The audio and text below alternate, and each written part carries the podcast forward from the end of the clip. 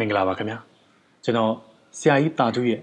အတားဆိုတဲ့ဝတ္ထုလေးကိုဒီနေ့စပြီးတော့ဖတ်ပြပေးပါမယ်စီစဉ်သူဤအမှားဤဝတ္ထုကိုဖတ်ရသူတိုင်းမျက်ရည်စို့ပြီးရင်နှင့်အောင်ခံစားခဲ့ကြရပါသည်ထို့ကြောင့်စာဖတ်သူအချို့ကတကယ်အဖြစ်ပြက်ကိုများအခြေခံထားလေသလားဟုထင်မှတ်ခဲ့ကြပါသည်တချို့ကလည်းတကယ်လက်တွေ့ဘဝမှာ ဒီလောက်ပုံမြင်ဆန်သောအဖြစ်ပြက်မျိုးရှိနိုင်ပါမလားဟုထောက်ပြကြပါသည်ရင်းကိစ္စနှင့်ပတ်သက်၍ပေဖူးလွာမဂဇင်း1984ဒီဇင်ဘာနှင့်1985ဇန်နဝါရီနှစ်လဆက်တိုက်ဖော်ပြခဲ့သောဆရာတာထုနှင့်တွေ့ဆုံပေးခြင်းအင်တာဗျူးကဏ္ဍတွင်တာဝန်ခံတင်ဆက်သူဆရာဝင်းငင်းကဟုတ်ကဲ့ဆရာကျွန်တော်တို့ငယ်ငယ်ကဖတ်ခဲ့ရဘူးတဲ့အတာဝတ္ထုဟာဆရာဘဝအကြောင်းလို့ပြောကြပါတယ်ဟုတ်ပါသလားဆရာ ဟုမေးမြန်းခဲ့ရာဆရာတာထုက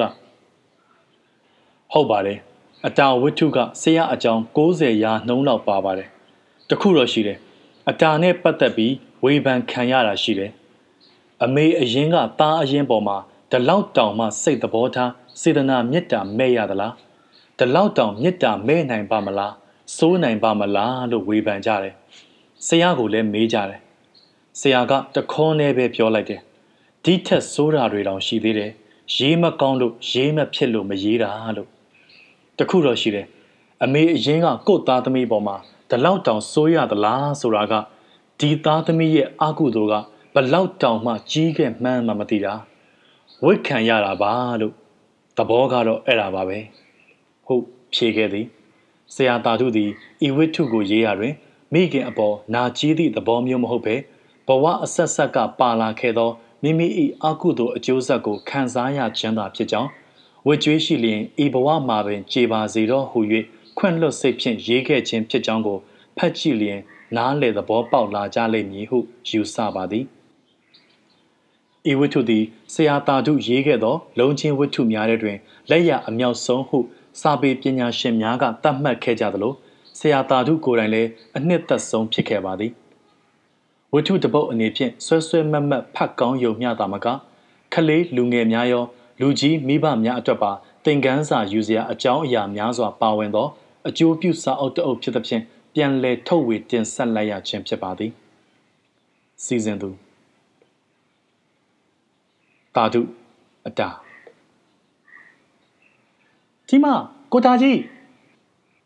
အသက်အရွယ်ကိုစစ်သော16နှစ်ထက်ပိုပုံမရသေးသောလူငယ်တဦးသည် တို့လျင်ခေါ်လိုက်သောအတန်ကြောင့်ဈေးထဲသို့လှမ်းလွတ်လွတ်ဖြစ်နေသည့်ခြေလမ်းသည်ရုတ်တရက်တန့်သွားရမှခြာကနေတမင်လေပြန်လှည့်ကြည့်လိုက်သည်၌တုတ်တုတ်ဝါဝါနှင့်အပြိုပေါ်ဝင်စားမိန်းကလေးတယောက်ကိုပြုံးစစ်စစ်အသွင်ဖြင့်မမျော်လင့်ပဲမြင်လိုက်ရသောကြောင့်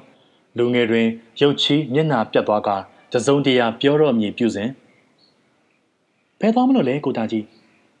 ဟူ၍ပင်မချိုမချင်မျက်နှာထားဖြင့်မိန်းကလေးကထက်ဆင့်မေးလိုက်ပြန်သောကြောင့်ငါ ဟိုဘက်ဈေးမှာမဝင်ငါသွားစားမလို့ဒါနဲ့နေစမ်းမအောင်နင်ဘာဖြစ်လို့ငါနဲ့ကလိုက်လာတာလဲလူငယ်သည်တောင်မြောက်လေးပါးသို့စိုးရိမ်တကြီးမျက်လုံးကစားရင်းကမေးလိုက်သည်ကိုပြောစရာရှိလို့ပေါ့ပြောစရာရှိရှိဘာဖြစ်ဖြစ်နင်ဒီလိုလိုက်လာတာမကောင်းဘူး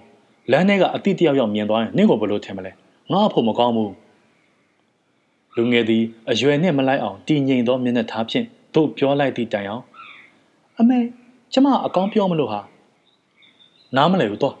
ငါအခုပြန်လာမှာပဲလမ်းထဲရောက်မှပြောနင်နောက်ကိုဘယ်တော့မှဒီလိုလိုက်မလာနဲ့လူမြင်မတော်ဘူးဆိုဆိုပြောပြောပင်လူငယ်လည်းစကားကိုအေးတွင်ဖြတ်၍ခတ်တုတ်တုတ်လှည့်ထွက်သွားသောကြောင့်မိန်းကလေးတွင်အကြောင်သားငေးကြံရစ်ခဲ့တော့၏ထို့နောက်မိနစ်40ခန့်အကြာတွင်အဆိုပါလူငယ်သည်တိမ်ကြီးစေးဈေးရုံဘက်မှခက်မှန်မှန်ရှောက်လာသည်ကိုတွေ့ရပြီးနိုင်စဉ်အောက်အရောက်တွင်လက်ဝဲဘက်သို့ချိုးခွေကလမ်းချေကြီးတစ်ခုတည်းသို့လှည့်ဝင်သွား၏ လမ်းထဲသို့ပြန်ဝင်လာသောထိုလူငယ်၏ယခုအမူအရာကိုကြည့်ရသည်မှာထွက်သွားစဉ်ကနှင့်မတူပဲတစုံတစ်ယောက်ကိုရှာသည့်နယ်ဝဲရနှစ်ဖက်သို့မျက်လုံးတလဲလဲရှိသည်ကိုတွေ့ရ၏သူတွေ့လိုသူကိုမမြင်ရသောကြောင့်လောမသိထိုလူငယ်လည်းနောက်ဆုံးအချိန်အနေဖြင့်ထိုထိုအီအီကြည့်လိုက်ပြီးမှကလားလက်ဖက်ရည်ဆိုင်ဘေးရှိလေကားပေါ်သို့ခြေလန်းကျဲဖြင့်လှမ်းတက်သွားတော့၏ချက်ချင်းဆိုသလို ထိုကလားလက်ဖက်ရည်ဆိုင်အပေါ်ထက်ရှိဝရန်ဒါသို့လူငယ်သည်စူးစမ်းရှာဖွေသောမျက်လုံးများဖြင့်ရောက်လာသည်ကိုတွေ့ရပြန်၏ယခုအချိန်တွင်မူလူငယ်၏မျက်လုံးများသည်မျက်စောင်းထိုးရှိတိုက်ခန်းတစ်ခုစီတွင်သာအာယုံစူးစိုက်နေသည်ကိုတွေ့ရပြီး3-4မိနစ်ခန့်အကြာတွင်ဘာကိုမြင်လိုက်ရသည်မသိတုတ်တုတ်ပြပြလှည့်ဆင်းသွားပြန်လျက်တစုံတယောက်အားစောင့်ကြည့်သလိုဖြင့်လှေကားရင်းတွင်ရက်ရင်လမ်းတစ်ဖက်သို့စူးစိုက်နေ၏ စောစောကသူအာယုံစူးစိုက်နေခဲ့သောမျက်စောင်းထိုးတိုက်ခန်း၏လှေကားစီမှမိန်းကလေးတယောက်ဆင်းလာသည်ကိုတွေ့လိုက်ရသည်နှင့်လူငယ်သည်ခတ်သွက်သွက်ကူးသွားကကဲအေးချိုနင်ငါ့ကိုဘာပြောချင်တယ်လဲခုပြောနိုင်တယ်လှေကားရင်းဤအပြင်ဘက်သို့ခြေနှစ်လန်းလောက်လှမ်းမိနေပြီဖြစ်သောအဆိုပါမိန်းကလေးအားလူငယ်ကမျက်နှာချင်းဆိုင်ရရင်အင်ဂျရီရရပင်ပြောလိုက်၏ခတ်စောစောဈေးဝတွင် တွေ့စဉ်ကမိန်းကလေး၏အမူအရာရဲတင်းဖြတ်လက်ခဲ့သလောက် ယခုမူရှက်အန်းအန်းဖြစ်နေ၏ပြောလေအချို့နင်ဘာပြောမလို့လဲငါ့ကိုမိန်းကလေးသည်တစုံတရာကိုစိုးရိမ်ကြောက်ကြသလိုဖြင့်ပတ်ဝန်းကျင်ကိုအကဲခတ်နေပြန်သဖြင့်ကိစ္စမရှိပါဘူးဟဲ့ဒီနေ့တောက်ကြနေပါကလားဆိုင်တွေပိတ်တာပဲလူငယ်သည်၎င်းတို့ရက်နေရာလှေကားတစ်ဖက်တစ်ချက်ရှိပိတ်ထားသောကလားကုံတိုက်နှစ်တိုက်ကိုကြည်ရင်ပြောလိုက်မှမိန်းကလေးလည်းရဲရဲတင်းတင်းပြောတော့မြည်ကဲ့သို့နှုတ်ခမ်းပြင်တဲ့က တခြားအကြောင်းတော့မဟုတ်ပါဘူးကိုတာရဲ့မမဆိုးကလေ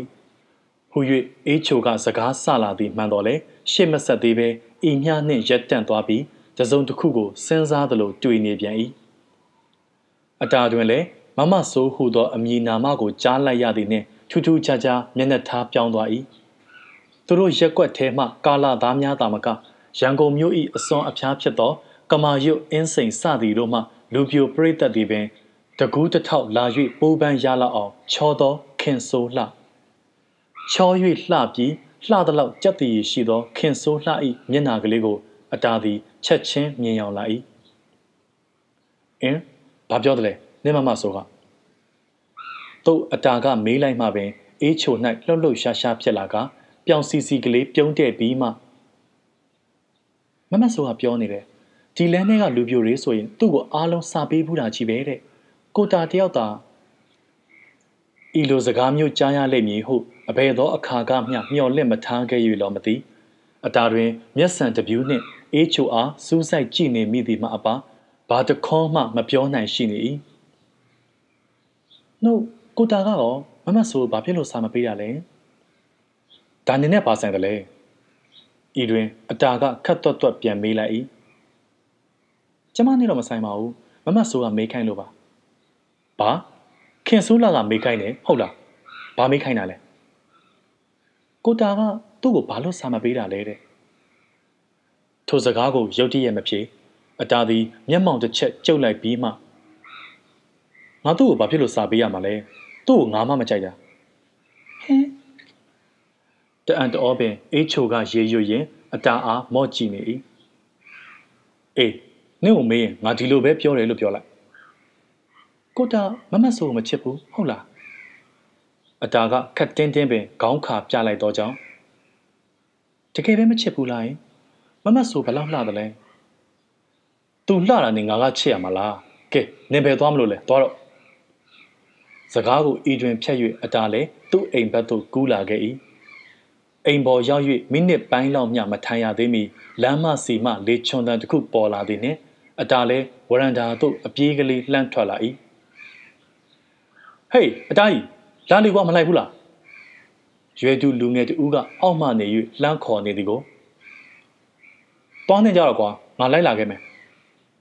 ထို့အဖြေကိုအောက်မှလူငယ်ကကျေနပ်ပုံမရပဲတစုံတရာထပ်ပြောတော့မည်ရှိစင်မှာပင်အတားလဲခြာကနေလှဲ့ဝင်လာခဲ့တော့၏ဘာလို့စာပေးရမှာလဲငါမှသူ့ကိုမကြိုက်တာဤလိုခက်ပြက်ပြက်ပြောခဲ့သောအတားသည်ကလထိုင်တစ်လုံးတွင်ခြေပြက်လက်ပြက်ထိုင်ရင်း ထိုပြဿနာကိုပင်စဉ်းစားကန်းဝင်နေသည်ထင်ရ၏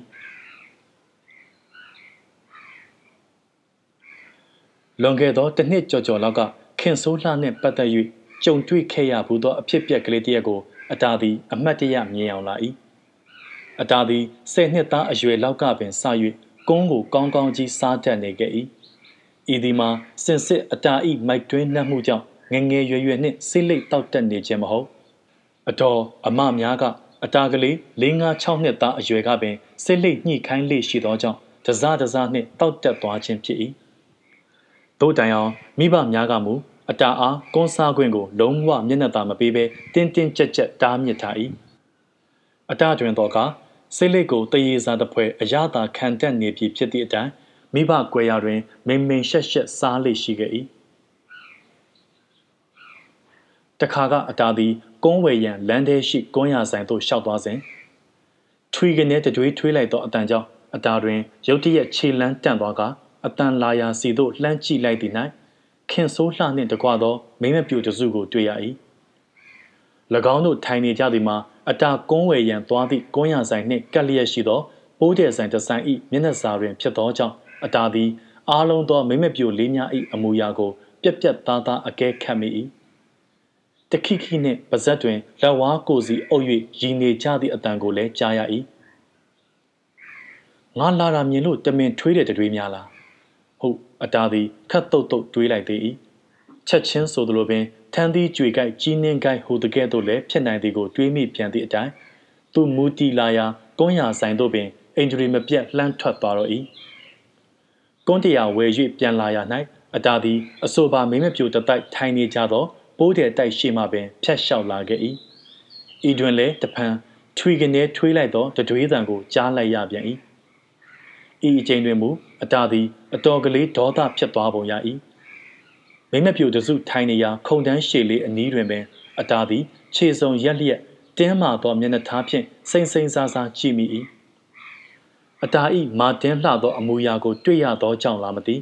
မိမပြူတစုသည်ပထမအခောက်ကကဲ့သို့ လှောင်ရည်ရည်သံများပေါ်မလာတော့ပဲတယောက်မျက်နှာတယောက်ကြည့်ရင်ရောင်ပေပေဖြစ်နေတော့၏ဤလိုထွေကနေထွေးလိုက်သောတတွေးတန်သည်မြည်သူ၏အတန်ဖြစ်ကြောင်းအတာသည်ကောင်းကောင်းကြီးသိ၏ပြက်ပြားနေသောမိမပြိုတစု၏အင်ဂျရီအရာလဲထိုတတွေးမှာသူ့အားရည်ရွယ်၍ထွေးလိုက်ခြင်းဖြစ်သည်ကိုသူသဘောပေါက်၏သို့သောအတာသည်ဘာတခေါမှမပြောဒါဘာလောက်တာလဲဟူသောသဘောမျိုးဖြင့်သာစောင်းကြည့်၍ထွက်လာခဲ့၏ အတာလဲတို့လျင်မဖွဲမရာကြုံလန်းရသည့်အဖြစ်ကြောင့်ထင့်သွားသည့်စိတ်ဖြင့်မကြေမချမ်းလျှောက်လာခဲ့ပြီးထိုမိမပြူတတိုက်ထိုင်နေသည့်တိုက်ခန်းနှင့်သုံးတိုက်ခန့်အကွာဂိုရောင်တစ်ခုရှိတွင် စကားပြောနေကြသောလူရွယ်ကာလာသားတစုနှင့်ရော၍ထိုင်လိုက်၏ဟေးအတားကြီးဘာဖြစ်လာတာလဲကွာမျက်နှာကြီးမှုန်ကုတ်ကုတ်နဲ့အတားကြီးအမူအရာကိုတတိထားမိသူလူငယ်တယောက်ကတို့လျင်ကောက်ခါငင်ကလှမ်းမေးလိုက်တဲ့ဖြင့်ဟုတ်ငတိမပေါ်ကွာ ငါကုန်းသွားဝယ်တာငါ့ကိုစောင်းပြီးဒရွေးနဲ့ထွေးတယ်ထိုစကားကြောင့်တတောင်တောင်နှင့်မေဒလင်ခောက်နေသူရောတချင်းဆိုနေသည့်လူငယ်များပါအစိုးအတီးရက်သွားပြီးအတစကားတွင်အာယုံစိုက်လာကြ၏ဘသူလဲခင်လာဆိုးလားပထမစ၍မေးသူကပင်ဆက်လက်မေးခွန်းထုတ်လိုက်တော့ကြောင်းအေးပေါ်မောင်မောင်သူ့ပြင်ဘသူရှိအောင်မလဲအားလုံးထဲမှာဒီငတိမှာအကဲဆုံးပဲအတားသည်သူ့ပြောရင် တောက်တစ်ချက်ကိုပင်ခက်ပြင်းပြင်းခောက်လိုက်၏ဤတွင်မမောင်မအပသောအခြားလူငယ်များကမူတယောက်ကိုတယောက်လက်တို့၍၎င်း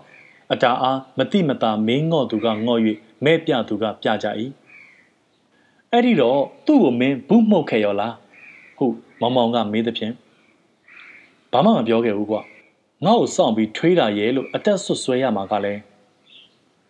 အတားလေစကားကိုရှေ့မဆက်သေးပဲစဉ်းစားသလိုတွေ့နေပြီးမှ ဒါပေမဲ့အသွားရောအပြန်ရောသူတို့ရှေ့ကိုငါရောက်မှကြည့်ထွေးတယ်ဆိုတော့ဒါရှင်းနေတာပဲကွာမကြေနပ်နိုင်တယ်လို့အန်တချိတ်ချိတ်နဲ့ပြောနေရမှပဲအတာသည်ထိုင်ရမှထရက်တယ်ပြီတခေါက်ထပ်သွားအောင်မယ်ကွာဒီတစ်ခါထွေးရင်တော့တေးကြပြီငါ့ကိုစောင်းထွေးတာဖြစ်မှာပဲပြောပြောဆိုဆိုပင်ကုန်းကိုဟန်မပြတ်စားရင်လှမ်းထွက်သွားသောကြောင့်လူငယ်တစုတွင်အကြောင်သားငေးရင်ကြံရစ်ခဲ့ကြ၏တို့လျင်လူငယ်ကာလာသားတစုက ပွဲကြီးပွဲကောင်းတစ်ခုကိုတွေ့ရတော့မည်ကဲ့သို့ရင်တလှက်လက်ဖြင့်အတာသွားရသို့ငေးကြည့်နေကြတဲ့ကဲ့သို့ပင်မိမပြိုတတိုက်ကလည်းအတာလျှောက်လာသည်ကိုမြင်ရသည်နှင့်တယောက်ကိုတယောက်လက်တို့သူကတို့၍အချို့ကလည်းခင်ဆိုးလှအားမြောက်ထိုးပင့်ကောလှုပ်ပေးသည့်လက္ခဏာမျိုးဖြင့်တီတိုပြောဆိုနေကြ၏သို့နှင့်အတာလျှောက်လာခဲ့၍ထိုအပြိုတတိုက်ရှိရောက်သည်ဆိုလင်ပင်ထွေကနေထွေးလိုက်သောတတွေးတန်သည်စောစောကအတိုင်းပေါ်လာပြန်၏ အတာကမူတစုံတရာဘာမျှမပြောသေးတစ်ချက်မျှသာလှည့်ကြည့်ပြီးကုန်းရဆိုင်သို့ရှောက်သွားကကုန်းတရာထက်ဝဲ၍အိတ်ထဲထည့်ပြီးပြန်ထွက်လာခဲ့၏ထွီထိုတတွေးတန်သည်စောစောကထပ်ပင်ကျေလောင်ပြတ်သားစွာပေါ်လာပြန်၏ဤတစ်ချိန်တွင်တော့ကအတာသည်ထိုမိမ့်မပြူတစုနှင့်ထိလူနီးပါးကတ်သွားပြီးလက်ထဲမှကုန်းကိုခတ်ဆောင်ဆောင်ပေါက်၍လွှင့်ပစ်လိုက်ပြီးမှခါးကိုတင်းတင်းကလေးထောက်တဲ့က ခင်ဆိုးလာတူးရဲကိုသာခတ်ဆူးဆူးစိုက်ကြည့်နေသဖြင့်ကြံမိမ့်မပြူတစုတွင်ရင်ကလေးတတုတုခုံကကြုံလာမည့်အရေးကိုအထိတ်တလန့်စိတ်ဆောနေမိကြ၏။နင့်ဘာလူပန်းဝါလာလဲခင်ဆိုးလာဟမ်နင့်ကငါဘာလုပ်လို့ဒီလိုတတွေးနဲ့စောင်းထွေးလာဘာလာလောက်ရတာလဲ။အတားသည်ပြတ်သားပီသားလှသောအတန်ဖြင့်မေးလိုက်၏။ခင်ဆိုးလာထမ်းမှမူရုတ်တရက်အဖြေထွက်မလာသည်။စောစောကတတွေးထွေးရဲခဲ့သလောက် ယခုမူကွဲအပ်တုံလှုပ်နှင့်ရုပ်ပြက်စင်ပြက်ဖြစ်နေ၏ဒါဟာတိတ်ခါရှိတဲ့မိန်းကလေးတယောက်ရဲ့အပြုတ်မှုမဟုတ်ဘူးသိလားရှင့်ကိုကျမကျမဘာဘာလို့လို့လဲယခုမူခင်ဆိုးလှတွင် မနေသာတော့သည့်အတိုင်းစကလုံးများသည်တို့လျင်အထစ်ထစ်အငုံငေါထွက်လာ၏ဟဲ့ဘာဖြစ်ကြတာတော့ မိမပြိုများထိုင်နေရာပိုးတဲ့တိုက်အတွင်းမှအသက်50ခန့်အရွယ်အတော်ကြီးတယောက်သည်ထိုမေးတံနှင့်အတူရုတ်တရက်ရောက်လာ၏ထိုအချိန်၌လူပြိုတတိုက်သည်လည်းထိုအခင်းနှင့်မလန့်မကန်းသို့ရောက်လာကြလျက်မောင်မောင်နှင့်အခြားတယောက်သောလူငယ်သားလျင်အတအနီးသို့ထိအောင်ချင်းကပ်လာကြ၏ကျွန်တော်ရှင်းပြပါမယ်ကျွန်တော်လွန်နေထင်ရင်ကျွန်တော်ကိုရိုက်ပြီးဆုံးပါပါအတာကတို့လျင်စကားပလင်ခံနေသည်ကိုဟဲ့ ဒါရီပြောနေဖို့တော့မလိုဘူးအတာမင်းအကြောင်းတို့သိသားပဲဟာကဲစိုးစမ်းပါဦးဘာဖြစ်တာလဲဒီလိုမှတော်တော်မေးခုနကျွန်တော်ဟာကျွန်တော်ကွန်းလာဝဲတာကိုခင်ဆိုးလာကဒရွေးနဲ့လှမ်းထွေတယ်ဟေးဟုတ်လားမင်းဘယ်နေရာပေးသွားတယ်လဲထုံမေးကုန်းကြောင့်ဝါကနေပွဲကျသွားတော့၏အတာတွင်လည်းရှက်ပြုံးကြီးဖြစ်သွားရမှဒါကစကားဖြစ်ပြောတာပါတော်တော်မေးဆိုလိုတာက ကျွန်တော်ကိုစောင်းပြီးဒရွေးထွေးတာကိုပြောတာပါအော်အော်အဲ့ဒါတခါမဟုတ်ဘူးခမအသွားရောအပြန်ရောနှစ်ခါစလုံးဒီနားရောက်တိုင်းကျွန်တော်ကိုစောင်းပြီးဒရွေးနဲ့ထွေးတယ်ဒါပေမဲ့ကြုံကြိုက်သွားလို့ဖြစ်မှာပဲဆိုပြီးကျွန်တော်ဘာမှမပြောဘူးနောက်တစ်ခေါက်ကွန်းလာဝဲတော့လေသူအသွားရောအပြန်မှာနှစ်ခါစလုံးဒီလိုပဲဒရွေးနဲ့စောင်းထွေးလို့ကျွန်တော်စိတ်ဆိုးပြီးဘာလို့ဒီလိုလုပ်ရတယ်လဲမေးတော့အေးခင်ဆိုးလာကဘာပြောတယ်လဲ ကျမဘာလို့လို့လဲတဲ့ကြောင်းလိန်နေနှုတ်သူကမင်းကိုထွေးတာမဟုတ်ဘူးလို့ပြောသလားဒီလိုတော့မပြောဘူးဒရွေးထွေးတာတော့ तू အမှန်ပဲဒါပေမဲ့တတွေးအကြောင်းထဲ့မပြောဘူးဒီကလေးကသူ့မူမမှန်လို့ဖြစ်တာပဲဤတွင်တော်တော်မေကခင်ဆိုးလှဘက်သို့လှည့်ကြည့်လိုက်ရင်ဟဲ့အတာပြောတာဟုတ်သလားခင်ဆိုးလှဟမ်မမဟုတ်ပါဘူးခင်ဆိုးလှလည်း တို့လျင်ရှက်အန်းအန်းအမူအရာဖြင့်တစ်တငေါ့ငေါ့ဖြေလိုက်စဉ်တတွေးတော့ထွေးမိတယ်ဆိုပါတော့ဟုတ်လားဟဲ့မထွေးပါဘူးကျမနဲ့အလက်ကားမိမ့်ပါပဲအမှန်ကိုဝန်ခံရတဲ့တတ်တိမရှိဘူးအတားလေခင်ဆိုးလာအားဤလိုခက်ဆက်ဆက်ပြောလိုက်ပြီးမှဒေါ်တော်မေဘတ်တို့လှည့်ကဒီမှာဒေါ်တော်မေသူ့ကိုမေးလို့တော့ဇွန်ညင်းနေမှာပဲဒါပေမဲ့ကျွန်တော်သိတယ်သူထွေးတာအမှန်ပဲ ခုဒီမှာထိုင်နေကြတဲ့မိန်းကလေးတွေဟာအားလုံးလိုလိုပဲကျွန်တော်ကိုခင်မင်ကြတယ်လေးစားကြတယ်ခင်ခင်မင်မင်မရှိတော့သူ့လိုတော့မိုက်မိုက်ရိုင်းရိုင်းလုံးမဲ့မိန်းကလေးတယောက်မှမပါဘူးခင်ဆိုးလာတယောက်သာကျွန်တော်ကိုမျက်မုံကျိုးနေတယ်ဘာကြောင့်ဆိုတာတော့ကျွန်တော်လည်းမသိဘူးခင်ဗျအတားသည်ဒရော်မေအားမျက်နှာမူရင်းပြောနေရမှဤတွင်စကားကိုရုတ်တရက်ရက်၍ခင်ဆိုးလှပတ်တစ်ချက်လှည့်ကြည့်လိုက်သည် အတနီးတူပင်ဒေါ်တော်မေကပါအကဲခတ်သလိုဖြင့်ခင်ဆိုးလှဘက်သို့မျက်လုံးရောက်သွားသည်တွင်မျက်နှာမမောခေါင်းလဲမဖော်ပဲလက်သေးချင်းကုပ်၍မလှုပ်မရှက်ငြိမ်သက်နေသောခင်ဆိုးလှအမူအရာမှာအတာဤဆွဆွဲချက်ကိုယာလုံးပြည့်ဝန်ခံတဲ့ကဲ့သို့ရှိနေ၏အေးမင်းကိုသူကမျက်မုံးကျိုးနေတယ်ဆိုတာအကြောင်းတော့ရှိလိမ့်မယ်ထင်တယ်မင်းကများခင်ဆိုးလာကိုဒေါ်ရမေစကားမဆုံးမိပင် ပေးချင်တဲ့သစ္စာပေးပါဒေါ်ရမေဒီလန်းနဲ့ကျွန်တော်ရောက်တာ၈နှစ်ရှိပါပြီခနေ့အထိခင်ဆိုးလှကိုစကားလည်းမပြောဘူးပါဘူးသူ့ကိုနောက်ဖို့ပြောင်ဖို့ဆိုတာလဲဘယ်တုန်းကမှစိတ်မကူးခဲ့ပါဘူးမယုံရင်မျက်နှာစုံကြီးခုပဲမေးကြည့်ပါကဲကဲသွားတော့အတာဒေါ်ရမေကြည့်ဆုံးမမယ်ဒီကောင်မလေးတွေကလည်းတော်တော်ခတ်တာပဲ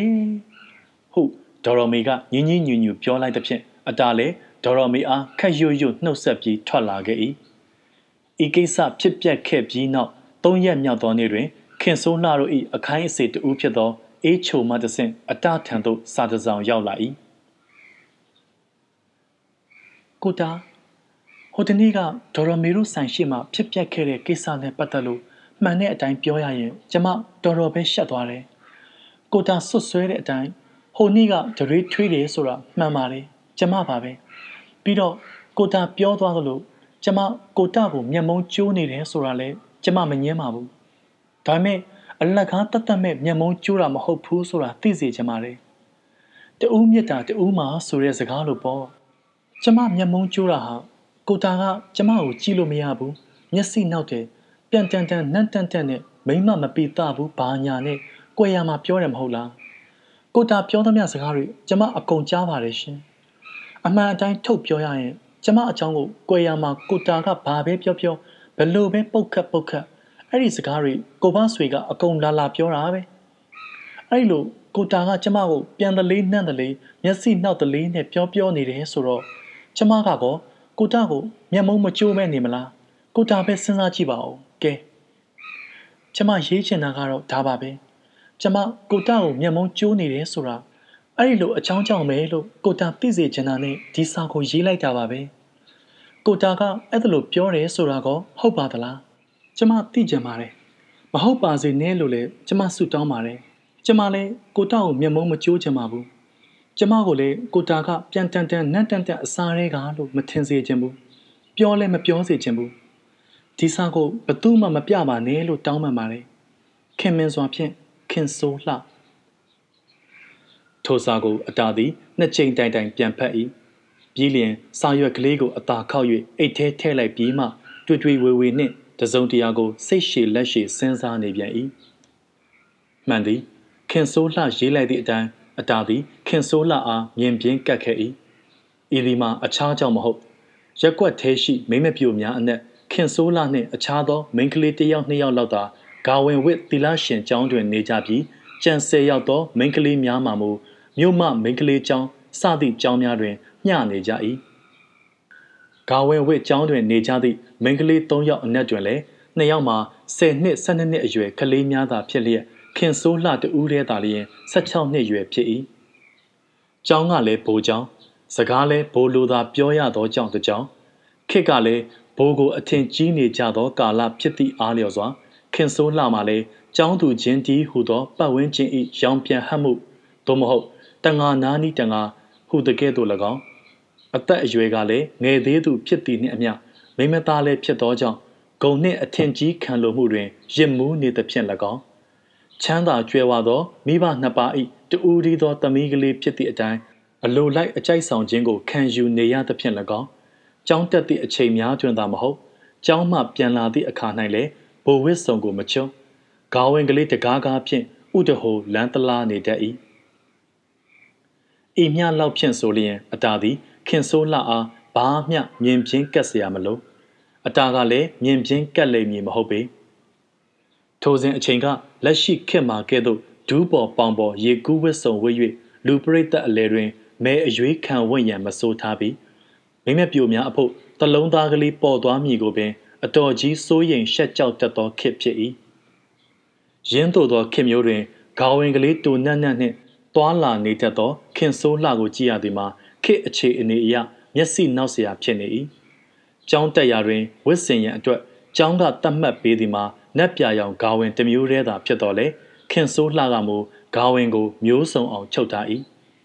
ကျောင်းသွားစဉ်နက်ပြကိုဝေး၍ကျောင်းပြန်ချိန်နှင့်အခြားသောပိတ်ရက်များတွင်မူမြန်မာပီပီဝစ်စင်ထားသောမိမပြိုများတဲ့တွင်ခင်ဆိုးလှတူးတဲ့သာဂါဝင်ရောင်စုံထဲလဲဖြင့်မျက်စိနောက်เสียတကားကားဖြစ်နေတော့၏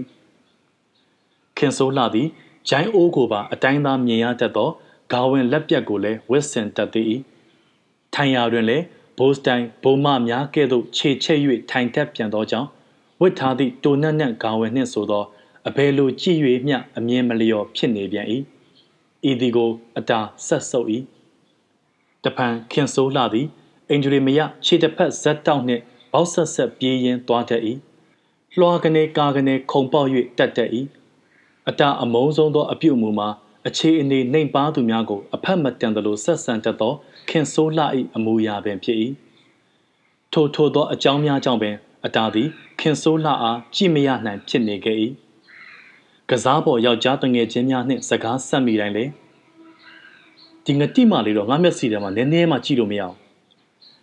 ကြည့်လို့သာမရတာမင်းသူ့ကိုရရင်တော့ယူမှာပဲမဟုတ်လားဟုတ်တယောက်တော့တငယ်ချင်းကမေးလိုက်သည်ကို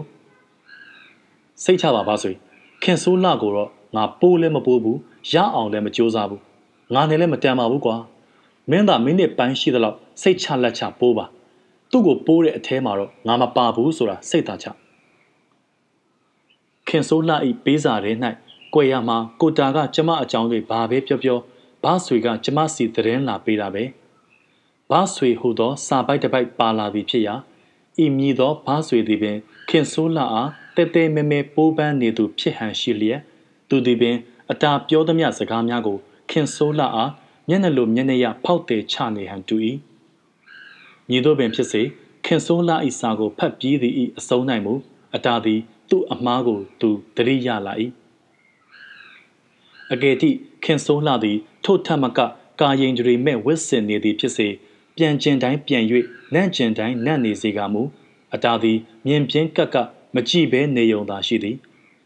ဝစီကံမြောက်မှုတ်ချိုးမြစ်ဖက်ကဲ့ရဲ့စရာဘာမျှအကြောင်းမရှိ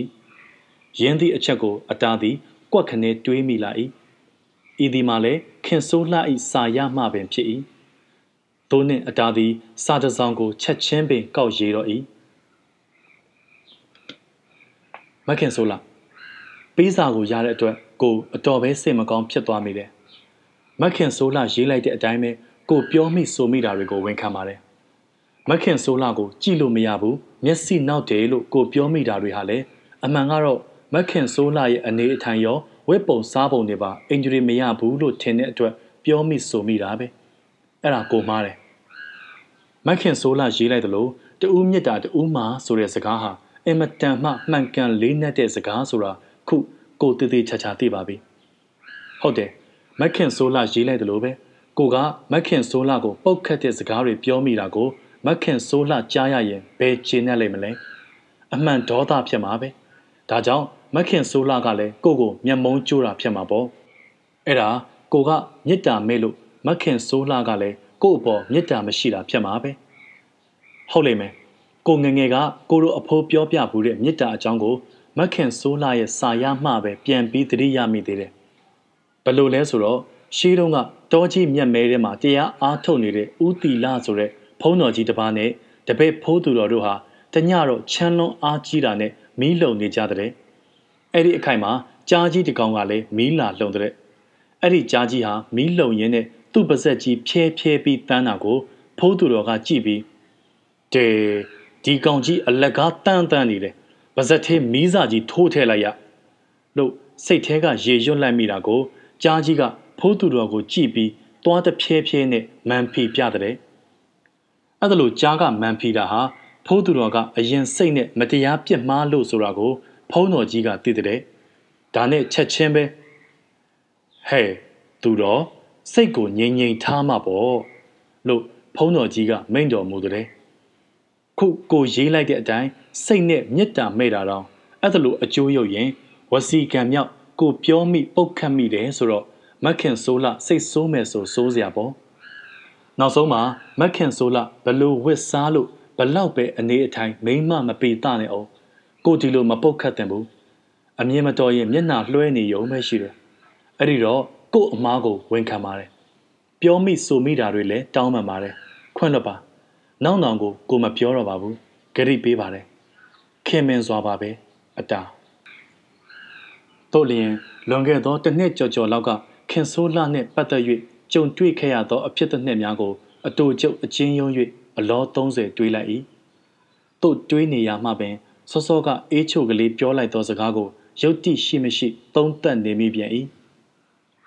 အတာသည်အရက်သေးရှိမိမပြိုကလေးများအပေါ်၌ဖြူစင်သောစိတ်ထားဖြင့်ခင်မင်သည်တန်တန်ရှင်းရှင်းဆက်ဆံသည်ဒီကောင်လေးဟာမိန်းကလေးတွေနဲ့ပတ်သက်ရင်တော့အင်မတန်ရိုးသားတဲ့တငယ်ပဲ ဟူသောရမိရက်ဖများ၏ထောမနာချက်ကို လေးလေးနက်နက်တန်ဖိုးထား၍ခံယူခဲ့သူဖြစ်၏ထိုကုံကိုလည်းသူအလွန်မျက်နှုတ်၏ခင်ဆိုးလှ၏မိဘမောင်ပွားများကပါ စကားဆက်မိတိုင်းအတဂုံပုတ်ကို ထုတ်ဖော်ချီးကျူးခဲ့ကြရ၏ခင်ဆိုးလှအဖို့၌လည်းထိုချီးကျူးတံကိုနားညည်းမတက်ကြားပြီးရင်ကြားနေခဲ့ရ၏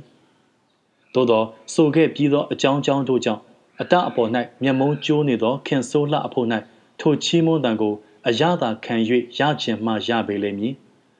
အတအားသူအမုန်းကြီးမုန်းနေခဲ့သည်မဟုတ်ပါလောနောက်ဆုံးအပြန်အလှန်ပေးစာအရာခင်ဆိုးလှနှင့်အတာတို့ကြေရာကြေချောင်းနှင့်ကောင်းမြတ်သောဆက်ဆံရေးသို့ရှေးရှုခဲ့ကြပြီးမှန်တော်လေအတာသည်အများသောအရက်သေးမှကာလာသားများနည်းတူခင်ဆိုးလှအပေါ်၌ကြိုက်သောစိတ်မျိုးမမွေးခဲ့ချစ်ရေးဆိုရင်လည်းရောင်ရွေ့မြထည့်စဉ်းစားမိခြင်းမရှိ တို့လျင်ချစ်ရေးငင်သော အမူအရာမျိုးဖြင့်သောမှခင်ဆိုးလှအားမကြည့်ခဲ့ဘူးပါလျက်ကိုတာကတော့မမတ်ဆိုးကိုဘာကြောင့်စာမပေးတာလဲတဲ့မမတ်ဆိုးကမေးခိုင်းတယ်ဟူသောစကားမျိုးကိုကြားလိုက်ရသည်၌အတာတွင် အတော်ကလေးပြာများသွားတော့၏တို့ကလေးပြာများသွားရသည်မှာလည်းစင်စစ်အေးချိုပြောစကားကိုကြားရခဲ့ပြီးသည့်နောက်အိမ်ပေါ်ရောက်၍ကရုတ်ကင်းလျှောက်တွေးနေမိမှသာလျှင် အုံနှောက်ချောက်မတက်အစင်းစားရကြက်နေခြင်းဖြစ်၏အမှန်အားဖြင့်ဆိုသောဤလိုစိတ်အပ်၍ဘာမျှခေါင်းငိုက်ဆိုင်နှင့်တွေးနေစရာမလိုသူဤပင်ကိုယ်သဘောကိုအေးချိုအားပြောခဲ့ပြီးပြီဖြစ်၏ငါဘာဖြစ်လို့စာပေးရမလဲသူ့ကမှမကြိုက်တာအကယ်တိအတာသည်ခင်ဆိုးလှအပေါ်၌လူပြိုဘာဝမယိုးသားသည့်စိတ်မျိုးအရေးအယောင်မျှရှိလျင်ပင်ဤသို့သောစကားဖြင့်ပြက်ပြက်သားသားပြောလိမ့်မည်မဟုတ် သူပြောခဲ့သည့်အတိုင်းပင်အတာသည်ခင်ဆိုးလှအပေါ်၌ယိုးသားခဲ့၏ယိုးသားသည့်ဆိုရာတွင်ပင်တာမန်ယိုးသားပုံမျိုးမဟုတ်ပဲခင်ဆိုးလှအားအခြားသောမိမပြူတယောက်နှင့်ရှင်၍ကြိုက်ရာကိုရွေးခိုင်းအံ့အတာသည်လှသောချောသောခင်ဆိုးလှကိုပယ်၍အယုတ်ဆိုးသောဆိုးစေအခြားသောမိန်းကလေးကိုသာရွေးမည်ဖြစ်၏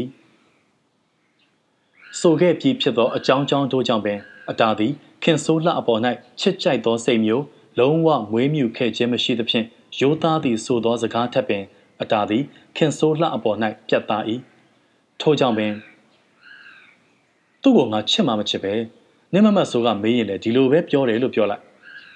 ဟုတ်တိကျသောအဖြေကိုဝမ်းသေးရှိသည့်အတိုင်းပေးခဲ့ပြီးဖြစ်ပါလျက်အတာသည်အဘယ်သို့သောအကြောင်းကြောင့်ခေါင်းရှုပ်ခံ၍စဉ်းစားနေရပါသည်။ခင်ဆိုးလှသည်လမ်းထဲရှိမိမပြိုများတဲ့တွင် အချောဆုံးအလှဆုံးဖြစ်၏။ ထို့ကြောင့်ပင် ကာလာသားဒုကသူ့အားရက်ွက်၏အလှဘယံမှဟူသောဂုံပုတ်ဖြင့်ပင် ခေါ်ပေါ်သမုတ်နေကြ၏။ဤလိုချောသောလှသောငွေကြေးလဲချမ်းသာသောမိမပြိုတယောက်ကအံ့ဖွယ်ပနန်းချစ်စကားကမ်းလှမ်းလာသည့်သတင်းမျိုးကိုကြားရသည်၌အတာသည်အနှဲနှင့်အများတုံလှုပ်မိပေမည်သာအထူးသဖြင့်အရက်သေးရှိကာလာသားအပေါင်းတို့၏ဘေးစာကို မကြာခဏရဘူးနေပါလျက်နှင့်ခင်ဆိုးလှသည်မြည်သူကိုမျှချစ်တုံမပြန် ဟန်မပြတ်နေနိုင်ခဲ့ပြီးအတာနှင့်ကြကားမှ သူကပင်စတင်၍ချစ်ရေးကိုငင်လာသည်မှာအတအဖို့စဉ်းစားစရာဖြစ်နေ၏စင်လဲစဉ်းစား၏အတာသည်အတန်ကြာအောင်တွေးနေပြီးမှတစုံတရာကိုအတိအကျဆုံးဖြတ်လိုက်သည့်ပမာကြည်ကြည်သာသာကြီးပြုံးလိုက်၏သူဟာငါလိုအကောင်နဲ့မတန်ပါဘူးလေနှုတ်ဖျားမှပင်အတန်ထွက်လာအောင်အတာသည်ပီပီတတကြီးရေရွတ်လိုက်ရင် ထိုင်ရမှထား၍အုတ်ထုတ်ပြော့ကလေးဆွဲဆောင်ကအိမ်ပေါ်မှဆင်းသွားတော့၏မဟာဗန္ဓုလပန်းချံအနောက်တောင်ဘက်အပေါက်မှခတ်တုတ်တုတ်လှမ်းဝင်လာသောအတာကိုမြင်လိုက်ရသည်နှင့်ပန်းချံအတွင်း၌ခရစ်ကတ်ရိုက်ကစားနေကြသောလူငယ်တစုသည်ရုတ်တရက်အကစားရက်ရင်အတာစီသို့စုပြုံပြေးလာကြပြီတို့ဖြင့်မဲမပါလို့ကစားရတာစိတ်တော်မရှိဘူးဟူ၍၎င်း အေးကွာအတာမပါတော့ပြင်းကက်ကက်ကြီးမင်းကဘာလို့လိုက်မလာတာလဲအတာကြီးဟမ်ဟူ၍၎င်းကဲလာကွာတို့ဘက်ကဝင်ကစားဟေးဒီလိုဘာရမလဲအတာကြီးကတို့ဘက်ကအမြဲကစားနေကြတို့ဘက်ကပဲကစားရမှာပေါ့ဟူ၍၎င်းတယောက်တစ်ပေါက်ပြောရင်းအတာအားဝိုင်း၍ဆွဲနေကြသောကြောင့်အတာတွင်ဘာပြောရမည်မသိပဲပြုံးကရေကနှင့်ပင်ဝိုင်းဆွဲနေကြသောတငယ်ချင်းနှစ်စုအကြားတွင်ထိုဘက်ဤဘက်တပြန်စီရိမ့်နေတော့၏မ င်းတို့တစ်ဖက်လေးယောက်စီလူညီနေပြီပဲကွာငါဘေးကထိုင်ကြည့်ပါမယ်မင်းတို့ကမင်းတို့ပဲဟာမရဘူးတို့ဘက်ကငါထွက်ပေးမယ်မင်းဝင်ကစားဟုတ်မောင်မောင်ကပြောလိုက်သည်နှင့်ဒီလိုဆိုတို့ဘက်ကလည်းငါထွက်ပေးမှာပေါ့ဟုတ်လှမောင်ကလည်းအားချမခံပြောလိုက်ပြန်သဖြင့်အတာတွင်ရုတ်တရက်မကြံတတ်အောင်ဖြစ်နေရပြန်၏ဒါဖြင့်ဒီလိုလုပ်ကွာငါဝင်ကစားတဲ့ဘက်က၄ယောက်ပဲထားဟိုဘက်ကို9ယောက်ပေးကစားရမယ်သဘောတူမလားတူတယ်လား တို့ဘက်ကိုအတာကြီးလားဟိုဘက်က9ယောက်ကစားဤတွင်လည်းနှစ်ဖက်စလုံးကပင်အတာကိုသာမရအရဆွဲနေကြပြန်သဖြင့်ကဲဒီလိုဆိုရင်မင်းတို့နှစ်ဖက်မြောက်ပန်းလှန်ကြကွာနိုင်တဲ့ဘက်ကငါပါမယ်ဤဒီမှာအတာဤဝါဒဖြစ်၏နှစ်ဖက်စလုံးကခြေနှက်အောင်ဤလိုနီးမျိုးသုံးခဲ့ရသည်မှာအချိန်ပေါင်းမရေမတွက်နိုင်အောင်ပင်ဖြစ်၏ထို့ကြောင့်ပင်လျင်အတာအားတငယ်ချင်းများကချစ်ခင်လေးစားကြ၏ အတာပါသောဘက်မှ၄ယောက်နှင့်အခြားတစ်ဖက်မှ9ယောက်တို့ရှင်ပြိုင်ကစားကြပြီး၍ပွဲသိမ်းသောအခါ၌အတာတို့ဘက်မှပင်ပိုပိုတာတာအနိုင်ရရှိခဲ့၏ဤဒီမှာလည်းအတာဤကျွမ်းကျင်မှုကြောင့်ဖြစ်၏အတာမှာအဘယ်သို့သောပါရမီနှင့်မွေးဖွားလာခဲ့သည်မသိအဆဆအရာရာ၌ရွယ်တူချင်းရှင်လိုက်လျင်သူကသာအရေးအချင်းသာနေတတ်၏ရန်ဖန်ရန်ခါဆိုသလိုလူလက်ပိုင်းနှင့်သာဆိုင်သည့်ကိစ္စပင်ဖြစ်စေအတာသည်အရွယ်နှင့်မလိုက်အောင် ထူးချွန်စွာဆောင်ရွက်တတ်ချေသေး၏နေမွန်းတဲ့ချိန်ကစားပွဲသိမ်း၍ပြန်ခဲ့ကြရင်ရောက်တဲ့ရရာပြောဆိုလျှောက်လာကြရမှာဟေးအသားကြီးမနက်ကအေးချုံနဲ့စကားပြောနေတာဘာကိစ္စလဲကွာအချစ်ပြဿနာလားဟုတ်မောင်မောင်ကကောက်ခါငင်ကမေးလိုက်တော့ကြောင်းခဲရင်သားပဲကွာခင်ဆိုးလာနဲ့ငါနဲ့ဆိုတာဘလို့မှမင်းနဲ့ချင်းဆိုင်မရတာမင်းတို့လည်းအတိသားနဲ့ အတားသည်နနက်ကအေးချိုနှင့်လမ်းလေကောင်တွင်စကားပြောခဲ့ကြစဉ်ကလေးကတယောက်ယောက်သောတငယ်ချင်း၏အမေးကိုခံရတော့မည်ဟုတွက်မိထားသည့်အတိုင်းမြည်တို့ဖြေရမည်ကိုကြိုတင်ပြင်ဆင်ထားခဲ့၏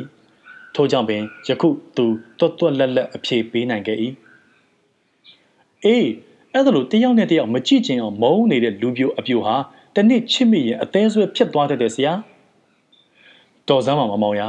အေးချိုနဲ့ပြောတဲ့စကားကဒီနေ့ဥပုံနေမဟုတ်လား အဲ့ဒါတော်တော်အေးတို့ညဖျားသွားကြမှာမို့ထုံးစံအတိုင်းပေါ့ကွာငါ့ကိုပန်းဝယ်ပေးဖို့လာပြောတာပါဤတွင်မှမောင်မောင်ရောအခြားလူငယ်များပါအတအပေါ်တန်တရာကင်းသွားကြ၏အတာလှိမ့်လိုက်ပုံကလည်းအချက်ပိုင်လှတော့၏ရက်ွက်ထဲတွင်အတာသည်အသွက်လက်အချက်ချဆုံးသောလူငယ်တယောက်ဖြစ်သည့်အတိုင်းတစုံတရာကိစ္စရှိလျင်အတကိုသာခေါ်လေရှိကြ၏အဘယ်သို့သောပစ္စည်းမျိုးဝယ်လိုသည် အတာသည်အ ਨੇ ဆုံးဈေးဖြင့်အကောင်းဆုံးရအောင်ဝယ်ပေးနိုင်၏ညီသည့်အရက်တို့ခိုင်းမည်နီအိမ်နံဘက်ပင်ပြောစရာမလိုလူအမည်နှင့်အလုတ်အကင်နေသည့်လမ်းပြောယုံဖြင့်မရအရကိစ္စပြီးအောင်ဆောင်ရွက်တတ်၏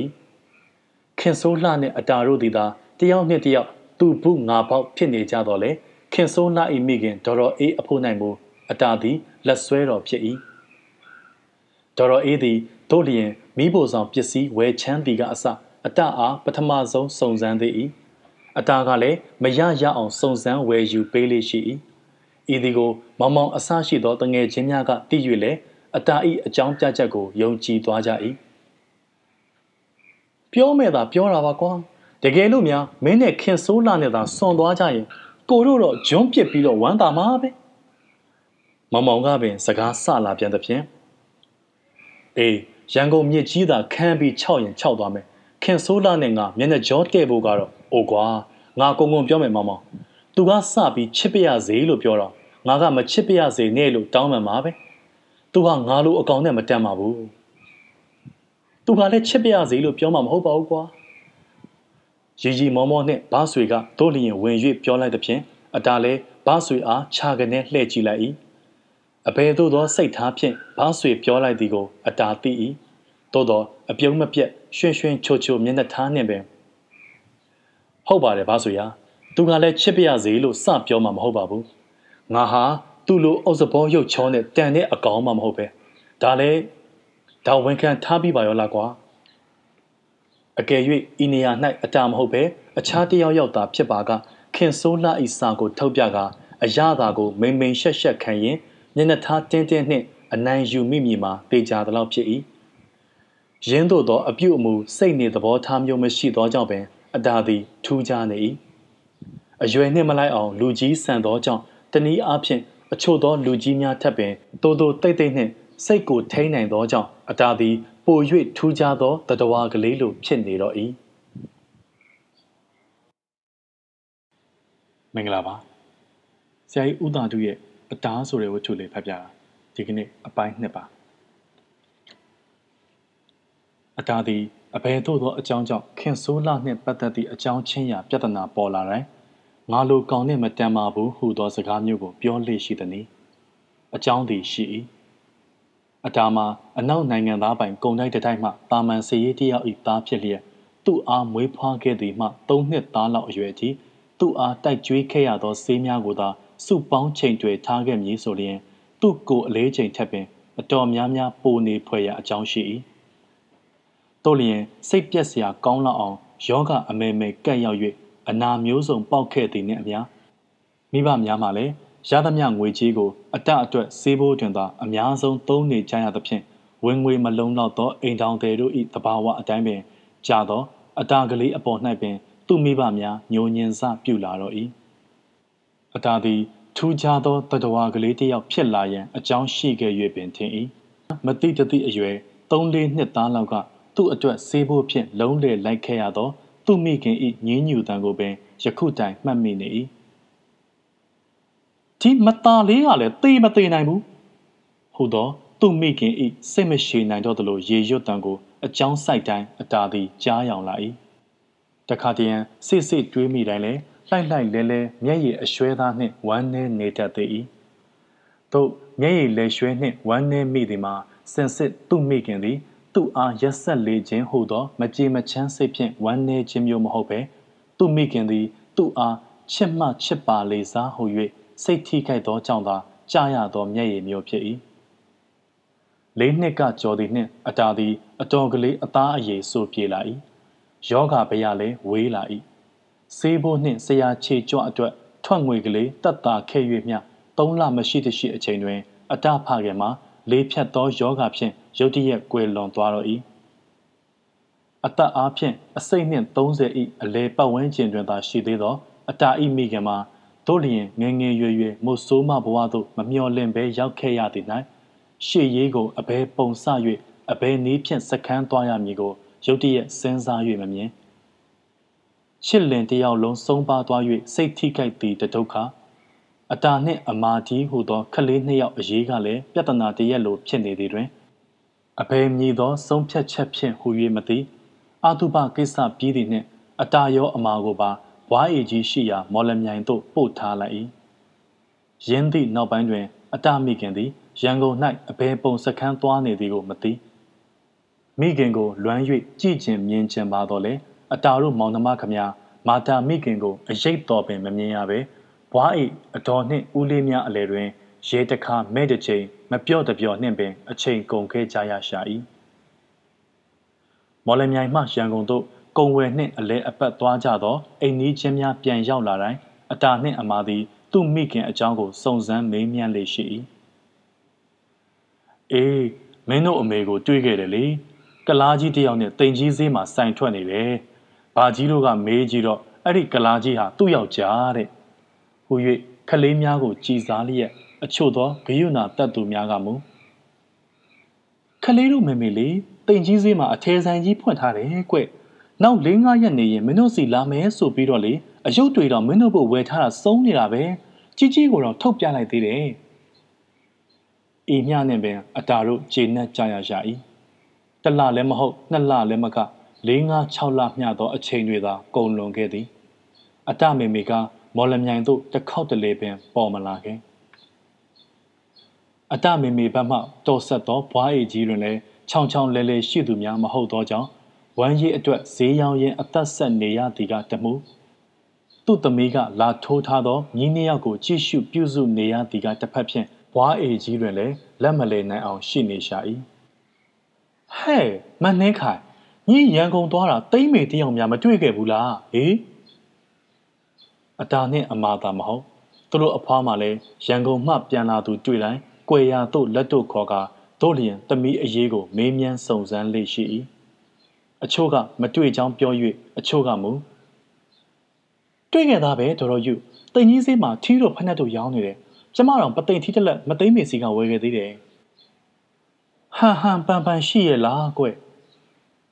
ဆိုင်ကြီးကနားကြီးနေတော့မဟုတ်ဘူးပေါ့တော်တော်ဒါပေမဲ့လည်း အေးလီလူမြင်လို့တင့်တယ်တဲ့အခြေကလေးရှိရင်ပြီးတာပါပဲနို့ခလေးတွေအကြောင်းကောဘာမှမမေးဘူးလားညီးနဲ့တွေ့တော့ဟုတ်ကဲ့မေးပါတယ်တော်တော်အတာတို့အမာတို့နေထိုင်ကောင်းကြရဲ့လားတဲ့သူလဲလာမယ်လာမယ်နဲ့ဟာစိုက်မှာလူခွဲကမရှိသေးတာနဲ့ကဲငါပြောလိုက်ရမကောင်းမဲ့နေတော့မယ်တနေ့တလေစိုင်ပိတ်ပြီးလာတော့ဘာဖြစ်တဲ့လဲခလေးတွေတော့ဒီမှာလာထိုးထားပြီးသူကတော့ ကြီးတော်ယူသည် သူ့သမီးပြုတ်မှုပုံသဘောမကျနိုင်သည့်အတိုင်းတက်တခေါက်ခေါက်ဖြစ်နေပြီးမှညီတို့သိတဲ့အတိုင်းပဲတော်တော့အဖို့မှာတော့မထူးပါဘူးသားတွေသမီးတွေချွေးမတွေရောလူတစ်ချိတ်လောက်ကြွေးထားရတာပဲဒီမြီးနှစ်ယောက်ပိုးလာလို့ဘာမှတာဝန်မကြီးပါဘူးအေးတကယ်ဆိုရင်တလတစ်ခေါက်ဖြစ်စေမျက်နာကလေးတော့လာပြဖို့ကောင်းတယ်ဘလောက်တနာစရာကောင်းတယ်လေကလေးတွေဟာ မေမေဘယ်တော့လာမလဲဖွားဖွားဆိုတာနေရှိသလောက်မေးနေကြတာပဲဟွန်းသူကတော့တယောက်ချင်းရန်ကုန်မှာအပြိုလုံနေထင်ပါရဲ့ကြီးတော်ယူတွင်ရန်ကုန်မှပြန်လာသူတွေ့တိုင်းမေးရပြောရလွန်သဖြင့်အမောသာအဖက်တင်ခဲ့သည်သူ့သမီးသို့မဟုတ်အတာတို့မေမေမတ်သိမ့်မေကလေးငါရှက်လာသို့တိုင်ခဲ့သည်တစ်ခေါက်တလေမှပေါ်မလာခဲ့ပေ တခါတည်းအတာနှင့်အမအတွက်အင်ဂျီစာကလေးများလူကြုံပါလိုက်ဖော်ကားရပေသေး၏တို့တိုင်အောင်ကြီးတော်ယူသည်ဝမ်ပန်းတသာလက်ခံလည်းမရှိဒါကဘာလို့ရမှာလဲငါမြည်တွေအတွက်တိထက်ကောင်းတာငါဝယ်ပြီးစင်နိုင်တယ်ကို့သားသမီးရဲ့လို့မျက်နာကလေးမှလာမပြနိုင်အောင်ဘလောက်များအလုရှုပ်နေလို့လဲလို့မေးခဲ့စမ်းမိသိမ့်မေကိုတယောက်သောသားဖြစ်သူရန်ကုန်မှပြန်လာစဉ်ကလည်းကြီးတော်ယူသည် ဤလိုတစ်ပြစ်တောက်တောက်မြည်တွန်နေခဲ့သည်သို့နှင့်ဆယ်လနီးပါးခန့်ကြာသောသတင်းတစ်ခုသည်ထူးထူးခြားခြားမမျှော်လင့်ဘဲနှင့်ဘွားကနေရောက်လာ၏ထိုသတင်းမှာအတာတို့မမေနောက်ယောက်ကြားယူလိုက်ပြီဟူသောသတင်းပင်ဖြစ်၏ကြီးတော်ယူတွင်လည်းထိုသတင်းကိုကြားလိုက်ရသည်နှင့်လူမမဲမြည်ကလေးနှစ်ယောက်အတွက်သာဦးစားပေးသောဝမ်းနည်းခြင်းဖြင့်ရုတ်တရက်ဘာမျှမပြောနိုင်အောင်ပင်အငိုင်ကြီးငိုင်သွားတော့၏ ဘာအလုပ်လုပ်တဲ့တုံးသူယူတဲ့ယောက်ျားကရုံးစည်းရေးလို့ပြောတာပဲကြည့်ရတာမသိမ့်မေထက်နည်းနည်းငယ်ပုံရတယ်လူကတော့လူကြောပဲတော်တော်ယူရဲ့ဒါတွေကအကြောင်းမဟုတ်ပါဘူးကွယ်စိတ်ကောင်းရှိရင်ပြီးတာပါပဲမယုံတဝက်ယုံတဝက်နှင့်နားဆွင့်နေခဲ့သောကြီးတော်ယူတွင်ရုတ်တရက်ရောက်လာသောမသိမ့်မေတို့ဇုံတွဲကိုတွေ့လိုက်ရာမှတပ်ပြင်းချရင်ထိုသတင်းကိုအတီးပြုလိုက်ရတော့၏ အတာတို့မောင်နှမရန်ကုန်ပြန်ရောက်၍သူတို့ချစ်သောမေမေနှင့်အတူနေရသည်ပင်နှစ်လမပြည့်သေးမီမသိမ့်မေတို့နေသောအိမ်ကိုဖျက်၍တိုက်သစ်ဆောင်မည်ဖြစ်သဖြင့်အိမ်ငှအားလုံးဖယ်ရှားပေးရန်အကြောင်းနှင့်ကြုံလာပြန်သဖြင့်အခြေအနေမှာတမျိုးတမည်ဖြစ်သွားပြန်တော့၏ထိုခေတ်ကရန်ကုန်မြို့တွင်လမ်းတိုင်းလိုလို၌အိမ်ခန်းအားများငှားရန်အသင့်ရှိနေခဲ့တော်လဲမသိမ့်မီတို့ကဲ့သို့ယနေ့လုံမှယနေ့စားရသူများအဖို့၌လုံခနဲတင်ရမည့်စပေါ်ငွေမှာ ပြဿနာတရက်ဖြစ်နေ၏တိုက်ခန်းဆိုရင်တလအစိတ်အ ਨੇ ဆုံးပေးရ၏ဆုတ်ဆုတ်ချာချာပြင်အောင်အိမ်ပင်လကအားဖြင့်အ ਨੇ ဆုံး20ပေးမှရနိုင်၏ထိုထက်ပေါ်သောအိမ်ခန်းများကမြို့ထဲတွင်မရှိ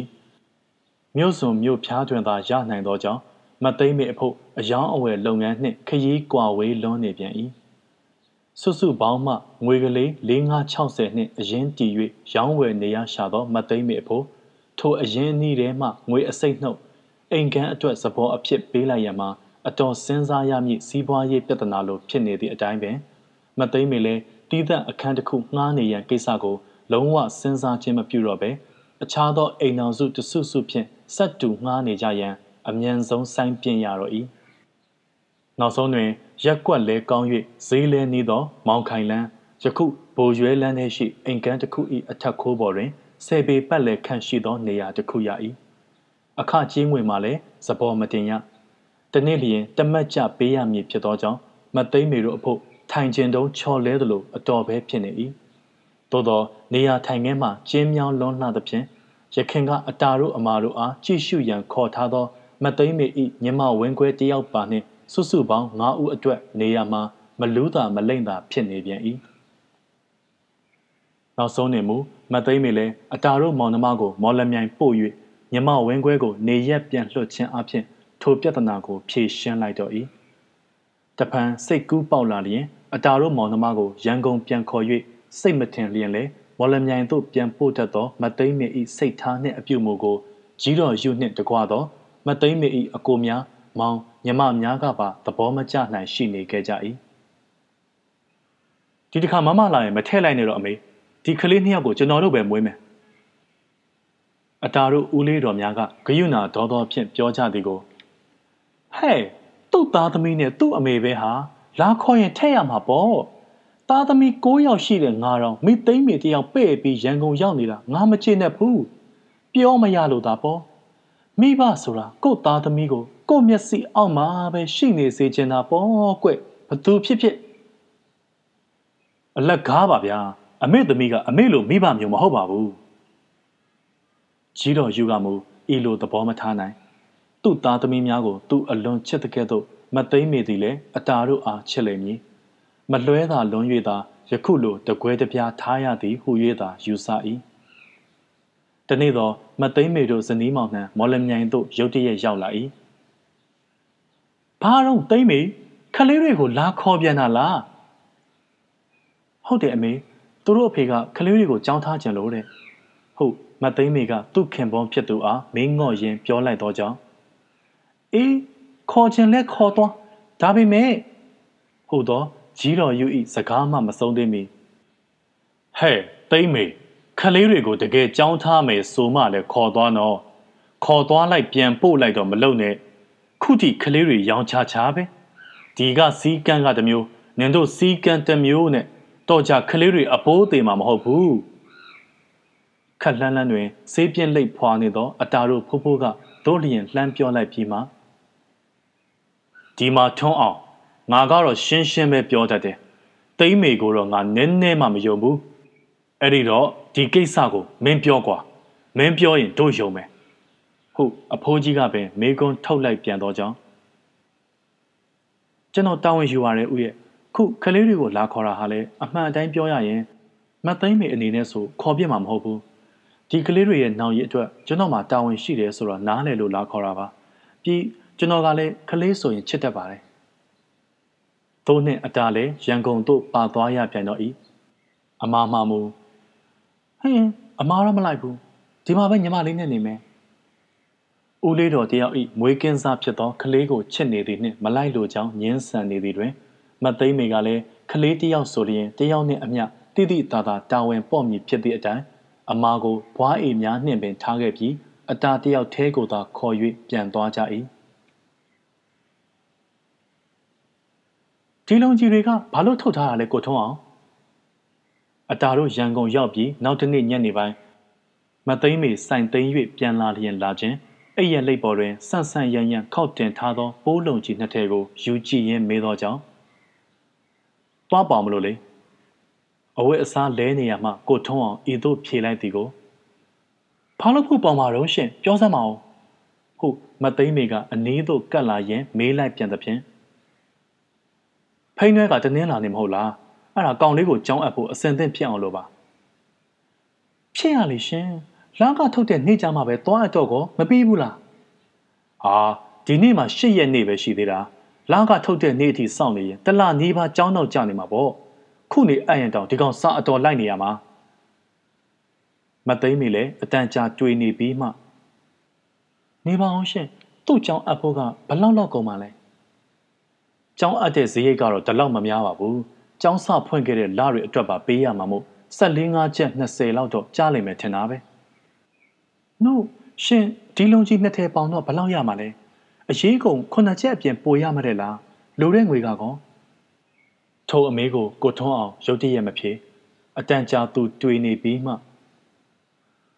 ကျုပ်ကိုမစူးနဲ့အောင်တော့ကျုပ်အတာကိုကြောင်းထားမယ်ဆိုပြီးလွန်ခဲ့တဲ့3လလောက်ကလေးကကြားပေါက်ရတဲ့ငွေကလေးစုထားခဲ့တာ20လောက်ရှိသေးတယ်လေအကယ်၍သာဤလိုကြားပေါက်ရသောငွေကိုအခြားသောအကြောင်းဖြင့်ကြိတ်၍စုခဲ့သည်ဆိုလျင်ပွက်လောရိုက်အောင်စုတော်မြင်မှာမသိမ့်မေအဖို့တေကြ၏ ယခုမူအခြားသောအကြောင်းမဟုတ်ပဲရည်ရွယ်ချက်ကောင်းနေသည်နှင့်ဘာမျှမပြောတာပဲရှိနေတော့၏ဒါဖြင့်လေရှင်းစီရှိတဲ့ငွေ20နဲ့ပြီးသားပဲမဟုတ်လားဒီလုံကြီးတွေဘာလို့ပေါင်တော့မှလဲငွေကနည်းနည်းလိုအောင်မယ်လေကျုပ်စီရှိတဲ့ငွေကကြောင်းအပ်စိတ်နဲ့ကုန်ပါပဲနောက်ပြီးကောင်လေးအတွက်အင်ဂျီလေးဘာလေးလဲဝယ်ပေးရအောင်မှာမဟုတ်လားထိုစကားအတွက်မသိမ့်မေဘာမျှစောတကမတက်နိုင်အတာတွင်ကြောင်းသွားကြောင်းပြန်ဝတ်နိုင်သည့် တင့်တင့်တော်တော်အဝတ်အစားဆို၍တထဲတလေးမျှပဲမရှိ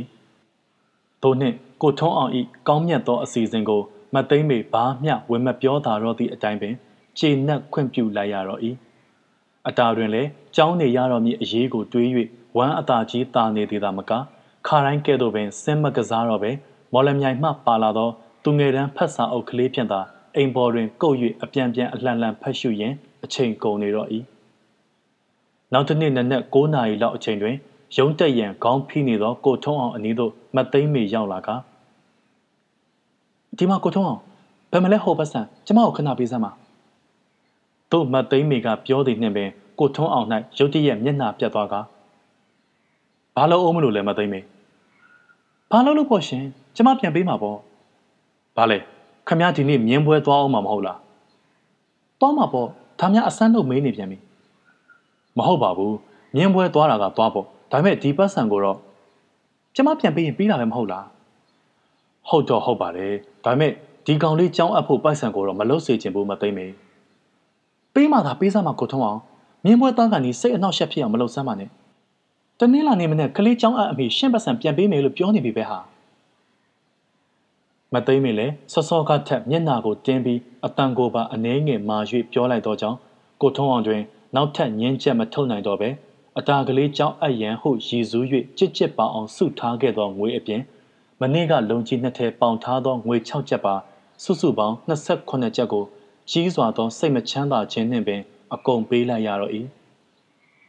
မသိမ့်မေ၏မျက်နှာထားလေသံနှင့်စကားပြောပုံအတုံးအနှုံးကိုထောက်ရှုခြင်းအပြင်ကိုထုံးအောင်အပေါ်၌အတော်ကလေးဩစာညောင်းနေသည်မှာထင်ရှား၏ထိုအချိန်ကအတာကလေးအိမ်ပေါ်တွင်မရှိ မြင်းပွဲသွားလျင်ဝိတ်ရန်အတွက်မသိမ့်မေ၏ရှန်သားအင်ဂျီကိုမီးဘူးတိုက်ရန်ပင်မင်းဆိုင်သို့ခိုင်းထားသဖြင့်ထိုထိုအရေးအခင်းကိုဘာမျှမသိသူเจ้าနေရတော်မူအရေးအတွက်သာလျင်ပျော်တပြုံးပြုံးနှင့်ရှိနေပြီးပင်မင်းဆိုင်မှပြန်ရောက်လာလျင်လာခြင်းလူကြီးကမေမေရုံးသွားပြီလားယင်သွားပြီပေါ့ဘာလို့မလို့လဲမသိမ့်မေကတို့လျင်ပြန်မေးလိုက်တော်မျက်နှာထားမှာမိမိရင်သွေးဖြစ်သောသားကလေးတယောက်ကိုမေးသည့်အသွင်မျိုးမရှိပဲ မျက်နှာထားကလည်းတင်းအတန်ကပြက်ပြက်နှင့်ခက်ဆက်ဆက်မေးလိုက်သည်ဖြစ်သောကြောင့်အတားမှာပြောလိုသည့်စကားပင်ရုတ်တရက်မထွက်ဝင့်တော့သလိုမျက်နှာကလေးညိုသွားရှာ၏အတားငါမေးတာမကြောက်ဘူးလားနင်ဘာလို့ဖို့မေးတာလဲကိုထုံးအောင်ကိုဟုတ်မသိမေကခန့်ငေါက်ငေါက်ပြန်မေးလိုက်မှပင်သူကသူကအတောက်ကိုပြောထားတယ်ဒီနေ့နေ့တဝက်ရုံးကပြန်လာမယ်ဝေးဝေးရှောက်မကစားနဲ့တဲ့ သူပြန်လာရင်အတောက်ကိုအင်ကြီးလိုက်ချုပ်ပေးမယ်ပြောထားလို့အတာကကြောက်ကြောက်ရွံ့ရွံ့နှင့်ပင်ပြောနေပါလျက်အဘယ်ကြောင့်ဟူ၍မသိမသိမီသည်စောစောကထပ်ပင်ပို၍မျက်နှာထားတင်းလိုက်ပြီးလောင်းဒီနောက်ဟုတ်ခေါ်လိုက်သဖြင့်အတာတွင်ရုပ်ချီးပင်ကြက်သိမ်းမွေးညင်းထသွားတော့၏သူ့မေမေစိတ်ဆိုးလျင်ရိုက်တက်သည့်ခါတိုင်းနီးတူနရင်ပူအောင်အုပ်လေမြည်လားဟုတ်သောစိုးရိမ်စိတ်ကလေးဖြင့်တထိတ်ထိတ်ကပ်သွား၍ လက်လန်းမမိတ်တမီတွင် မရဲတရဲရက်လိုက်သည်နှင့်တေးသေးချာချာမှတ်ထားနော်ကိုထုံးအောင်နေ့လေပြန်လာရင်ကျွန်တော်ကိုအင်ဂျီဝယ်ပေးမယ်ဆိုဘာညာနဲ့နင်ဘာမှမပြောရဘူးသူကအင်ဂျီသွားဝယ်မယ်လားဆိုမှလိုက်သွားနင်ကစပြီးဘာတခွန်းမှမပူစားရဘူးကြားရလားဟုတ်ကဲ့ကြားပါတယ်မေမေအေးငါပြန်လာလို့နင်ဘာဘာညာညာပြောတယ်ကြားရင်တော့တိမ်မဲ့တာပြင်ဒါပဲမြင်းမြင်းမှတ်ထားဟုတ်ကဲ့ အဖေတို့သောအကြောင်းကြောင့်သူ့မေမေကအီလိုမှားသည်ကို အတာမသိသို့တော့တွေးကားတွေးကြည့်မိသည်ဘာအတိတ်ပဲဟူ၍ကလုံးလုံးသဘောမပေါ6နှစ်သာသာမျှသာရှိသေးသောအရွယ်ကလေးဖြင့်တွေးပေါ်ရသည်ပင်တော်လှပေပြီမသိမ့်မေထွက်သွားသည်နှင့်အတာလဲမြူတူးခုံပေါက်အဲ့ရလိပ်ပေါ်တွင်ဂျွန်း3လေးပတ်လောက်ထိုးလိုက်ပြီးမှသူ့ခေါင်းအောင်အောက်တွင်တယိုတသေးသိမ်းထားသောတငယ်တန်းဖတ်စာအုပ်ကလေးကိုဆွဲထုတ်၍ နှုတ်ခမ်းတလှုပ်လှုပ်ဖြင့်ရွတ်အံနေတော့၏သွားချီပြန်ချီပင်ဖြစ်တော်လဲမော်လမြိုင်တွင်အတာနေခဲ့ရသည့်နေ့ရက်များကိုပေါင်းလိုက်လျင်နှစ်နှစ်နီးပါးမျှဖြစ်၏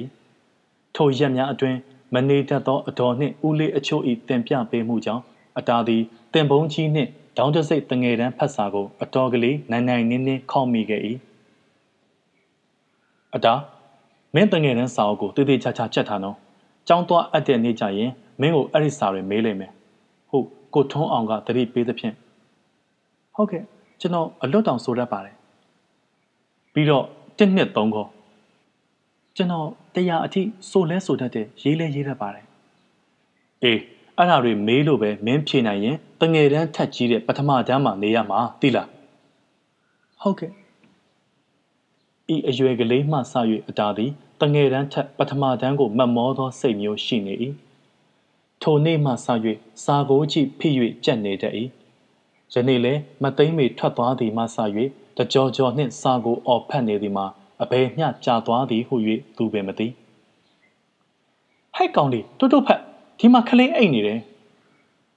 အောက်ထပ်မှတန်ပြက်နှင့်ငေါက်လိုက်သောအတော်ကြီးတယောက်အတန်ကြားမှပင်သူ့အတန်ကလေးတိမ်သွားတော့၏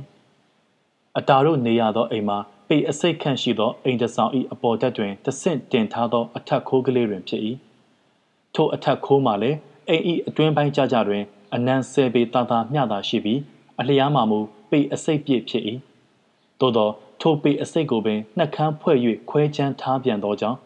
ဂျားထရန်နှင့်ဘေးအကာအကွယ်ပုတ်သွားသောနေရာများကိုနှုတ်လိုက်သောတခန်းလျင်10ပေ17ပေခန့်သာရှိ၏တခန်းတွင်အတာတို့နေ၍အခြားတစ်ဖက်တွင်တရုတ်လင်များရှိ၏ထိုအခန်းကိုခြုံ၍ငှားထားသူမှာပေအစိတ်ပေ60ရှိသောအောက်ထပ်၏တဝက်တွင်နေ၍ ကြံတဝက်ကိုဆွေနီးမျိုးဆက်အပြိုညီအမတစုကိုလာကဖြင့်ငှားထား၏လာကပင်ဆိုတော့လေထုံငွေအတွက်ကြကိုနေ့စဉ်ပေးရ၏အိမ်ကန်းကိုခြုံ၍ငှားထားသူမှာနေပြန်တိုးနှင့်ငွေချီးစားသူပွဲစားကြော်တူဖြစ်သည့်အတိုင်းအလွန်စိတ်ဆက်၏ငွေချီးနှင့်ပတ်သက်လာလျင်မြည်သူမျက်နှာမျှမထောက်ဘဲပတ်ပတ်ဆက်ဆက်ပြောတတ်သောကြောင့်သူ့ပါဇက်ကိုလူတိုင်းကြောက်၏အတာဆိုလျင်ထိုပွဲစားကြော်အားမော်၍ပင်ကြည်ဝင့်သူမဟုတ်သောကြောင့် စောစောကအော်ထားသည့်အရှင်ဖြင့်အတာမှာအိမ်သာတက်ချင်သည်ကိုပင်အောက်ထပ်သို့ဆင်းမလာရဲပဲရှိနေရှာ၏။အော်ငါမောင်လေးစာဖတ်နေသလားဟိ။တို့ပြောရင်းတက်လာသူမှာပွဲစားကြော်ကြီးဤဆွေမျိုးစုတတိုက်ထဲမှတယောက်သောမိမဖြိုဖြစ်၏။ဟုတ်ကဲ့ကျွန်တော်တငယ်တန်းဖတ်စာတွေကြက်နေတယ်။လူကြီးကကျွန်တော်ကိုတနင်္လာနေ့ကြောင်းထားမယ်ဆိုလို့မိမပြိုလေဘာတခေါမှနောက်ထပ်မဆက်သေးပဲ အတာကလေးဤဘိုကေကိုတယူတရတတ်နေပြီးမှအတာနင်ကိုထုံးအောင်ကိုလူကြီးလို့ခေါ်တယ်ဟုတ်လားဟုတ်ကဲ့သူ့ရှိမှတော့သူလို့မခေါ်ပါဘူးနှုတ်သူ့ရှိကြတော့ဘလို့ခေါ်တယ်လဲဒီမာလို့ခေါ်တာပေါ့မင်းမပြောလဲအတာဤပါးကလေးကိုဆွဲရင်နှစ်နှစ်ချိုက်ချိုက်ရည်နေပြီးမှသူ့မင်းအမေယောက်ျားဖြစ်နေပြီပဲဟာမင်းအဖေပေါ့အဖေလို့ပဲခေါ်ပါလားအတာ ရုတ်တရက်မဖြစ်ခေါင်းကလေးငုံ၍တွေ့နေပြီးမှကျွန်တော်ရှက်တယ်ဗျဤတွင်တစ်ချိန်မိမပြိုလဲပါးကလေးခွက်လိန်သွားသည့်အထိရည်နေရမှာဒါနဲ့အတာမင်းစာဖတ်နေတာ10နာရီလောက်ကလေးကမမသက်စပြီးကြားနေရတယ်ခု12နာရီထိုးပြီထမင်းကောစားပြီဗလားဟဲမစားရသေးဘူးစာရဲတွင်စိတ်ဝင်စားနေမိသောအတာသည် မမတ်သက်ဆိုသူကယခုလိုမေးလိုက်မှပင်ထမင်းမစားရသေးသည့်အဖြစ်ကိုတတိယလာ၏စာသလိုလိုလည်းရင်ထဲတွင်ဟာသွား၏ဘာဟင်းချက်တလဲကွထုံးစံအတိုင်းအမဲသားကြော်ပဲလားတာဒီနေ့ဘာမှမချက်ဘူးလေမမေမြင်းမွဲသွားစရာရှိလို့အဲ့ဒါကျွန်တော်ကိုပတ်စံတပဲပေးသွားတယ်ပတ်စံတပဲဟုတ်လားအတာအဲ့ဒါကဘာလဲထမင်းဖို့လားဟုတ်ကဲ့ မမတ်သက်သည်မျက်စိမျက်နှာပြက်၍စိတ်မသက်သာသလိုကြွေသွား၏ထိုခေတ်ထိုအချိန်ကတပဲဆိုသောပိုက်ဆံမှာကလေးတယောက်အဖို့ထမင်းနှင့်ဒန်းတူစားနိုင်သောမြည်သည့်မုံပဲတရေစာမဆိုစားနိုင်လောက်သောတန်ဖိုးရှိသည်မှန်တော်လေထမင်းအနေဖြင့်အပေါ်ဆုံးဆိုင်တွင်ဝင်၍ထိုင်သည့်တိုင်အောင်ထမင်းနှစ်ပြားဟင်းတပဲသည်အ ਨੇ ဆုံးနှုံးဖြစ်၏ဤဒီကိုသဘောပေါက်တွေးမိ၍လောမသိမမတ်တက်က ဒီပတ်စံတပဲနဲ့နင်ဘယ်လိုလုပ်ထမင်းစားမလဲအတာမင်းညကတော့ပတ်စံတပဲနဲ့သွားစားပြီးပြီလေထိတ်ဝါကနှစ်ပြားလက်ဖက်ရည်ဆိုင်မှာပေါ့အစကတော့ထမင်းနဲ့ပဲဟင်းပဲရမယ်တဲ့ဒါနဲ့ကျွန်တော်ကကကာကြီးရဲ့ဆက်လံပေးပါတယ်ထမင်းနဲ့အမဲသားဟင်းနည်းနည်းပေးပါလို့ပြောတော့မှကျွန်တော်ကိုတနာလို့ဆိုပြီးဟင်းနဲ့ပဲတပဲဖို့ကျွေးလိုက်တယ်ခုလဲဒီဆိုင်သွားစားမှာပေါ့အတာကမူ ပိုက်ဆံတပဲနှင့်ထမင်းရောဟင်းပါရပြီးသူ့အစွမ်းအစကြောင့်ဝါခဲ့သည့်အနေဖြင့်ဂုံယူသလိုဟန်နှင့်ပန်နှင့်ရီကမောကပြောနေနိုင်သလောက်မမတ်တက်တွင်မူမျက်ရည်ကလေးပင်ဝဲလာသည့်အထိမချိတရီနှင့်အတာအားငေးကြည့်နေမိတော့၏ရှော့နှင့်လှုပ်သည့်ကြောင်ပင်ဖြစ်စေကြွက်သေးသေးသာမူလဟူသောစကားသည်မြမတွင်ရှိ၏သို့သောထိုရှွန့်နှင့်လှုပ်ထားသောကြောင်ရုပ်ကလည်းရှွန့်ပုတ်စော်မနှံဖို့အရေးကြီး၏ထိုသဘောမျိုးပင် ညီတို့သောနေဖြင့်ထမင်းဝါခဲ့သည်ဖြစ်စေအတာလိုလူမမဲကလေးတယောက်အဖို့ဆိုင်သို့သွားပြီးကလားထည့်ပေးသမျှစားရသည့်အဖြစ်မှာအမြင်အားဖြင့်ရုပ်ပြက်စင်ပြက်နိုင်လာတော့၏စင်စစ်အတာတို့မေမေမှာဤအခြေထိအင်ဂျရီပြက်လောက်အောင်နွမ်းပါသူမဟုတ်သေးမသိမ့်မေဤပြီးစလွယ်နိုင်မှုသို့မဟုတ်သားသမီးအပေါ်၌အကျဉ်းနာကင်းမဲ့မှုကြောင့်သာလျှင်တို့အထင်မြင်သေးစရာဖြစ်နေတော့၏မမသက် ဘာလို့ဒီနေ့ဆိုင်မထွက်တာလဲနေမကောင်းလို့လား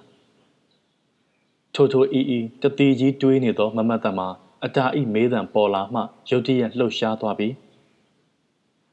အေးမမနေမကောင်းလို့ဆိုင်မထွက်တာပေါ့လာအတာထမင်းမစားရသေးမမကြွေးမယ်အောက်ကိုလိုက်ခဲ့ထိုစကားကြားလိုက်ရုံနဲ့အတာလည်းဝမ်းသာအားရပြုံးလိုက်ပြီးမှသူ့အိတ်ကိုနှိုက်၍ပိုက်ဆံတပဲကိုထုတ်ကြည့်ရင်ကြည်နူးနေသည်တွင်အေး အဲ့ဒီပိုက်ဆံကိုမေမုံဝင်စားပေါ့ဟုတ်လားထမင်းမမကြွေးမယ်ဟင်းဒီပိုက်ဆံကျွန်တော်တင်ထားမယ်တနင်္လာနေ့ကြောင်းနေတော့ကြောက်တန်တို့ဘာလို့ဝယ်ဖို့ဟုတ်တယ်နော်မမကျွန်တော်စုထားမယ်ထိုစကားကြောင့်မမတ်သက်တွင်ရင်ထုမနာနှင့်အတအားဖက်၍ပင်နန်းနေမိပြန်တော့၏အတလည်းမမတ်သက်ဤကောင်းမှုကြောင့်ထမင်းကောင်းဟင်းကောင်းဖြင့်မင်းမင်းရှက်ရှက်ကြီးနနက်စာအတွက်မျက်မျက်ကလေးကိစ္စပြေးခဲ့၏ထိုနေ့မှာ ကြောင်းပိတ်ရက်ဖြစ်သည့်အတိုင်းပွဲစားကြော်ကြီးဤသားများကကစားရန်ခေါ်သည်ကိုပင် အတာသည်ခေါင်းတွင်တွင်ခါ၍အိမ်ပေါ်သို့ပြန်တက်သွား၏သုံးလက်မှခန့်သာရှိသောခဲတံတိုကလေးဖြင့်အထည်ဆိုင်သုံးစာအိတ်တစ်ခု၏ကြောဘက်တွင်1နှစ်3အစရှိသော အင်္ဂလိပ်နှင့်မြန်မာကဏ္ဍများကိုတလုံးချင်းအရေးကျင့်နေစဉ်မှာပင်ရုံးမှနေတဝက်ဆင်းလာသောကိုထုံးအောင်ရောက်လာ၏မြင်လျင်မြင်ချင်းပင်အတာသည်ကိုထုံးအောင်အားအပြုံးနှင့်နှုတ်ဆက်လိုက်ရမှာ ကျွန်တော်ဘို့အင်ကြီးဝယ်ပေးမယ်ဆိုအတာသည်ဤသို့မေးလိုက်ခြင်းသည်မှာပါဇက်တရားရဖြစ်နေ၏လောလောဆယ်၌တမတ်နှစ်ပြားတန်စွတ်ကျဲဖြင့်သာနေရှိသလောက်အချိန်ကုန်ခဲ့ရပြီးအကောင်းဆုံးဆို၍ငါးမှုတပဲတန်ဈေးကျုပ်ရှက်အင်ကြီးထဲသာရှိသောအတာသည်ကျောင်းသားတယောက်အနေဖြင့်ဝစ်စင်ရတော်မူဖြစ်သောဝစ်ကောင်းစားလှကလေးကိုအဘဲမှလျင်အတာသည်ငန်းငန်းတက်မလို့ခြင်းပဲရှိပါလိမ့်မည်နီသို့သောသူ့မေမေမှားခဲ့သည့်စကားကရှိနေသဖြင့် ထိုအကြောင်းနှင့်ပတ်သက်၍ဘာတခွန်းမျှမမေးဝံ့စိတ်ထဲမှာသာအင်ကြီးသွားဝယ်ဖို့ခေါ်ပါစေတော့ဟုကြိတ်၍ဆူတောင်းရင်ကိုထုံးအောင်ဤလှုပ်ရှားမှုကိုအရေးတကြီးကြီးရှိနေရှာ၏အတတောင်းတချက်ကလုံးဝတွက်ချေမကိုင်းကိုထုံးအောင်အဝတ်အစားလဲ၍ပလက်ကလထိုင်တွင်လှဲအိပ်ပြီးမျက်လုံးများပါမှိတ်လိုက်သောကြောင့်အတာလဲစိတ်ပြက်လက်လျှော့ကမျက်တောင်ကော့ကလေးဖြင့်တွေးရင်းငေးကြည့်နေမိရှာတော့၏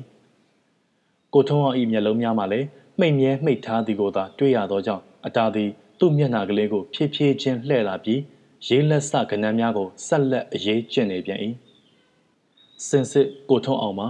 ပျော်အောင်အိတ်တော်မီကဲ့သို့မျက်လုံးကိုမှိတ်ထားခြင်းမဟုတ်ပဲအမောပြေမှိန်းနေသည်သာဖြစ်သောကြောင့်လောမသိမကြမီပင်မျက်လုံးများသည်ကြီးကြီးလင်းလင်းပွင့်လာသည်ကိုတွေ့ရ၏သို့မျက်လုံးများပွင့်မိလျင်ဖွင့်မိခြင်းကိုထုံးအောင်သည်အတားစီသို့အာယုံစိုက်သွားတော့၏ ခဲတံလေးကိုကြစ်ကြစ်ပါအောင်ကန်ဆုပ်၍တလှုပ်လှုပ်နှင့်ရေးနေသောအတာဤကြိုးစားမှု လုံလဝရိယရှိမှုပညာကိုလိုလားမှုအစရှိသောချစ်စရာအရေးအချင်းကလေးများကိုတွေးမိတိုင်းနှစ်ထောင်းအားရနှင့်သဘောကျနေမိသလောက်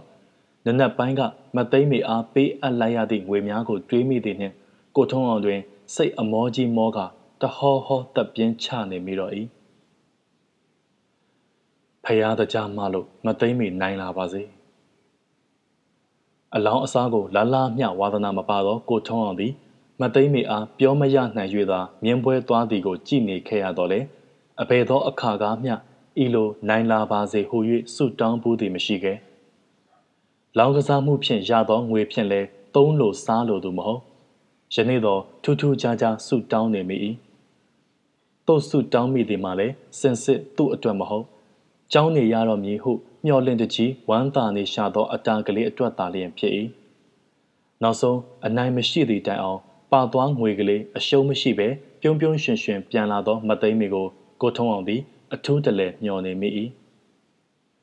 သို့နှင့်6နာရီခွဲလောက်တွင် မသိမ်းမီရောက်လာ၏ကိုထုံးအောင်မျောလင့်သောအမူအရာမျိုးမတွေ့ရ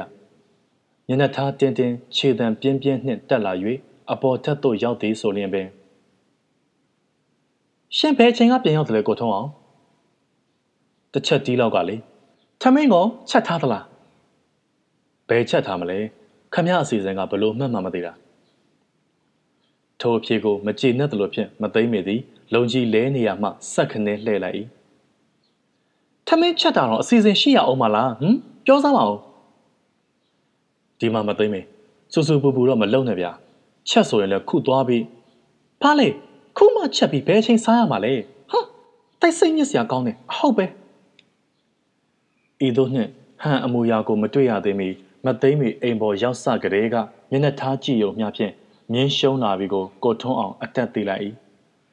ဤလိုမြင်းရှုံးလာပြီဆိုရင်တခုခုကိုရမဲရှာ၍ဤအတိုင်းဆူဆူပူပူလှုပ်တတ်သည်မှာကိုထွန်းအောင်အဖို့ရိုးသလောက်ရှိနေပြီဖြစ်၏ယခု ထမင်းတစ်လုံးလောင်းမှဖြတ်မထားရကောင်းလားဟုသောအကြောင်းပြချက်ဖြင့်အပြစ်ဖို့နေသည်၌ကိုထုံးအောင်တွင် နောက်ထပ်အဖြေပေးရန်အချက်အလက်အများပင်ရှိ၏မသိမ့်မီမှာထမင်းကိုမှန်မှန်ချက်စားလေးရှိသူမဟုတ်စိတ်ပါသောနေ့တွင်သာချက်၍စိုင်ထွက်စားတတ်သည်ကများပြီးတခါတည်းရန်ထမင်းကြီးချက်၍ဟင်းကိုဝယ်စားတတ်ပြန်သေး၏သူ့အလုံးမှာဈေးသည်ဖြစ်သည့်အတိုင်းနနက်6နာရီလောက်ထွက်သွားပြီးညနေတွင်အစောဆုံး6နာရီလောက်မှပြန်လာတတ်၏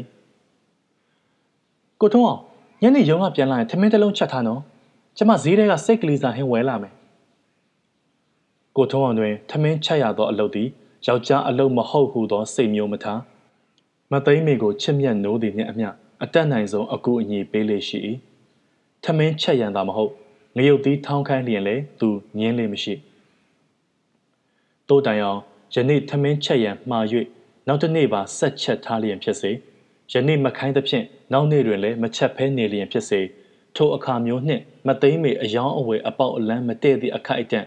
သို့မဟုတ်မြင်းပွဲရှုံးလာသည့်အချိန်အခါမျိုးနှင့်တိုက်ဆိုင်နေခဲ့သောဤအတိုင်းပင်ရမဲရှာ၍စူလားပူလားလှုပ်တတ်၏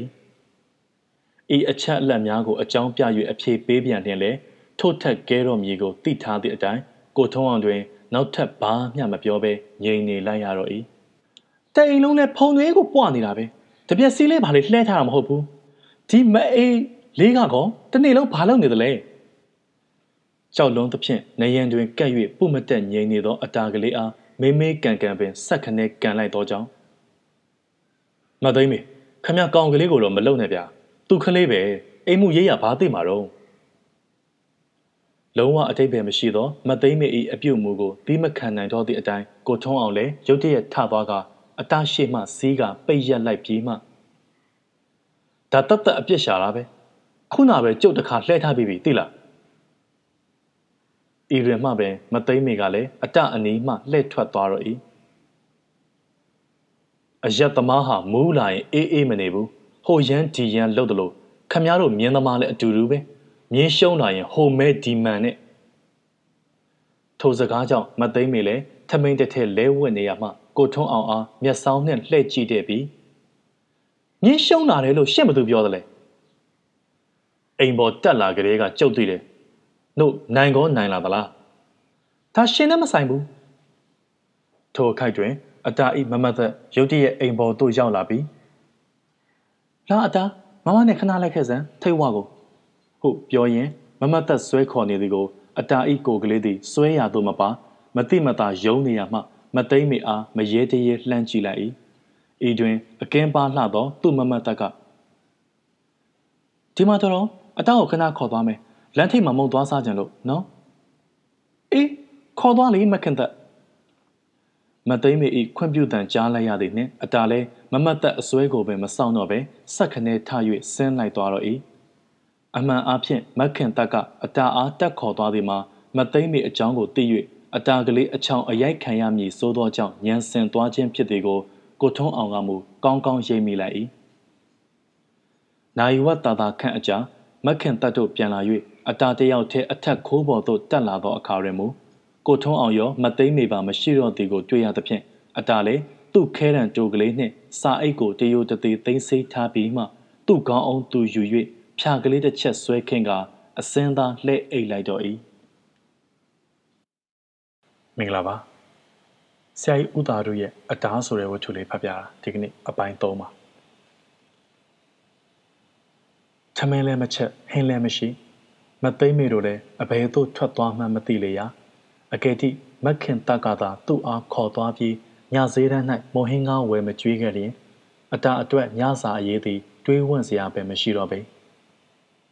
ကြီးစွာသောမျှော်လင့်ခြင်းဖြင့်စောင့်စားနေခဲ့သောတနင်္လာနေ့သည် ယခုရောက်လာပြီဖြစ်၏ကျောင်းသွားအမည်ဆိုသောနေ့ဖြစ်သည့်အတိုင်းအတာသည်နနက်9နာရီလောက်ကလေးကထား၍ရေနံစီမီကွက်ကလေးထုံးကတငယ်တန်းဖတ်စာကိုတွတ်တွတ်တွတ်ရွတ်နေ၏6နာရီထိုးသည်နှင့်ထိုစာအုပ်ကိုသိမ်းကခဲရန်တိုစာအိတ်စုပ်ဖြင့်တလှုပ်လှုပ်ရေးချစ်နေပြန်၏မကြမီပင်မသိမ့်မီတို့နိုးလာ၏ကိုထုံးအောင်လည်းတကုံကုံရေးနေသောအတာကိုမြင်လိုက်သည်နှင့်စိတ်မကောင်းဖြစ်သွားတော့က မင်းဘယ်အချိန်ကနိုးနေတယ်လဲအတာကြားလာပြီကျွန်တော်နိုးတော့မိုးမလင်းသေးဘူးစာအုပ်လည်းကျွန်တော်ဖတ်ပြီးပြီခုကာကြီးခခွေရေးနေတယ်ကိုထုံးအောင်တွင်အတော်ကလေးစိတ်ထိခိုက်သွားသည့်ပမာခြာကနေမျက်နှာလွှဲပြစ်လိုက်၏ဟဲ့ကောင်ရော့လက်ဖက်ရည်သွားဝဲမိုးစီကလေးတစ်စိပြစ်ပေးရင်းပြောလိုက်တော့မသိမ့်မေ၏အမူအရာမှာကိုထုံးအောင်နှင့်အပြတ်အသက်ကွာနေတော့၏ ယနေ့သည်အတာကလေးကြောင်းအပ်ရမည်နေ့ဖြစ်သည်ကို၎င်းတို့လျင်ကြောင်းနေရတော့မည်အရေးကြောင့်မိုးမလင်းမီထ၍စာကြက်နေသောချစ်စရာအတလုံးလာကို၎င်းမသိမ့်မေသည်ဘာမျှထဲ့သွင်းစဉ်းစားမိဟန်မတူကိုထုံးအောင်ရင်ထဲတွင်ပူနေသလောက်မသိမ့်မေကမူခက်အေးအေးပင်လက်ဖက်ရည်ဝဲခိုင်းလိုက်၏လက်ဖက်ရည်ကြိုင်ကလေးဆွဲကအတာဆင်းထွက်သွားသည်နှင့်ကိုထုံးအောင်လည်းတနခါလိမ့်နေသောမသိမ့်မေအနီးသို့ မလှမ်းကျင်လှမ်းကျင်နှင့်ရှောက်သွားကမသိမ့်မေဘယ်နဲ့လဲကောင်လေးကိုကြောင်းအပ်ဖို့ပတ်စံဒီနေ့ရမလားကိုထုံးအောင်ဤသို့မေးလိုက်သည်နှင့်မသိမ့်မေလည်းတနခါလိမ့်ရင်တန်းလန်းကပါတစ်ဖက်ပေါ်လက်တင်လျက်သားမော့ကြီးကပေးနိုင်တဲ့နောက်ညကလေးကရှင့်ကိုပေးထားမှာပေါ့ဖတ်နဲ့လေစောစောစီစီရှင့်တော်တော်အလိုက်မသိတဲ့လူပါလားကိုထုံးအောင်ဩကျုပ်ကအလိုက်မသိဘူးဟုတ်လားကဲကဲ ရှိပါစေတော့အမှန်ကကောင်လေးအတွက်မို့ပြောတာပါဖျားဆူရစေရဲ့ဒီပြင်ကိစ္စအတွက်ဆိုရင်ရောင်လို့တော့ကြုံမတောင်းဘူးမသိမ့်မေယုံပါဘသူအတွက်ဖြစ်ဖြစ်လေကျမကဈေးတယ်ရှင်နားလေလားဈေးတယ်ဆိုတာစောစောစီစီအကျွေးတောင်းတာကိုနည်းနည်းမှမချိုက်ဘူးနှုတ်နေပါဦးဒီလောက်တောင်ရှင်ဖြစ်နေရတာကဘလို့လဲဒီကြောင်းထားဖို့ကဒီလောက်ပဲအရေးကြီးနေသလားဟမ်ကိုထုံးအောင်လည်းအသက်ရှူကျက်သွားသလိုမတ်တက်ကထိုင်ချလိုက်ရင်ကဲ တော်ပါတော့ဗျာခမပေးခြင်းမှပဲပြီးတော့ကြုံမတောင်းတော့ဘူးဟုတ်လားဘာလဲရှစ်ကျမကိုငော့လာလားနှုတ်ဒီကြောင်းကကောဒီနေ့မအပ်ရင်မရတော့ဘူးတဲ့လားတယောက်ကနသားစီတောင်းဆိုနေပါလျက်တစ်ဖက်ကဘလူးဆိုင်တီးသလိုစီးဝါမကိုက်ဖြစ်နေသည်နှင့်ကိုထုံးအောင်လဲနောက်ထပ်ဘာတခေါမှမပြောတော့ပဲမျက်နှာတုပ်ပေါ်ကိုဆွဲ၍တပ်ပြင်းချရင်းဆင်းသွားတော့၏မရှိမနှောင်းမှာပင်လက်ဖက်ရည်ချိုင်းနှင့်အတူ အတာကလေးအိမ်ပေါ်ရောက်လာ၏အတာလောင်းဒီကို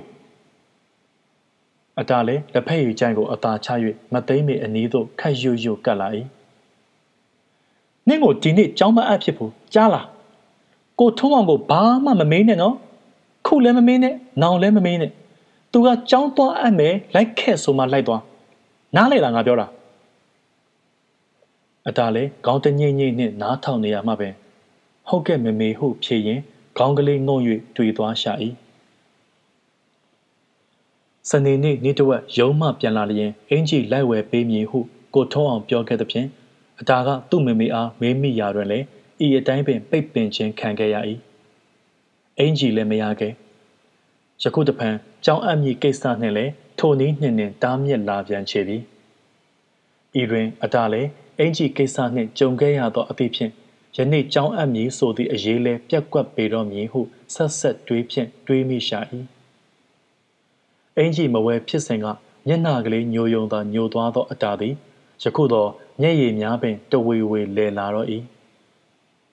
ပါးပြင်ပေါ်သို့ဒလက်ဟောစီးကြမလာမီပင်အတာသည်သူ့မေမေအနီးမှခွာပြီးအိမ်သာတက်ချင်လိုဟန်ဖြင့်အောက်ထပ်သို့ခတ်တုတ်တုတ်ပြေးဆင်းသွားတော့၏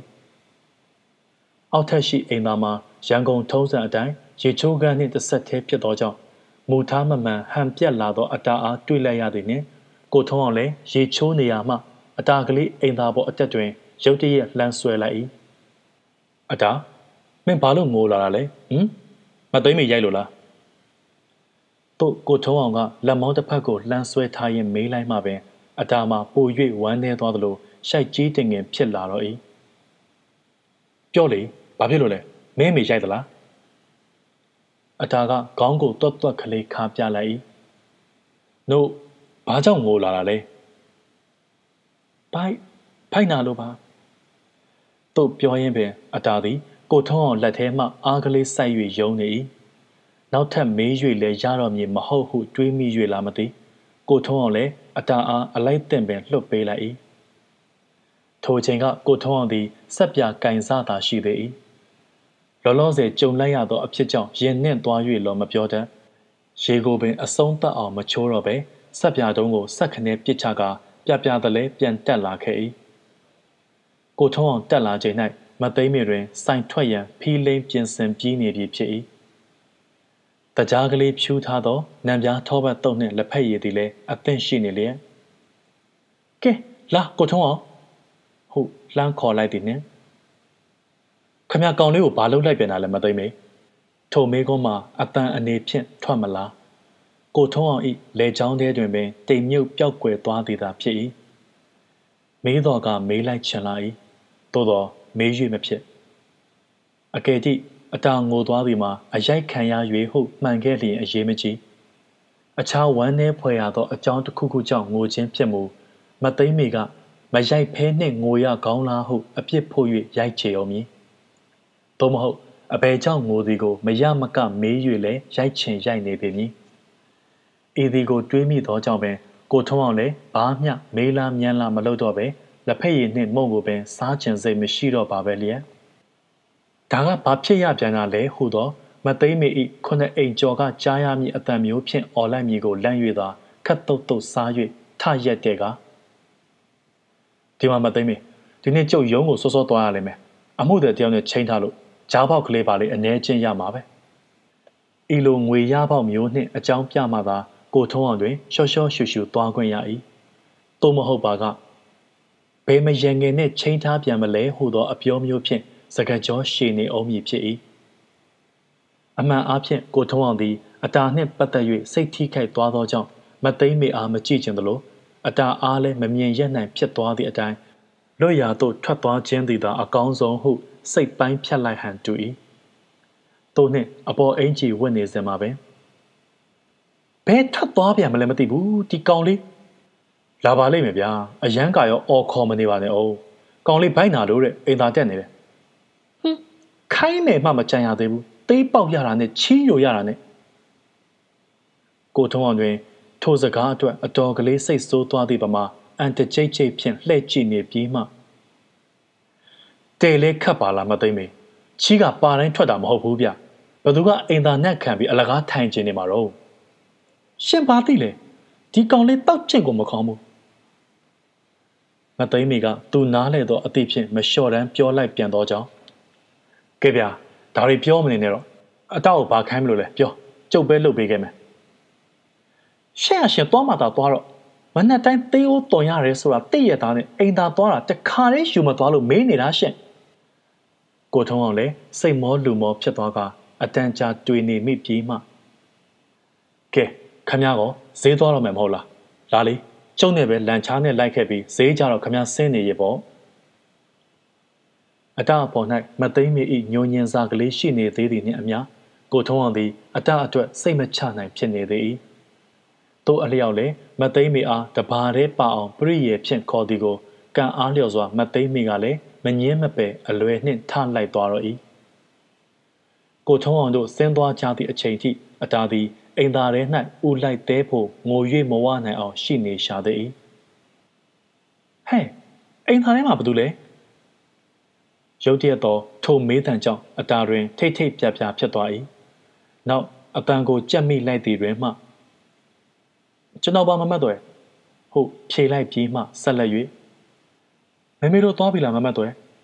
ဟုတ်အိမ်သားထဲမှပင်အတန်အုပ်အုပ်ကလေးဖြင့်မေးလိုက်တော့ကြောင်းနိမိတွေးလားသွားပြီကဲထွက်တော့သူ့ပြောလိုက်တော့မက်ခင်တွေမှာမက်ခင်တက်ဤအထွေးဆုံးညမဖြစ်လျက်မသိမ့်မီအားအတာနှင့်ပတ်သက်၍နှလုံးနာနေသူဖြစ်၏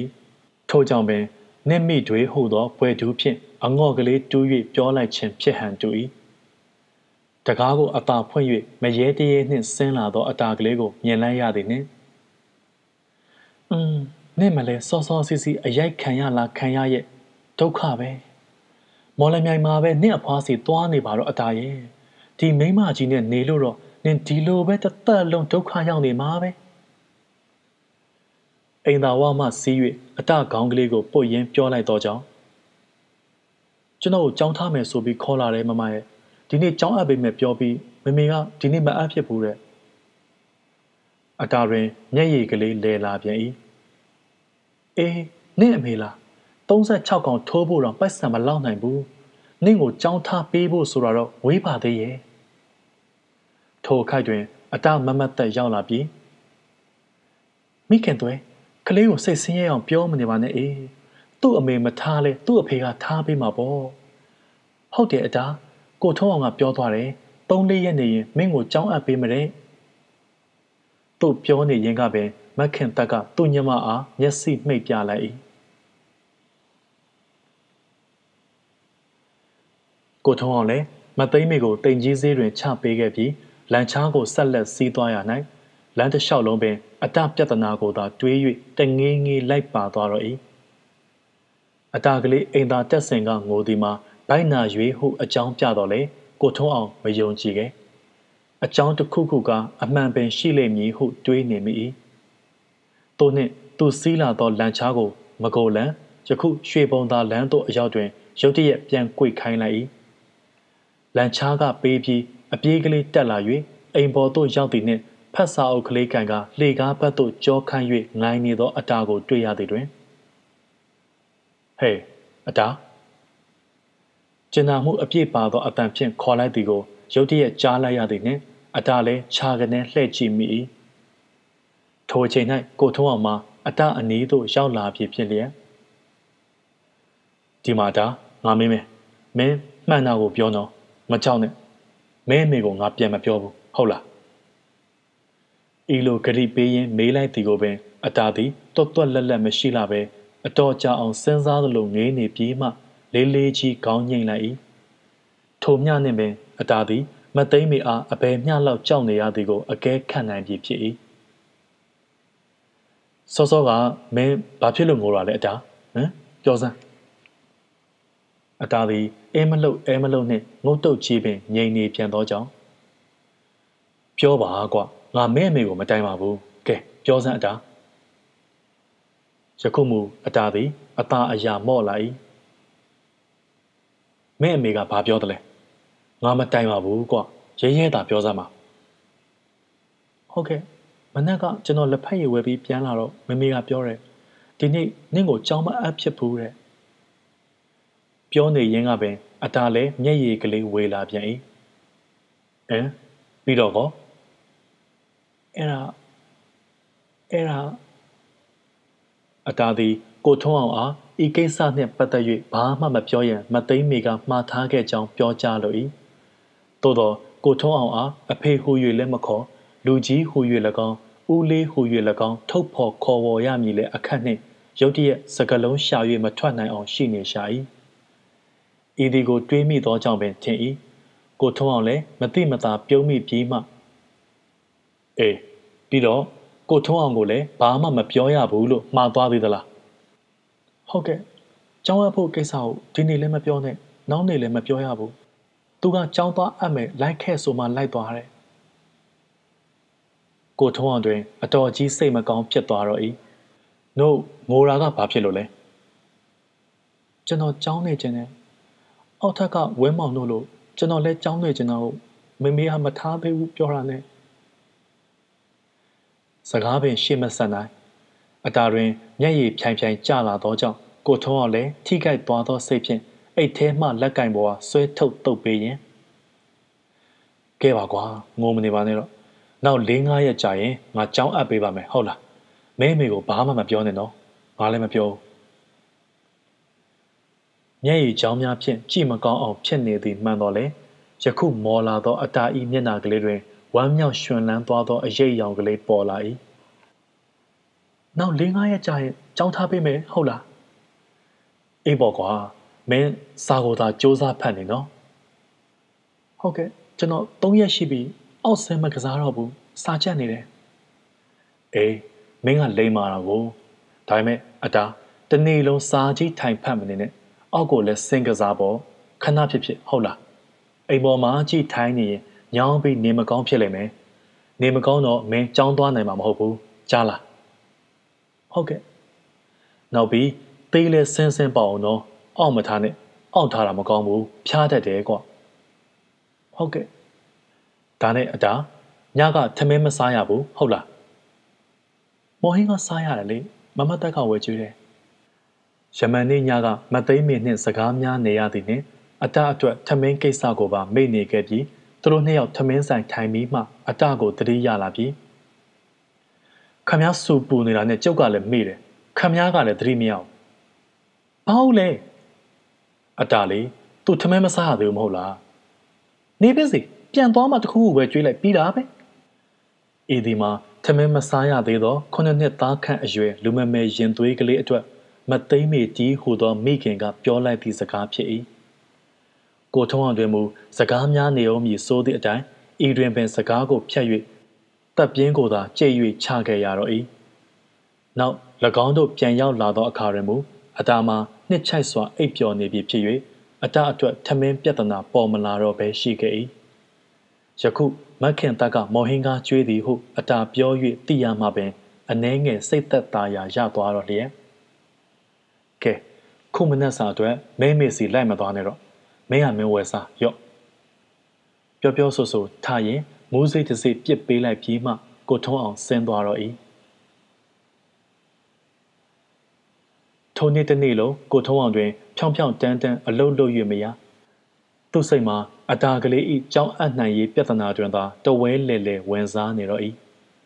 နောက်တစ်နေ့တွင်လည်းထို့အတူသုံးရက်မြောက်သောနေ့၌လည်းဤနီးနှင်းနှင်းပင်အတာအတွက်စိတ်လက်မကောင်းဖြစ်နေတော့၏စရုထမြောက်နေ့တွင်မူဖြစ်လိုရာဖြစ်ဟူသောသဘောဖြင့်ကိုထုံးအောင်သည်၎င်းလှုပ်သောယုံမှဒလဝန်ကလားတယောက်ထံမျက်နှာငယ်ခံ၍တဆယ်လျင်နှစ်ချက်တိုးဖြင့် ငွေ30ကိုမျက်စိမှိတ်ချီးယူလိုက်တော့၏ချီးငွေမှာ30ဖြစ်သောကြောင့်ပေးရမည့်အတိုးမှာလည်း6ချက်ဖြစ်၏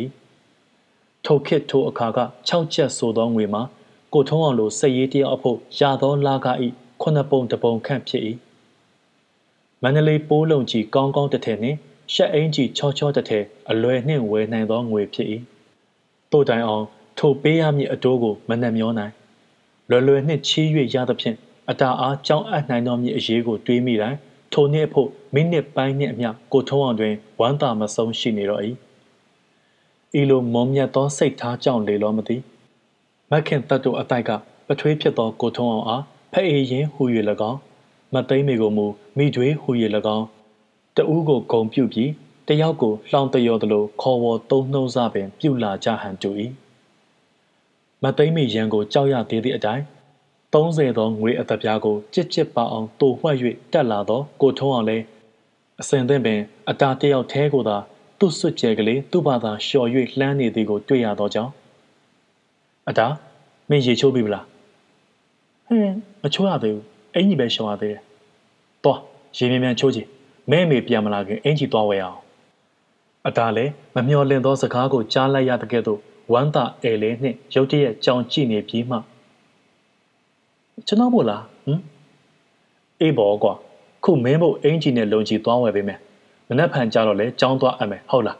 အဲ့ဒါမင်းအမေပြန်လာရင်ဘာမှမပြောနဲ့ဦးနော်ဟုတ်ကဲ့ဖះဆုကျွန်တော်မပြောပါဘူးမသိမ်းမီတည်သွားလျင်ဤအရေးကိစ္စပြက်ပြားသွားပေအောင်မည်ဟုအတာကိုယ်တိုင်ကလက်နေပြီးတကယ်တော့ဂရိပေးရ၌ပင်ပို၍လေးနက်သွားစေရန်ချိန်ကာတွေ့ကာနှင့်ပြောရင်းကပင်ကတော်ကမျောပြေးဆင်းသွားတော့၏ အသင့်ချုပ်ပြေးသားပင်ဖြစ်တော်လေတတ်တက်ရရနှင့်အတော်ကလေးကောင်းသောရှက်အင်းကြီးနှစ်ထည်နှင့်ပလေကန့်လုံကြီးနှစ်ထည်ကိုခတ်တုတ်တုတ်ဝဲ၍ပြန်လာကြသောအတာတို့သားဖသည်6နာရီခွဲလောက်တွင်မှအိမ်ရောက်တော်လေမသိမ်းမီပြန်မလာသေးသည်နှင့်ကဲအတာမင်းအင်ဂျင်နဲ့လုံကြီးတွေကိုဖွက်ထားအောင်နော်မဲမေမသိစေနဲ့အတာလည်းတစုံတရာဘာမှမပြောနိုင်ပြူးပြူးပြပြနှင့်ပင်ဝဲလာသောအင်ဂျီတုတ်ကလေးကိုပိုက်လျက် ပွက်ရမည့်နေရာကို အလော30ရှာနေတော့၏သူတို့မိသားစု၃ယောက်တွင်အိမ်ထောင်ပရိဘောကဟူ၍တန်တစ်တာနှလုံးကြောင်အိမ်ကလေးတစ်ခုနှင့်အိပ်ရက်လက်သားလျင်ရှိပြီးအခန်းကလည်းဆယ်ပေမျှသာဖြစ်ရာအတာတွင် သူ့အင်ကြီးတုတ်ကလေးဝှက်ရန်နေရာရှာမရနိုင်အောင်ဟိုလှမ်းဒီပြေးဖြင့်အမောကလေးသာအဖက်တင်နေတော့၏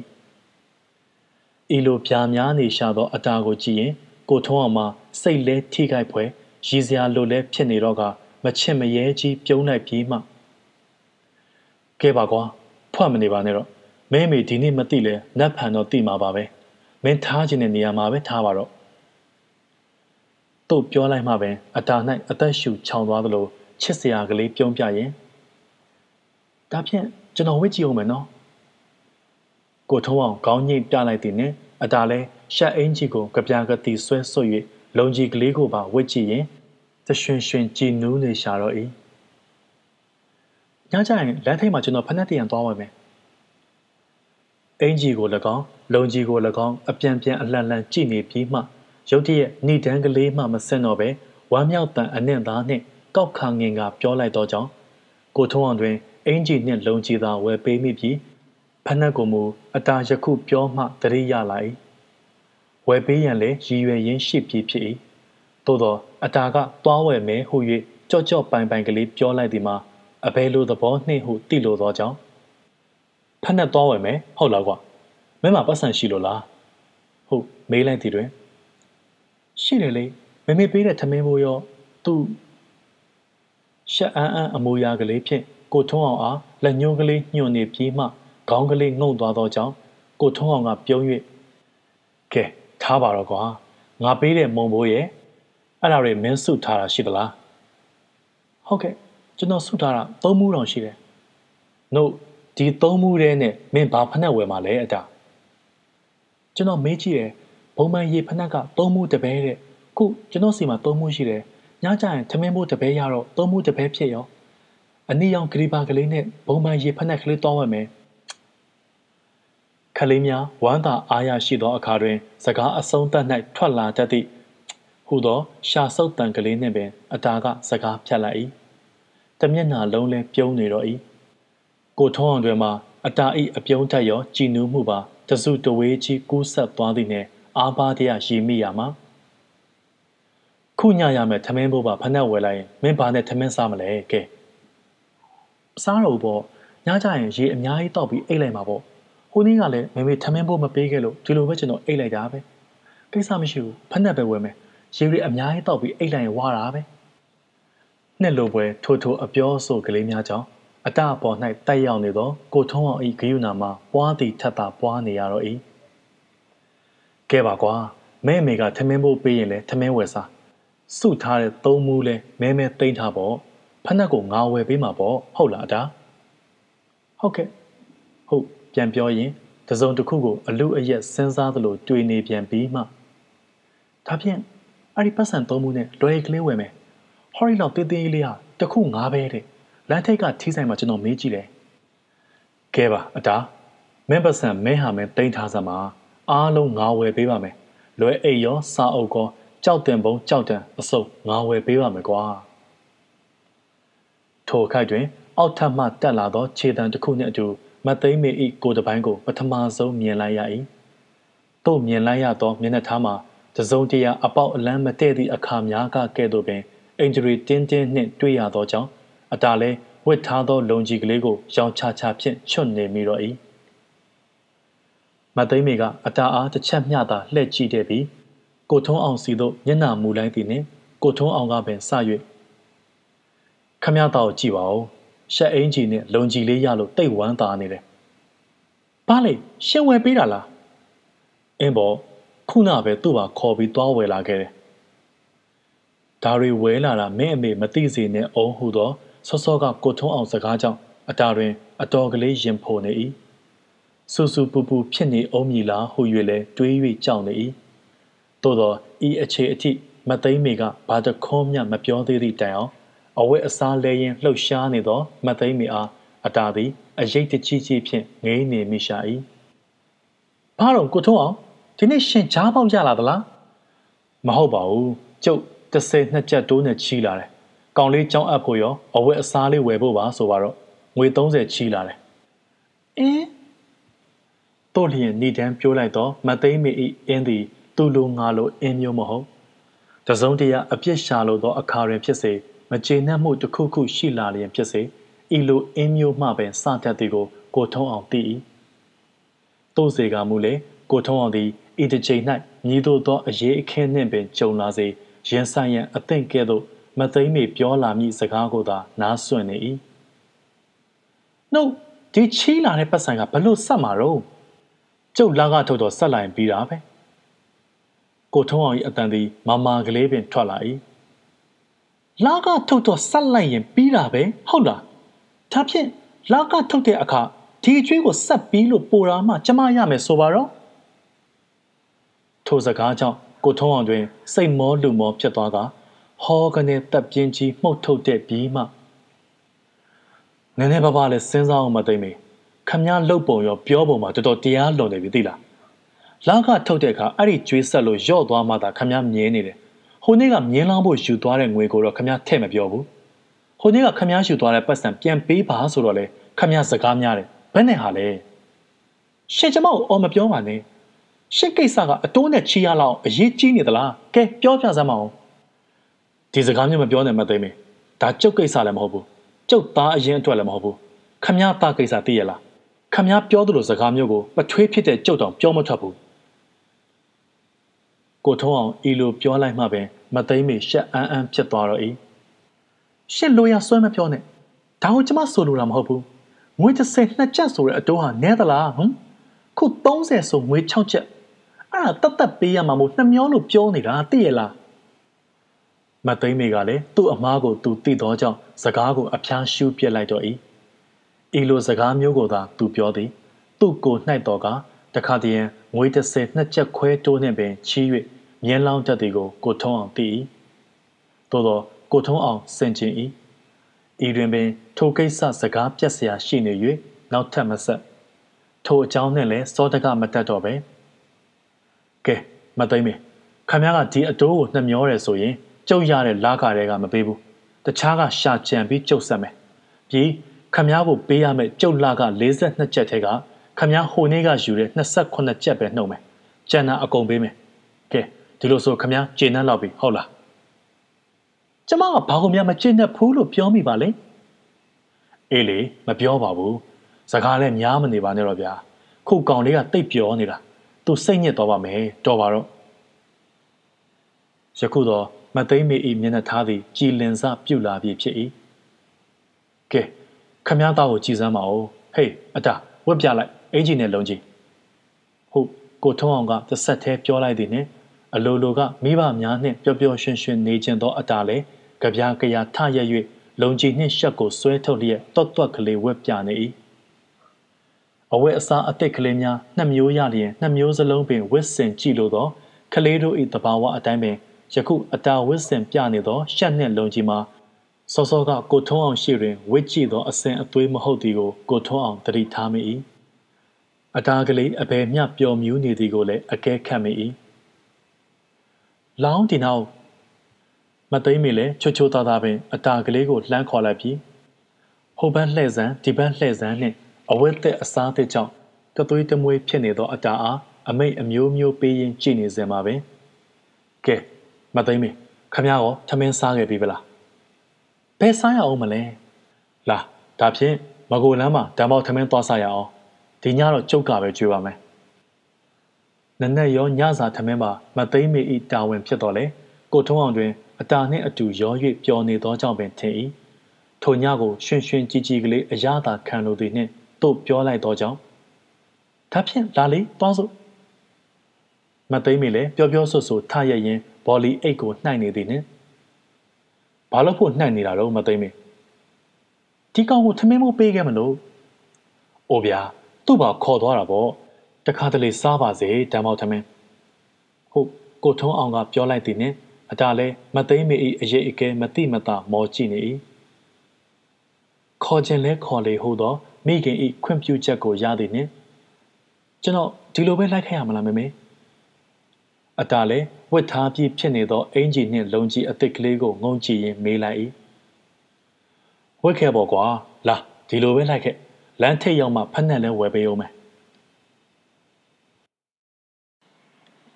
ဆရာကြီးဥသာတို့ရဲ့အတားဆိုတဲ့ဝတ္ထုလေးဖတ်ပြတာဒီနေ့အပိုင်းလေးပါ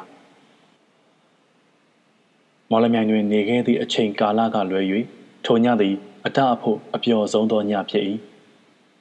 ယခုရွှေဘုံသာလန်မကိုလန်းတံပေါက်ထမင်းဆိုင်ရောက်သည့်အထိမသိမ့်မီကလက်ကလေးဆွဲ၍ရီရီမောမောနှင့်တယူတရခေါ်သွားသည့်အရာသာကို အတာသည်မိမိရှက်ရှက်ခံစားရင်းလိုက်ပါသွားရသည့်အဖြစ်ကိုအသေးနှင့်အောင်ကြည်နူးသွားခဲ့၏ယနေ့လေကိုထုံးအောင်ကကြောင်းအပ်ရန်လန်ချားဖြင့်တင်ခေါ်ခဲ့ရ၌အတတမျက်နှာလုံးမှာ သူ့တသက်တာအဖို့ဝမ်းအသာဆုံးနေဟူသောစကားထပ်ပင်ပုံမလေးနက်သောအသွင်မျိုးပါသည့်အပြုံးဖြင့်ဖုံးလွှမ်းနေတော့၏ကျုံကြီးလမ်းရှိဗုဒ္ဓဘာသာမင်းကလေးကျောင်းဝင်းအတွင်းမှကိုထုံးအောင်ပြန်ထွက်သွားပြီးနောက်နိုင်ဝက်သာသာအကြတွင်ပင်ကျောင်းတက်ခေါင်းလောင်ထိုးတော့၏အတားလည်းဆရာမညွှန်ကြားသည့်အတိုင်းအခြားသောကလေးများနှင့်ရောနှောစီတန်းကအပေါ်ထပ်သို့တက်ခဲ့ကြ၏ထိုကျောင်းမှာအင်္ဂလိပ်အမျိုးသမီးကြီးတဦးအုပ်ချုပ်သောကျောင်းပင်ဖြစ်လင်ကစား ဗုဒ္ဓဘာသာအယူဝါဒအတိုင်းမြန်မာလိုပင်ရှ िख ိုးကြရ၏ကျောင်းတက်၍ဖျားရှ िख ိုးပြီးသည်နှင့်ကို့အတန်းကိုပြန်၍ကို့နေရာကိုထိုင်ကြသည်တွင် လူသစ်ဖြစ်နေသောအတာ၌အဘယ်နေရာဝင်ထိုင်ရမည်မသိသလိုရောင်ချာချာရှိနေသည်နှင့်အတိုင်းမိုင်ဆီယာမကရုတ်တရက်လှမ်းခေါ်ပြီးရှေ့ဆုံးတန်းမှကလေးတယောက်ကိုနောက်ပိုင်းရှိခုံလွတ်တစ်ခုတွင်အထိုင်ခိုင်းလျက်အတာကိုမူရှေ့ဆုံးတန်းနေရာပေးလိုက်၏ဆီယာမသည် သုံးလခန့်စာနောက်ကျနေပြီဖြစ်သောအတာအားနီနီနာနာနှင့်ပူပူမိုမိုဖိတင်ရန်ရည်ရွယ်ချက်ဖြင့်ရှေ့ဆုံးတန်း၌နေရာချပေးလိုက်ဟန်တူ၏ညနေ3နာရီခွဲ၍ကြောင်းလွတ်ချိန်၌အတာတွင် အခြားသောရွယ်သူကလေးများနည်းတူလာရောက်ကြိုဆိုမည်သူမရှိဆက်ခွန်လမ်းမှသည်ယခုဘိုရွဲလမ်းဟုအမည်တွင်သော မောင်ခိုင်လန်းအထိတရက်တာဘတ်စကာအဆရှိသောရင်းအမျိုးမျိုး၏အန်ဒရယ်ကို အရွယ်နှင့်မလိုက်အောင်ရှောင်တိန်ဖြတ်တန်း၍ပြန်လာခဲ့ရ၏ယခုဘိုရွဲလန်းဟုခေါ်သော မောင်ခိုင်လန်းသို့ရောက်ရန်ပေ30မြလိုသောတိုက်တန်းရသို့ရောက်သောအတားသည်တဦးတယောက်ကိုရှာတဲ့ကဲ့သို့သူ့မျက်လုံးများသည်ဝိုင်းဝိုင်းလဲအောင်ထိုးထိုးအီအီကြည့်ရင်ရှောက်လာသည်ကိုတွေ့ရ၏တခုသောတရုတ်ကုံစုံဆိုင်ရှေ့သို့ရောက်သည်နှင့်အတမျက်လုံးများသည်အဆိုပါကုံစုံဆိုင်စီတွင်စူးစိုက်သွားပြီး ချက်ချင်းပင်စိုးရွံသောအမူအရာကလေးဖြင့်မျက်နှာလွှဲပြက်လိုက်၏ရင်းသည့်အခိုက်အတန့်မှာပင်ထိုတရုတ်ကုံစုံဆိုင်ထဲမှအသက်9နှစ်ခန့်အရွယ်မြမလူငယ်တယောက်ထွက်လာပြီးအတအနီးသို့ကတ်သွားကပခုံးတစ်ဖက်ကိုစက်ခနဲ့ဆွဲလှည့်လိုက်ရင်ဟဲ့ကောင်မင်းဘယ်ကလာလဲတို့လျင်ထိုလူငယ်ကအပြုတ်အမူကြမ်းကြမ်းနှင့်ခက်ရမ်းရမ်းကလေးမေးလိုက်သောကြောင့်အတာတွင်တုံလှုပ်ခြောက်ခြားသောအမူအရာဖြင့်မရေတရေမော်ကြည့်လိုက်ပြီးမှ ကျောင်းကပြန်လာတာပါအောင်မမင်းအခုကျောင်းနေသလားကြောက်ကြောက်လှမ်းလှမ်းအမူအရာဖြင့်အတာကခေါင်းငိမ့်လိုက်သည်ကိုထိုလူငယ်ကခက်မဲ့မဲ့ကြည့်ရင်အတာဤနောက်စိတ်ကလေးကိုဖတ်ခနဲပုတ်လိုက်ပြီးမှမင်းငါ့ကိုကြောက်ရလားကြောက်ပါတယ်ဒါဖြင့်သွားတော့ထိုအမိန့်တန်ကြားမှအတာလဲထိုလူငယ်အနီးမှထွက်လာဝင်တော့၏တိုးတိုင်အောင်ထိုလူငယ်ကနောက်မှလိုက်၍ဇပိုးကိုအုပ်လေမည်လားဟုလေ အတာတွင်တထိတ်ထိတ်နှင့်ရှောက်လာခဲ့ရရှာ၏လှဲ့၍လည်းမချီဝမ်းဤလိုအဖြစ်မျိုးနှင့်အတာကြုံခဲ့ရသည်မှာဤလန်းသေးသို့ပြောင်းလာခဲ့သည့်နေ့မှအစယနေ့တိုင်အောင်ဖြစ်၏ထိုတငယ်မှာ၎င်းတရုတ်ကုံစုံဆိုင်မှခေါ်ယူမွေးစားခိုင်းစေထားသောမြမမိဘမဲ့ကလေးဖြစ်လျက်အတာတူးဒီကိုသာမဟုတ်ပတ်ဝန်းကျင်ရှိရွယ်သူရော၎င်းထက်ငယ်သူကလေးများအပေါ်တွင်မှာအမြဲတမ်းအနိုင်ကျင့်လေရှိ၏ သူအားကြောက်သည်ဆိုမှသဘောကျ၏တခါတည်းရန်စောစောကအတာအားပြုတ်မှုတကယ်သို့ကြောက်သည်ဆိုယုံဖြင့်မချေနှံ့သေးပဲထိတ်ပုတ်ခေါင်းရိုက်နှင့်ထိုးလိုက်ကြိတ်လိုက်လဲလှုပ်တတ်သေး၏ထို့ကြောင့်ပင်အတာသည်သူ့မမေကကြာစံပိငပိအဆရှိသည်တို့အဝဲခိုင်းမည်ကိုအလွန်ကြောက်၏မလွဲသာ၍သွားဝယ်ရပြန်ပါလျင်လေထိုကုံစုံဆိုင်မှထိုလူငယ်နှင့်အမြဲတမ်းရင်ဆိုင်ရပြီးရင်ဆိုင်မိတိုင်းလဲအ ਨੇ ဆုံးထိတ်အပုတ်ခံရတတ်၏ တနေ့တော့လမ်းထိပ်၌ကလေးတယောက်မော်တော်ကားတိုက်မိသဖြင့်အခြားသောကလေးများနည်းတူအတားလဲထိုအခင်းဖြစ်ပွားရာလမ်းထိပ်သို့ရောက်သွား၏သို့သောလူအများဝိုင်းအောင်ကြည်နေရာသို့ပင်မရောက်သေးမီကုံစုံဆိုင်မှလူငယ်ကိုမြင်လိုက်ရသည်နှင့်အတားသည်ထိုနေရာသို့မသွားဝန်းတော့ပဲပြန်꿰ခဲ့၏ကားတိုက်ခံရတဲ့အကောင်သာဘာခွေးဆိုရင်ဘလောက်ကောင်းမလဲဟို၍ပင်အတာသည်ဝင်းထဲမှဆူတောင်းမိ၏ထုံမြလောက်ပင်အတာသည် ကုံစုံဆိုင်မှဘာခွေးဆိုသူကိုမုံ၏ကြောက်လဲကြောက်၏ယနေ့လဲထိတ်တစ်ချက်အပုတ်ခံရပြီးကြောက်ကြောက်နှင့်ပင်ပြန်ခဲ့ရသောအတာသည်အိမ်ပေါ်ရောက်၍ရေမိုးချိုးပြီးနောက်မကြမီမှာပင်ကိုထုံးအောင်ပေါက်လာတော့၏ဟေးအတာဘယ်နဲ့လဲမင်းเจ้าမှာပြောရလားကွာဟုတ်ကဲ့ကျွန်တော်တိတ်ပြောတာပဲအစတော့ကျွန်တော်တငယ်တန်းခေါ်သွားတယ်နောက်ပြီးဆီယမကစာရီမေးတယ်ဖတ်ခိုင်းတယ်ရေးလဲရေးခိုင်းတယ် ကျွန်တော်လှလှကလေးရေးပြပြီးဖတ်လဲဖတ်ပြတာနဲ့ကျွန်တော်ကိုပထမတန်းကိုပို့ပေးတယ်ဆီယမကပြောသေးတယ်မင်းတိတ်တော်တာပဲတဲ့ဝမ်းသာအဲလဲနဲ့အောင်ပွဲတစ်ခုစုတ်ခူးခဲ့သည့်ပမာအတာသည်ရီကာမောကအမူအရာပါပါပြောပြလျက်ရှိ၏အေးစူးစမ်းတော့စာမတက်ရင်မင်းဘာဖြစ်မလဲသိလားဟိုလမ်းထိပ်ကကုံစုံဆိုင်ကဘာခွေးလို့ကိုလေးဖြစ်မှာပေါ့ခုမင်းစာရီအများကြီးနောက်ကျနေတယ်သိလား အဲ့ဒီတော့မင်းအများကြီးစူးစမ်းမှစာမေးပွဲအောင်မယ်အရင်သင်ပြီးသားစာတွေလည်းဆရာမအောင်မေးနော်ဟုတ်ကဲ့ကျွန်တော်စူးစမ်းပါမယ်အေးစာမေးပွဲအောင်လို့နှစ်တန်းကိုတက်ရရင်ကိုထုံးအောင်သည်စကားကိုရှေ့မဆက်တော့ပဲဤတွင်ပင်ရက်၍ရုတ်တရက်တွေ့သွား၏အမှန်အားဖြင့်သူဆက်ချင်သည့်စကားမှာသားသမီးကိုပညာစ조사စေလိုသောမိဘတိုင်းကအားပေးတတ်သည့် ဆံမပွဲအောင်ရင်စပိန်ဝယ်ပေးမယ်ရွှေကျဲသည်လှုပ်ပေးမယ်အစရှိသည့်ဂရီစကားမျိုးကိုပြောလိုဟန်တူ၏သို့တော်လည်းကိုထုံးအောင်မှာသူရသောလာကငွေကိုပင်သူမပိုင်မတ်သိမ်းမီအားတပြားမကြံအပ်ရမည်ဖြစ်၏ရားပေါငွေဆိုသည်မှာလည်းမတရားလက်စားတတ်သူအဖို့သာလွယ်လွယ်နှင့်မျောလင့်ချက်ထားနိုင်တော်လေစေတနာတန်တန်နှင့်ကူညီတတ်သောကိုထုံးအောင်လိုစည်ရေးတယောက်အဖို့တော်ကအလိုက်တိစွာနှင့်ပေးကမ်းသူရှိမှရ၏ တို့လျင်တေချာပေါက်မျောလင့်ချက်မရှိသောကြောင့်အတာအားစမေပွဲအောင်ရင်ဘာဝယ်ပေးမယ်ဟူသောဂရိမျိုးကိုပေးရန်ခတ်နေသည်ထင်ရ၏တို့နှင့်ကိုထုံးအောင်လည်းအတန်ကြာတွေ့နေမိပြီးမှအေးကွာမင်းစမေပွဲအောင်လို့နှစ်တန်းကိုတက်ရရင်ပါရှမ်းလုံကြီးကလေးဝယ်ပေးမယ်နော်နောက်ဆုံးနေမူကိုထုံးအောင်လည်းအတာမှအားတက်ပါစေတော့ဟူသောသဘောဖြင့်သူအတက်နိုင်ဆုံးသောဂရိကိုပေးဖြစ်အောင်ပေးလိုက်ချေသည် အတာတို့အရွယ်ဝက်ဆိုလျင်ထိုခေတ်ကမန္တလေးပိုးလုံကြီးတစ်ထက်အများဆုံးသုံးချက်သာပေးရ၏တိုးတိုင်အောင်ထိုလုံကြီးမျိုးကိုကိုထုံးအောင်ဂရိမပေးဝင်သုံးချက်ဆိုသောငွေမှာသူ့ခေတ်နှင့်သူ အလွန်တန်ဖိုးရှိ၏လူတယောက်အဖို့ထိုသုံးချက်သည်လောက်ဝက်တိတိထမင်းစားနိုင်၏ထို့ကြောင့်ပင်ပါရှမ်းလုံကြီးဝယ်ပေးမည်ဟုသာဂရိပေးဝင်၏၎င်းပါရှမ်းလုံကြီးဆိုသည်မှာပိုးစစ်ပင်မဟုတ်တော့လေ မန္တလေးလုံကြီးနှင့်ဒန်းတူအသွေးအယောင်ပြောင်း၏နနက်ချီကဲ့သို့သောပိုးတုကိုရက်လုတ်ထားသောလုံကြီးဖြစ်လျက်ထိုခေတ်ထိုအခါကားဆိုလျင် ထိုပါရှမ်းလုံကြီးသည်တောသူတောင်သားလယ်သမားများနှင့်အတာတို့ကဲ့သို့ငွေရေးကြေးရေးနွမ်းပါသူတို့အဖို့ပွဲလန်းတပင်၌ဝစ်စင်ရန်အကောင်းဆုံးဟုသဘောထားရသောပိုးလုံချီဖြစ်၏လူကြီးဝစ်တစ်ထည်မှ9မှတ်ထပ်ပိုမပေးရအတာတို့အရွယ်ဝစ်ဆိုလျင်3မှတ်လောက်နှင့်ကိစ္စပြေးနိုင်၏ ဤမြလောက်ဈေးပေါ်သောပါရှမ်းလုံကြီးကိုပင်တပတ်နှင့်တကိုအတာသည်တခါမျှမဝဲဖူးခဲ့ရောဘာမျှော့ကျိုးတက်၃ဘဲတံပေါင်းမီနှင့်ကလပ်ပြည်မှလာသောအလန်တစိတ်၅ဘဲတံချီကျန်းလုံကြီးတို့ဖြင့်သာယနေ့ထိအချိန်ကုန်ခဲ့ရသဖြင့်ဆံမပွဲအောင်ကကိုထုံးအောင်ဝဲပေးမည်ဆိုသောပါရှမ်းလုံကြီးကိုပင်အတာသည်စိတ်ကူးဖြင့်အစဉ်ရွေးနေမိရှာ၏ အတာသည်ကြောင်းနေခွင့်ရသွားသောကြောင့်အလွန်အကျူးပျော်နေ၏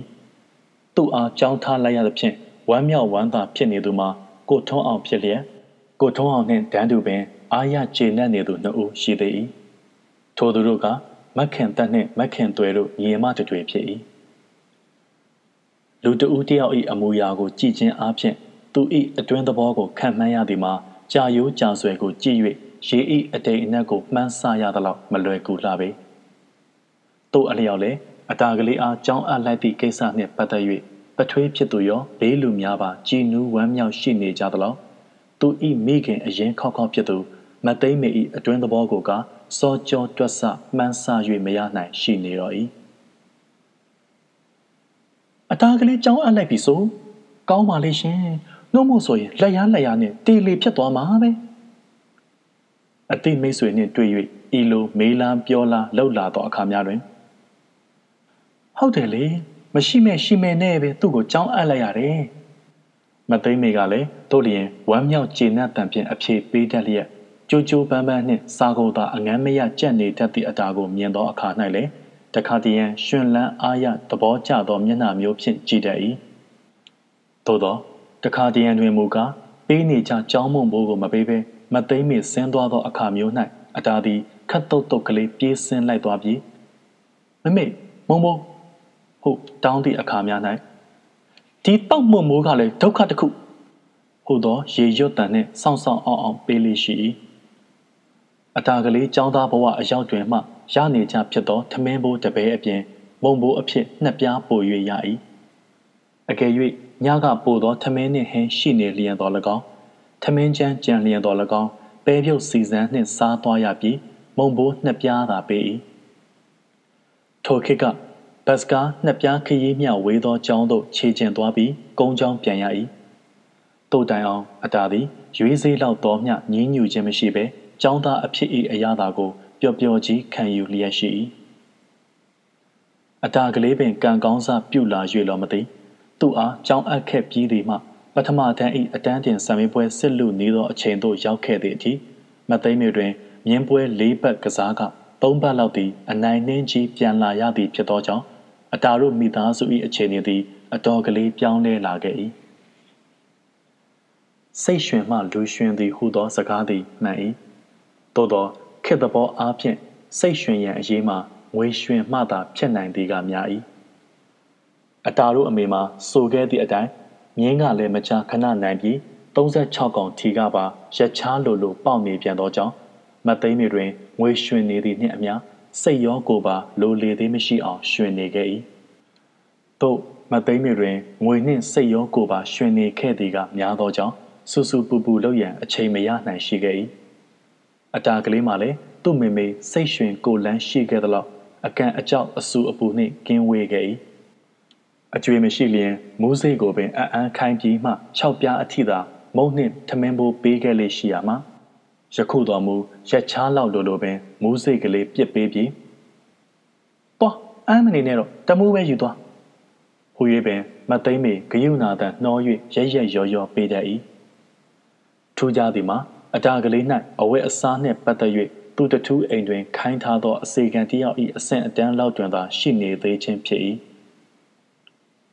ရခင်ကမသိမ့်မြေတွင်ငွေရေးကြေးရေးကြက်တဲ၍ဟူသောအထောက်အထားဖြင့်ခွင့်လွှတ်နိုင်ပေ၏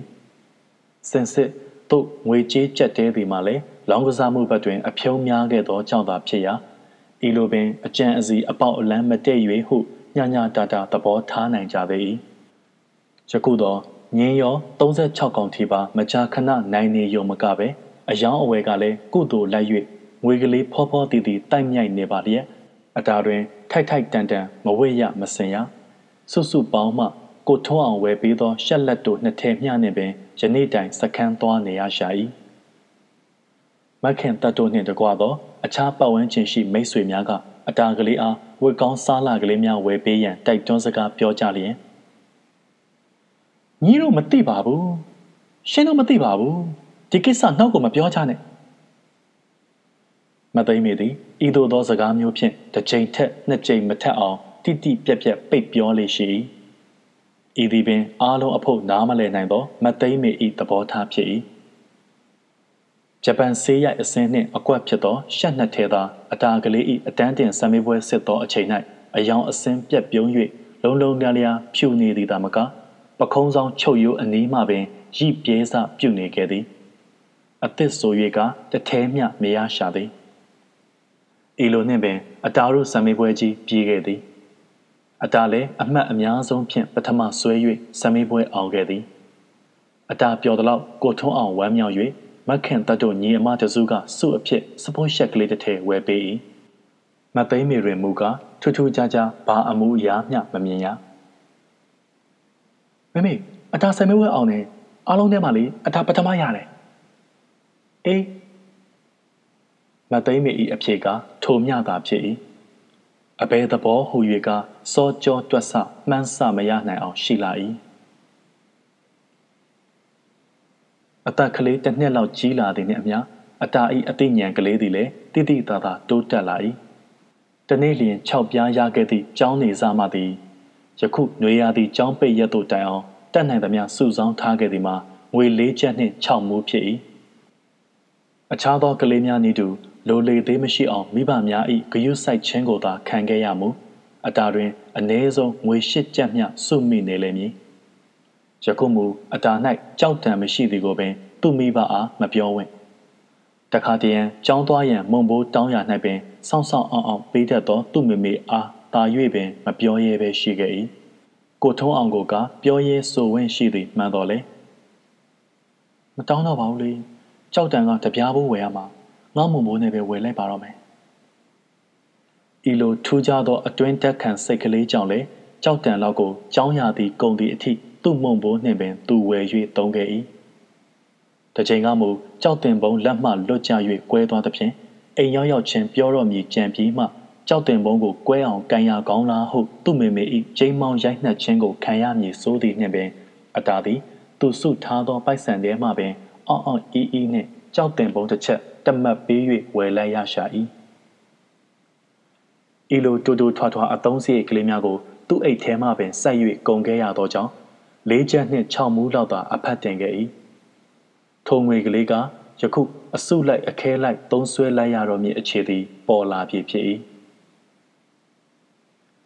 ຫນွေလចောင်းပိတ်ရပင်ကုံလူလူရှိနေပြီဖြစ်သည့်အတိုင်းမကြမီအတားသည်ចောင်းပြန်တက်ရပေတော့မည်သူတွင် အင်ကြီးဝတ်စရာမရှိတော့ပေရှိသည့်နှစ်ထဲမှလည်းအတော်ကလေးညံ့သောအမျိုးအစားဖြစ်သည့်တွင်ထိုနှစ်ထဲကိုသာရှော်ကာဖော့ခါဖြင့်ကြောင်းတရားသည်ပင်ဝတ်ခဲ့ရသောကြောင့်ရိစုပ်နေပြီဖြစ်၏သူအားကြည်ကြည်ပြူပြူအင်ကြီးလုံးကြီးကလေးအစဝယ်ပေးမည်သူဆို၍ကိုထွန်းအောင်တယောက်ကိုသာအတာမြင်၏သို့သောကိုထွန်းအောင်အားအပူကတ်ရမည်ကိုအတာလန့်နေ၏တခါကအတာအတွက်ငါးမတ်တန်ပတ်တူနောက်ပိတ်ဖက်နှက်ကလေးတရံဝယ်ပေးခဲ့သည်ကို မသိမ့်မေကပွက်လောရိုက်အောင်စူခဲ့ပူ၏ညီတို့သောနီးဖြင့်ငွေပိုရခဲ့သည်ဖြစ်စေသူ့ကိုပထမအပ်ရမည်ဟုမသိမ့်မေကအရေးဆို၏သူကားမှတဆင့်အတအတွက်ဖြစ်စေမြည်သူအတွက်ဖြစ်စေလိုအပ်သောပစ္စည်းကိုဝယ်ပေးမည်သူတိခွင့်မရဘဲကိုထွန်းအောင်သဘောအတိုင်းလုပ်သည်မှာရွာလွန်ရွက်တက်ရာရောက်သည်ဟုမသိမ့်မေကအရေးဆိုရင်အပြင်းအထန်စူပူခဲ့၏ နောက်ဆုံး၌နားအေးပါအေးနေတတ်သောကိုထွန်းအောင်ကပင်အော်ကြီးဟစ်ကျက်သမားမသိမ့်မေကိုလက်လျှော့သဘောတူခဲ့ရတော့၏ထိုအခါမှစ၍အတားလဲကိုထွန်းအောင်ထံမှဘာမျှမမျှော်လင့်နိုင်ခဲ့တော့ပေယခုအင်ကြီးဝတ်စရာမရှိတော့သည်တွင်လည်းအာကိုတစ်ခုအနေဖြင့်သာကိုထွန်းအောင်ကိုမြင်မိတော့လေအတားတွင် ပြောရမည်ခက်နေ၏မျောလင့်ချက်လည်းမရှိသည်ကိုသိသည်နှင့်သူစုထားသောငွေကလေးဖြင့် သူကြိုက်ရာအစဉ်ရွေးပြီးသူကိုယ်တိုင်ပင်မေးဝယ်တော့မည်ဟုသောရည်ရွယ်ချက်ဖြင့်တင်ကြီးစေးဘက်သို့ထွက်လာခဲ့၏တင်ကြီးစေးအပေါ်တန်းရှိရှက်အင်ကြီးဆိုင်တန်းသို့ရောက်လာပြီးမှပင်အတားလည်းတစုံတစ်ခုကိုတွေးမိလာ၏နင်ငါ့ကိုဘာဖြစ်လို့မပြောသလဲတို့လျင်မေကွန်းထုတ်၍ရိုက်လားပုတ်လားလှုပ်ခဲ့သောဟုတွေးမိသည်နှင့်ပင်အတားလည်းမသိမ့်မီရှိရာဈေးနာရီစဉ်အောက်သို့ပြန်ဆင်းလာခဲ့ပြီး ဆုထားသမျှသောငွေကလေး၄ချက်၆မူးဖြင့်တင့်တော်သောလုံကြီးနှင့်အင်ကြီးကလေးဝယ်ပေးရန်သူ့မိမိအားပြောရင်းတထိတ်ထိတ်ဖြင့်ပုံအပ်လိုက်ရတော့၏။တော်နင်ပြန်တော့ငါဝယ်လာခဲ့မယ်။အတာတွင်ဘာတခေါမှမဟဝင့်ပဲတွန့်ဆုတ်ကလေးဆုပ်၍ပြန်ခဲ့ရ၏။သူ့ငွေနှင့်သူပင်သူကြိုက်ရာအစဉ်ကလေးကိုရွေးခွင့်မရ။ ဝယ်မှဝယ်လာပါမလားဟုတွေးရင်းရင်တလေးလေးဖြင့်ရှောက်လာခဲ့ရ၏ဤတစ်ချိန်၌မူအတာကလေးကံကောင်းသည်ဟုဆိုရမည်ဖြစ်၏ညနေဈေးမှပြန်လာသောမသိမ့်မီလက်ထဲတွင်စက်ကူအိတ်ကလေးနှလုံးပါလာ၏အတာအားပြစ်ပေးလိုက်သဖြင့်အလော30ဖြည့်ကြည့်လိုက်ရ၌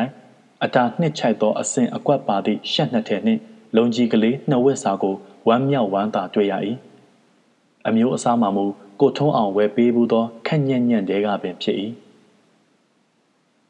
နောက်တစ်နေ့နက်နက်သူ့မေမေဈေးထွက်သွားသည်နှင့်အတားလဲအသစ်ဖြစ်သောလုံကြီးနှင့်အင်ကြီးများကိုအမျိုးမျိုးဝစ်ကြည့်ရင်ပီတိတွေဖြာနေတော့၏ချိန်နဲ့လောင်းမှအင်ကြီးရောလုံကြီးပါခောက်၍နေသားတကြသိမ်းနေရင်ကပင်ထိုအဝတ်အစားလေးမျိုးသည်အဖိုးအဘယ်မျှကြသည်ဟုအတားသိချင်လာ၏သူပေးထားသောငွေနှင့်မလောက်၍သူ့မေမေကနောက်ထပ်ဆက်၍ဝယ်ခဲ့ရသည်ဆိုလျင် သူ့မေမေအားသူကျေးဇူးတင်လို၏အကယ်၍သူ့ငွေကပိုနေလျင်လေသူပြန်လိုခြင်း၏အကယ်၍သူ့ငွေပိုသည့်တိုင်အောင်ပြန်ရရန်လမ်းမရှိတော့သည်ကိုလည်းအတားသိ၏တို့တိုင်အောင်လည်းကလေးတို့၏တဘာဝအတိုင်းအမျက်တနုမုံအငတ်ခံ၍စုဆောင်းထားခဲ့ရသည်ဖြစ်၍နှမျောသလိုလိုရှိနေရှာ၏ပြန်ရရန်လုံးဝမျောလင့်ချက်မရှိတော့သည့်တိုင်အောင်အဘယ်မျှလောက်သူ့ငွေပိုလိမ့်မည်ကိုမှန်းဆတွက်ချက်နေမိပြန်၏ ကိုထုံးအောင်နှင့်အတူသူပါလိုက်သွား၍ပထမအချိန်သွားဝယ်ကြစဉ်ကဈေးနှုန်းကိုအတားသည်ကောင်းကောင်းကြီးမှတ်မိနေ၏ထိုတံပိုးဖြင့်ထား၍တွက်သောနှစ်ချက်ကျော်ပိုလိမ့်မည်ဟုခံမှန်းမိ၏တို့တွေးမိလေနှမျောလေဖြင့်မျက်ရည်ကလေးပင်မတိမသာဝေလာရှာတော့၏ချက်ချင်းပင်အဘဲပုံစိတ်ကူးပေါက်လာသည်မသိရုတ်တရက်အိမ်ပေါ်မှဆင်းသွားပြီးတိမ်ကြီးဈေးဘက်သို့လျှောက်သွား၏သူ့မမေမမြင်စေရန် ဟိုကွယ်ဒီပုံးဖြင့်ရှက်ဆိုင်တန်းလုံကြီးတန်းအနှံ့လျှောက်သွားကမသိမ့်မီဝဲလာသောအစင်တူအသားတူများကိုရွေး၍ဈေးမေးစုံစမ်းပြီးမှခတ်တုတ်တုတ်ပြန်လာခဲ့၏စောစောကသူခန့်မှန်းသည့်အတိုင်းပင်သူ့ငွေမှာနှစ်ချက်တမက်လုံးလုံးပိုသည်ကိုသိခဲ့ရ၏နှစ်ချက်ဆိုရင်ငါ၃လလောက်စုတောင်ရခြင်းမှရမှာဟူ၍၎င်း နောက်ထပ်ရှက်အင်ကြီးတစ်ထည်နဲ့လုံးကြီးတစ်ထည်ဝဲမယ်ဆိုဒီပတ်စံနဲ့လောက်ရတာနဲ့မမေဝဲမလာဘူးဟူ၍တဖုံငါမေ့လို့မမေကိုဝဲခိုင်းမိတယ်ငါဘာသာငါဝဲပြီးမှအရိုက်ခံလိုက်ရတာကကောင်းသေးတယ်ခုတော့ငါပတ်စံနှစ်ချက်တမတ်တောင်ဟူ၍တမျိုးအတန်ကလေးများပင်ခတ်တိုးတိုးထွက်လာသည့်အထိရေရွရင်တွေးရင်းနှင့်ပင်စိတ်ညစ်သွားသောကြောင့်လားမသိခါတိုင်းကဲ့သို့စာပင်မကြက်နိုင်တော့ပဲရုတ်တရက်အိပ်ပျော်သွားရှာတော့၏ ယနေ့သည်အတာကြောင်းသွားရမည်နေ့အတန်းတက်ရမည်နေ့ဖြစ်၏လုံကြီးတစ်အင်ကြီးတစ်နှင့်သူ့ဘာသာသူဆေးပြူကလေးတုတ်ထားသောပတ်တူဖနက်ကိုစီး၍ပျော်တပြုံးပြုံးထွက်လာခဲ့ရမှာလမ်းထိပ်သို့ရောက်သည့်နှင့်အတာမျက်နာကလေးမှာတိတိတသာညှိုးသွားရှာ၏တောင်ကြည့်မြောက်ကြည့်တတိနှင့်ရှောက်လာခဲ့ရမှာသူအလွန်မုန်းသောဘာခွေးရှိရာကုံစုံဆိုင်ရှေ့သို့ရောက်သည့်နှင့်အတာလည်းဆိုင်ထဲ၌ဘာခွေးရှိမရှိကိုတစိမ့်တစောင်းအကဲခတ်လိုက်၏ ဘာခွေးဤအရေးအယောင်ကို မတွေ့ရမှပင်စိတ်ချလက်ချရှောက်သွားတော့၏ကျောင်းသွားတစ်ချိန်ကျောင်းပြန်တစ်ချိန်ထိုနှစ်ချိန်စလုံးဤဆိုင်ရှေ့ရောက်တိုင်းအတာစိတ်ထိခိုက်၏ဘာခွေးကလည်းအတာကိုမြင်လိုက်သည်နှင့်အနားသို့ကပ်လာကပခုံးချင်းတိုက်လို့တိုက်ထိတ်ပုတ်ခေါင်းပုတ်လှုပ်လို့လှုပ်နှင့်အမျိုးမျိုးရန်ဆလေးရှိ၏မင်းကငါကြောက်ပါလေလို့ပြောထားတာပဲငါ့ကိုမစပါနဲ့ကွာဟုတ်မျက်နှာငယ်ကလေးဖြင့်တောင်းပန်သည့်တိုင်အောင် ကြောက်ရင်ရှက်ခိုးဟုတ်ဘာခွေးကကဲလာပြန်၏အေးအေးလူလူနေတတ်သောအတာကမူအနောက်အရှက်ကင်းကင်းနှင့်တွားရလာရလျင်ခြေနှက်ပြီးဟူသောသဘောဖြင့်ဘာခွေးအားလက်အုပ်ကလေးချီ၍ကြော့ခဲ့ဘူး၏ထိုအထိလိုက်ရောခဲ့သည့်တိုင်အောင်အတာတွင် အနောက်အရှက်ကမလွတ်ဘာခွေးသည် အတအားရင်ဆိုင်မိသည်နှင့်အနိုင်ကျင့်လိုက်သည်သာဖြစ်၏လူမန်းသူမန်းတိတတ်သည့်အရွယ်မှစ၍အရင်သီးဆုံးဖြစ်သောသူ့မိမိကိုပင် မောမကြည့်ဝင်းအောင်ကြောက်နေခဲ့ရသည်ဖြစ်သောကြောင့်အတာတွင်အားငယ်နေ၏ကြောက်တတ်သောစိတ်ကလည်းသူ့အားလွှမ်းမိုးနေ၏တို့အလျောက်ပင်ဘာခွေးကအနိုင်ကျင့်လျင်လည်းခံရ၏ကြောင်းရောက်၍အခြားသောကလေးများကထိုးလားကြိတ်လားရန်ဆလားလှုပ်လျင်လည်းခံရ၏ယနေ့လည်းအတာသည်ဘာခွေးရန်ကိုကြောက်၍တထိတ်ထိတ်နှင့်ရှောက်လာခဲ့ရမှာဘာခွေးကိုမတွေ့ရတော့သည်နှင့်စိတ်အေးလက်အေးပင်ရှောက်လာခဲ့၍ကုံစုံဆိုင်နှင့်တဆိုင်ကြားလောက်အရောက်တွင် တစုံတဦးကနောက်မှနေ၍ခြေချိတ်လိုက်သောကြောင့်လက်ထောက်ရက်သားလဲကျသွားတော့၏အတားလည်းချက်ချင်းပင်အလူးအလဲထ၍လှည့်ကြည့်လိုက်သည်၌ဟားတိုက်၍ရည်နေသောဘာခွေးကိုတွေ့ရ၏ပထမသောကြောက်ရွံ့သောအမူအရာဖြင့်အတနာခံသလိုကြည်၍လှည့်ထွက်သွားတော့မည်ကဲ့သို့ခြေလန်းအပြင်လိုက်တွင်တစုံတရာထူးခြားသောထိတွေ့မှုကိုခံစားလိုက်ရသည့်ပမာအတာသည် ပြပြသလဲငုံကြည့်မိ၏ လက်ရဘက်ခြေသလုံးနှင့်တဲတဲရှိလုံကြီးအနားမှာတထွာတာတာခန့်စုပ်ပြဲသွားသည်ကိုတွေ့လိုက်ရသည်နှင့်တမျက်နာလုံးဖြုံးကနေနေလာ၏မျက်ရည်လည်းဝေလာ၏ဘာခွေးနှင့်ရင်ဆိုင်မိတိုင်းကေတရာစာချင်းသေးမင်းရှေ့ရောက်နေရသောတမင်ငယ်ကလေးအသွင်သာရှိနေခဲ့ဘူးသောအတားလေ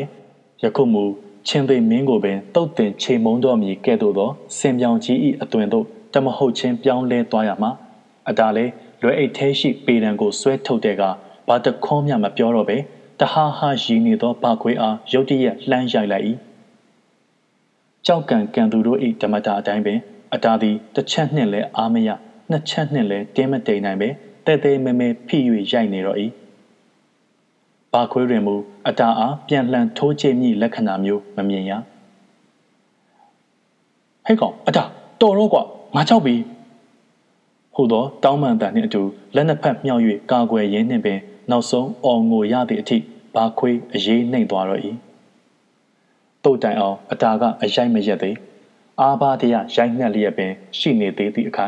ကုံတိုက်ထဲမှတရုတ်တယောက်ပြေးထွက်လာပြီးဘာခွေးကိုဆွဲ၍ဂျားဝင်လိုက်မှအတာအရိုက်ရက်တော့၏သူ့ဆိုင်မှလူကိုရိုက်ရကောင်းလားဟုထိုတရုတ်ကရံမှုမြည်စိုးသည်နှင့်အတာလည်းချက်ချင်းဆိုသလိုပင်စုပ်သွားသောသူ့လုံကြီးကလေးကိုငုံ၍ကန်ပြရင်ဖောက်ဖော်ကြီးဒီမှာကြည့်ပါ သူ့လို့လို့လုံကြီးဆုပ်သွားပြီအိမ်ပြန်ကျွန်တော်အမေကျွန်တော်ကိုတေအောင်ရိုက်မှာဗျာသိလားဒါကြောင့်ကျွန်တော်သူ့ကိုဟူသောအတစကားမှမဆုံးသေးမိပင်အေးငါသိတယ်လေဒီကောင်အားကြီးဆိုးတယ်သူခဏခဏဒီလိုပဲလုပ်တယ်မင်းကိုလည်းလုပ်တယ်တခြားကလေးတွေကိုလည်းသူအားကြီးနိုင်ခြင်းတယ်ခုမင်းသူ့ကိုချတယ်နော်အများကြီးကောင်းတယ် ထိုတရုတ်လည်းသူ့ပြောရင်းကပင်တရှုံရှုံငိုးနေသောဘာခွေးအိတ်ထိတ်ကိုတကောက်ကောက်ခောက်၍ဆွဲခေါ်သွားရင်ကောင်းလေမင်းသွားတော့ဟူ၍ပင်ချိုသားစွာလှဲ့၍ပြောသွားသေးတော့၏အတားလဲစုပ်သွားသောလုံကြီးနှစ်ဆကိုခေါတုတ်တုတ်၍ခြီလိုက်ပြီးမှကျောင်းဘက်သို့ဆက်၍ရှောက်သွား၏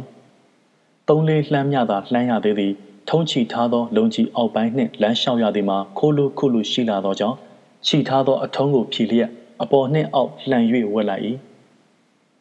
ကောင်းလိုက်ဆိုင်နှင့်ရှောက်သွားသောအတားလည်းစုပ်သွားသောလုံကြီးအတွက်သူ့မေမေတိကရိုက်လားနှက်လားလှုပ်တော်မူကိုတွေးမိတိုင်းစိတ်လေးနေမိတော့လေသူမော်မကြည့်ဝင့်အောင်ကြောက်ခဲရသောပါခွေးကမင်းကိုငါကြောက်ပါပြီဟုလက်မြောက်အရှုံးပေးသည့်အထိအောင်ပွဲခံခဲ့ရသည့်အဖြစ်ကိုတွေးမိပြန်သောအခါ၌သူ့မေမေရိုက်တော်မူကိစ္စသည်ပင်အရေးမကြီးတော့သလိုမေ့ပြောက်သွားတော့၏ယခုထက်ထိသောအတာအိတ်တသက်တာအဖို့၌ ယနေ့လောက်ပျော်သောနေ့သည်မရှိခဲ့ပေသူ့အားကြောင်းဆအပ်သည့်နေ့ကပျော်သောပျော်ခြင်းမျိုးနှင့်မတူယနေ့သူဝမ်းမြောက်သည်မှာအရသာတစ်မျိုးလိုဖြစ်နေ၏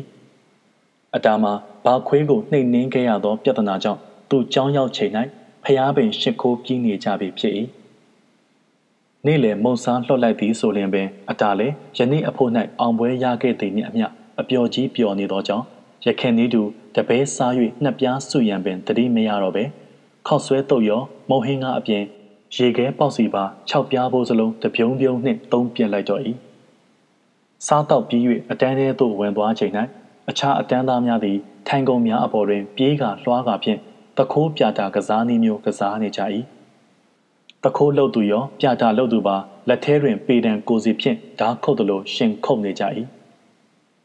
ဟေးအတာ မင်းပေတံခဏပေးစမ်းရခင်ရခင်ကဆိုလျင်မိသူကတောင်းသည်ဖြစ်စေအတာသည်မပေးချင်မှာပဲသူ့ပေတံကိုထုတ်ပေးခဲ့ရသေးတာဖြစ်၏မပေးပြန်လျင်လည်းအထိုးအကျိတ်ခံရ၏ပေးလိုက်လျင်လည်းပေတံတစ်ခုလုံးပိန်ချိုက်ပျက်စီးရ၏တို့ပျက်စီးခဲ့သောကြောင့်လည်းသူ့မုံဘိုးနှင့်အသက်ဝယ်ခဲ့ရသည်မှာလေးချိန်ထက်မနည်းရှိခဲ့ပြီဖြစ်၏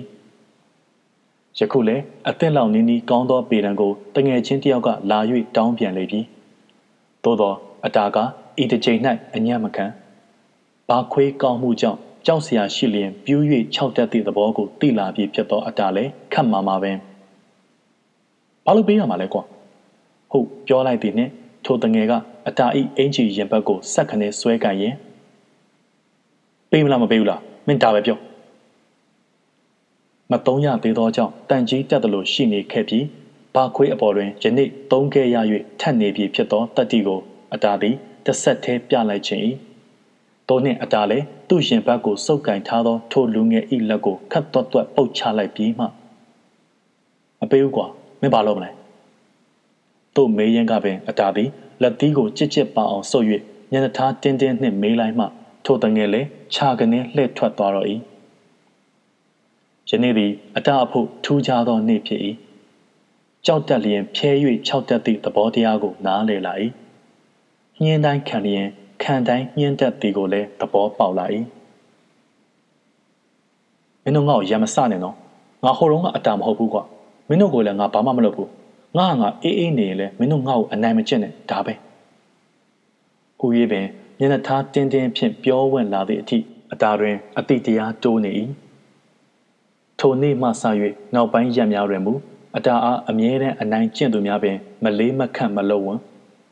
ဘာခွေးသည်ပင် အတကိုမြင်လိုက်ရသည်နှင့်ညက်လွာချ၍အဝေးမှရှောင်သွားလေရှိ၏သို့သောအတာကမူရန်စာခြင်းအနိုင်ကျင့်ခြင်းလုံးဝမရှိခက်အေးအေးပင်ဘာတိဘာသာသွားလာနေခဲ့၏ကြောင်းပိတ်သောနေ့တစ်နေ့အတာကလေးလမ်းထိပ်သို့ထွက်လာကြကုန်းရဆိုင်ဘေးတွင်ထိုင်၍မှိုင်နေသောဘာခွေးကိုတွေ့ရသည်နှင့် ဟေးဘာခွေးဟုတ်ခေါ်လိုက်သည်ကိုဘာခွေးလည်းပြူးပြူးပြပြမော်ကြည့်ရမှကြောက်ရွံ့သောအမူအရာဖြင့်မင်းငါဘာလုပ်လို့လဲကွာအေးပါမင်းကမှဘာမှမလုပ်ပဲငါကလည်းဘာမှမလုပ်ပါဘူးဘာဖြစ်လို့မင်းမှိုင်နေတာလဲဟုတ်အတာကဂယုဏအတန်ဖြင့်မေးရင်ပြုံးပြလိုက်မှာပဲငါတို့ထောင်ကဲကရိုက်လို့ပါကွာဟုတ်ပြောရင်ဘာခွေးကကြောကိုလှဲ့၍ပြ၏မြင်ရသောအရှိုးများမှာ ကြောက်ခမန်းလေးလေးပေါက်ပြဲလူနေပါညိုမဲဖောင်းရောင်နေသည်ကိုတွေ့ရသောကြောင့်စိတ်ထိခိုက်သွား၍လောမသိအတမျက်နာကလေးမှာတိတိတသာပင်ညှိုးကျသွားတော့၏ဘာဖြစ်လို့ရိုက်တာလဲကွာမနေ့ကငါ့ကိုဈေးထဲခိုင်းလိုက်တာကိုငါကတရထားရှောက်ခိုစီးနေတာမိသွားတာနဲ့ငါ့ကိုရိုက်လဲရိုက်တယ်မနှက်စာလဲထမင်းမကျွေးဘူးတဲ့ကွာဟမ်ဒါဖြင့်မင်းထမင်းမစားသေးဘူးပေါ့ဟုတ်လားအေးကွာငါတိတ်စားတာပဲ ဒါကြောင့်ငါစိတ်ညစ်ပြီးဒီမှာလာထိုင်နေတာအတားလဲဘာခွေးအားတနာသွားသည့်အမူအရာဖြင့်အတန်ကြာတွေ့ကြည့်နေပြီးမှဒါဖြင့်မင်းမြေပဲကြော်နဲ့ဆံပြုတ်သွားတော့ပါလားကွာနှစ်ပြားဖို့ဆိုဝါတာပဲငါလဲဒုမေကထမင်းဖို့ပေးအဲ့ဒီဆံပြုတ်ပဲသွားတော့တယ်ငါမှမှပတ်စံမရှိပဲကွာငါပေးမယ်လေရော့ ပြောပြောဆိုဆိုအတားလဲမုံစားမြေဟုယူ၍ထွက်လာသောပိုက်ဆံနှစ်ပြားကိုဘာခွေးအားလှမ်းပေးလိုက်တော့၏တချိန်ကသူ့အားအကြီးဆုံးသောအနှောက်အယှက်ပေးခဲ့သည့်ရန်သူတရားဟူ၍ဘာခွေးအပေါ်တွင်သဘောမထားတော့ပဲအလွန်ခင်မင်သောတငယ်ချင်းတယောက်ပမာဤသို့ပင်တရာရက်ရောစွာဖြင့်သူ့မုံစားမြေပိုက်ဆံနှစ်ပြားကိုပေးလိုက်ချေသည်၏အတာတွင်ဤကဲ့သို့နှစ်လိုဖွယ်ရသောစိတ်ထားကလေးများရှိနေသည်မှာယခုမှမဟုတ် လူမန်းတိစအချိန်ကလေးကပင်ခွေးကလေးကြောင်ကလေးများကိုနင်းနီးကက်ကက်တွေ့ရသောအချိန်နှင့်သူတစုံတရာစားနေခိုက်ကြုံလျင်ရဲရဲရောရောကျွေးပြစ်တတ်၏တခါကလည်းပြင်ပမှကလေးတယောက်လောက်လေးနှင့်ပြစ်လိုက်သဖြင့်ရင်အုပ်ကိုထိမှန်ဒဏ်ရာရလာသောစာကလေးတစ်ကောင်သည်သွေးယူသွေးထဲနှင့်အတာတို့အိမ်ထဲသို့စုပ်ဝင်လာကမိဖို့ဆောင်ထဲတွင်တစ်ဖြက်ဖြက်လူးလဲနေသည်ကိုအိမ်သာတက်ရန်အလားတွင် အတာကတွေ့သဖြင့်ပြပြတလဲကောက်ယူပြီးတက်တလောက်မှတ်တလောက် ထုံနှနှွင်းစသည်တို့ဖြင့်ပြုစုကုသပေးကကောင်းစွာပြန်တန်းနိုင်သည့်အထိသုံးရက်လုံးလုံးအစာရေးစာပါတိုက်ကျွေးသောအားဖြင့်အသက်တစ်ချောင်းကိုကယ်ခဲ့ပူ၏ထိုမြတာမကအသေးအမွားဖြစ်သောပရွတ်စိတ်ပိုးဟတ်အဆရှိသောတက်ရှိတတဝါကလေးများရေစလုံးရေစီစသည်တို့တဲသို့ကျနေသည်ကိုတွေ့လျင်လေတယူတရဆယ်၍ဘေးကင်းရာသို့ပို့လွတ်ပေးတတ်၏လမ်းဘေးရေမြောင်းများထဲ၌ တေလူမျောပါရေနစ်နေသည့်ကြွက်ကလေးများကိုလည်းအတာမကြာခဏတွေ့တတ်သေး၏ဤလိုတွေ့တိုင်းလည်းအတာသည်မြေမြပင်နန်းစော်နေသောရှွန့်ပုတ်များဖြင့်ယွန်စရာကောင်းနေသည်ဖြစ်စေသူတထူးဤအသက်ကိုမရအရမြောင်းနေဆင်း၍ကယ်ခဲ့သည်သာဖြစ်၏ဤလိုတက်ရှိတတ္တဝါသာမဟုတ်တတ်မဲ့ဖြစ်သောတစ်ပင်ပန်းပင်ကလေးများညှိုးနွမ်းနေသည်ကိုတွေ့လျင်အတာစိတ်မကောင်းဖြစ်တတ်၏ သူတို့၏အိမ်ရှင်ဖြစ်သောပွဲကတော်ကြီးစိုက်ပျိုးထားသည့်ပန်းပင်ကလေးများညှိုးချောင်နေသည်ကိုမြင်လျင်အတာမနေတတ်ရေခတ်၍လောင်း၏မြေကြီးရှာ၍ဖြည့်ပေးတတ်၏တို့လျင်ကျင်နာတတ်သောစိတ်တနာတတ်သောစိတ်ကိုချင်းစာတတ်သောမွန်မြတ်လှသည့်အတစိတ်ကလေးများကြောင့်ပင်အတအားကြီးစွာသော ကောင်းကျိုးချမ်းသာသည် အမှန်မုတ်ချပေးလိမ့်မည်ဟု အတစိတ်ထားကိုသိသူတိုင်းကတို့လျင်နမိတ်ဖတ်ကြ၏ ဟုတ်ကဲ့ဆရာကြီးဥတာတို့ရဲ့အတားဆိုတဲ့ဝတ္ထုလေးဖတ်ပြတာဒီနေ့အပိုင်း၅ပါအတားကလေးဒုတိယတန်းသို့ရောက်ခဲ့၍ဆယ်ရက်မျှပဲမကြသေးမီဆီယာမကအတအားမော်နီတာခန့်လိုက်တော့၏အတာအတန်းတက်စားကဒုတိယတန်းတွင်ဆံမေးပွဲကျ၍ကြံရစ်ခဲ့သောကျောင်းသားနှစ်ယောက်နှင့်ကျောင်းသူမိန်းကလေးတစ်ယောက်ရှိ၏ထိုထဲတွင်အသက်17နှစ်ခန့်အရွယ်ကျောင်းသားတစ်ယောက်ပါလျက်သူသည်မူလကလေးက အတန်းမော်နီတာဖြစ်၏ဆီယာမကအသက်ကြီးသည်ကိုအကြောင်းပြု၍မော်နီတာခန့်ထားတော့လေဆီယာမသည်လူဟောင်းလည်းဖြစ်အသက်လည်းကြီးသောတငယ်အစားထိုတငယ်ထက်အသက်၄နှစ်နီးပါးငယ်သောအတအားရွေး၍မော်နီတာခန့်လိုက်သဖြင့်ထိုတငယ်သည်ဆီယာမအား၎င်းအတအား၎င်းမကြေမနက်ဖြစ်ခဲ့၏အတာတွင်ထူးခြားသောစိတ်ထားကလေးတစ်ခုရှိ၏မျက်စိထဲ၌အမြင်မတော်သည်ကိုတွေ့လျင်သူနှင့်ဆိုင်သည်ဖြစ်စေမဆိုင်သည်ဖြစ်စေ ဝင်၍လောက်ကံပြုပြင်တတ်၏နနက်ကျောင်းကိုရောက်သည်နှင့်ကြောက်တင်ပုံကြီး၌ပေးနေလျင်ဖြစ်စေလွန်ခဲ့သောရက်ကရေးထားသည့်မလိုတော့သောစာများရှိနေလျင်ဖြစ်စေအတာသည်ဆီယာမ၏အံဆွဲထဲမှဒက်စတာဘောပြက်ကိုထုတ်၍ပြောင်းသွားသည့်အထိပုတ်တိုက်တုတ်တင်လေးရှိ၏အတန်းသားများ၏စပွဲကလထိုင်များရွယ်ဆောင်နေလျင်လဲနေသားတကြဖြစ်အောင်စီရွှေ့ထားတတ်၏စိန်လှဆိုသူရခင်မော်နီတာဟောင်းမှာမူ အတာလောက်လက်မမြင်ခိုင်းမှသာလှုပ်လေရှိသောကြောင့်အလိုက်တိ၍အကင်းပါပြီးတွက်လက်ချက်ချာရှိလာသောအတာအားမော်နီတာအဖြစ်ဆီယာမကမြောက်စားလိုက်ခြင်းဖြစ်၏မိန်းကလေးကြောင့်ဖြစ်သောကြောင့်လည်းတောက်ကြနေတိုင်းညနေဘက်နေတဝက်သည်မိန်းကလေးများအချုပ်ပန်းထိုးတင်ကြားရသောအချိန်အဖြစ်သတ်မှတ်ထားသည်ဖြစ်ရာသို့မိန်းကလေးများအချုပ်ပန်းထိုးတင်ကြားနေသည့်အချိန်ပိုင်းတွင်ယောက်ျားကလေးများကဆီယာမပေးထားသည့်ကျောင်းစာတစ်ခုခုကိုရေးသားဖတ်ရှုနေကြရ၏ အတားတို့အတန်းတွင်မူမုံစားလွှတ်ချိန်ရောက်သည်နှင့်ဆီယာမသည်အတွက်ပုတ်စာရောအဖြေပါအသင့်ရေးသားထားသည့်စာရွက်တစ်ခုကိုအတအားပေးအပ်ထား၏ကျောင်းပြန်တက်သည်နှင့်ဆီယာမသည်ယောက်ျားကလေးတိုင်းကိုမင်းတို့အားလုံးအတစကားနားထောင်ရမယ်သူရေးခိုင်းတာကိုရေးသူဖတ်ခိုင်းတဲ့စာကိုဖတ်ကြအတစကားကိုနားမထောင်တဲ့လူကိုမမစကားနားမထောင်တဲ့လူလို့ပဲသဘောထားပြီးမမခေါ်ရိုက်မယ်မှတ်ထားကြ ဟူသောဩဝါဒဖြင့်ရှိသမျှယောက်ျားကလေးများကိုအတာနှင့်လွှဲထားလိုက်ပြီးဆီယာမကမူအတန်းဤထောင်းတနေရာသို့မိန်းကလေးများကိုစုခေါ်သွားပြီးဇာထိုးပန်းချုပ်တင်ပေးလေးရှိ၏စာသင်ခန်း၏အခြားသောထောင်းတနေရာတွင်ကြံရစ်ခဲ့သောယောက်ျားကလေးများမှကအတာကိုယ်တိုင်ကြောက်တင်ပုံကြီးတွင်ရေးပေးထားသည့်အတွက်များကိုတကုံကုံထိုင်၍တွက်နေကြ၏အတာကိုယ်တိုင်ကတော့ဘာမှမလုပ်ရပဲထိုယောက်ျားကလေးများကိုထိုင်ကြည့်ရင်းစကားမများရန် အတွက်ခိုးမချရန်မစော့ရန်ကိုသာထိမ့်သိမ့်ပေးရ၏ဟေးအတာအတွက်နံပါတ်၄ကအဖြေဘယ်တော့လဲကွာဟမ်ငါ့ကိုပြောပြပါလားဟုတ်အချို့သောចောင်းသားများကခတ်သောပု္ပ္ပစာအတွက်အတအားချော့၍အဖြေတောင်းကြ၏သို့သောအတာကမပေးသူအချစ်ဆုံးတငယ်ချင်းများကိုပင် ပြမပေးပဲသူတို့တော့အဖြေရအောင်တွက်ပြီးမင်းကိုအဖြေမှန်ပြပေးမယ်ဆိုရင်ဘယ်တရားမလဲကွာသူတို့လိုရအောင်တွက်ပေါ့ဟုတ်ပြောရင် မှားလာလျင်ကြက်ချေခက်ပစ်သေးတာဖြစ်၏တို့လျင်အတာသည်တီကြည်၏ဖြောင့်မတ်၏မြည်သူကိုမျှမျက်နှာမလိုက်ပဲတရားသဖြင့်သာလှုပ်လေရှိငငယ်ရွယ်ရွယ်နှင့်စိတ်ရင်းကောင်းသူကလေးဖြစ်သည့်အတိုင်းလဲကနန်းတင်ချာညံ့သောចောင်းသားကလေး၃ယောက်ကိုမူတနေရာသို့တီးသန့်ခေါ်ယူပြီးအတာကိုယ်တိုင်တွက်ပုံတွက်နည်းများကိုစိတ်ရှည်လက်ရှည်တင်ပြပေးတတ်၏အတာသည်ဤလိုရှေ့ဆောင်ရှေ့ရွက်လောက်ရသောအဖြစ်ကိုအလွန်ပြော၏စိတ်ဝင်စား၏ ဝါသနာလည်းပါ၏ရင်းကဲ့သို့အတာကလေးကြောင်းတွင်ပျော်သလောက်အိမ်ပြန်ရောက်ရင်မူဟတ်ဟတ်ပပပပျော်လှသည်ဟု၍တခါမျှရှိခဲ့ပိုးသည်မရှိတခုမဟုတ်တခုသောအကြောင်းကြောင့်စိတ်ညစ်ရရှာ၏တခါတည်းအတာကလေးကျောင်းမှပြန်ရောက်ပြီးနောက်ည9နာရီ10နာရီထိုးသည့်တိုင်အောင်ကိုထွန်းအောင်ရောမသိမ့်မိပါအိမ်သို့ပြန်မရောက်သေးဘဲရှိတတ်သောကြောင့်အတာတွင်ထမင်းစားတော်လဲဘာမျှမတတ်နိုင် သူ့မမေတို့ပြန်အလာကိုသာလေပင်တရှိရှိဖြင့်မျောနေရရှာ၏မသိမ့်မေတို့ဇနီးမောင်နှံညနေ6နာရီပွဲရုပ်ရှင်ကြည့်လို့လျင်များသောအားဖြင့်အိမ်သို့ပြန်မလာတော့ပဲကိုထုံးအောင်ရုံးမှအပြန်ဈေးသို့ဝင်ရန်မှားထားပြီးဈေးမှပင်တခါတည်းစိုင်သိမ်း၍ရုပ်ရှင်သို့တစ်ဆက်တည်းသွားတတ်ကြသည်ဖြစ်ရာအတာမှလည်းည9နာရီခွဲလောက်အထိမသိမ့်မေတို့ပြန်မလာသည့်တိုင်အောင်အစာခံ၍စောင့်နေရ၏ရန်ဖန်ရန်ခါဆိုသလိုလဲ ရုပ်ရှင်မှအပြန်တဆိုင်ဆိုင်ဝင်၍ထမင်းစားတောက်ပြေးမှပြန်သောရက်များတွင်မူဆယ်နာရီတာတာလောက်တွင်မှပြန်ရောက်တတ်၏ထိုအချိန်ထိမူအတာစောင့်နိုင်သည်ကနေပြီးဆာဆာနှင့်ပင်သူပြောလေရှိသည့်အတိုင်းရေအဝတောက်၍အိတ်ချလိုက်သည်ကများ၏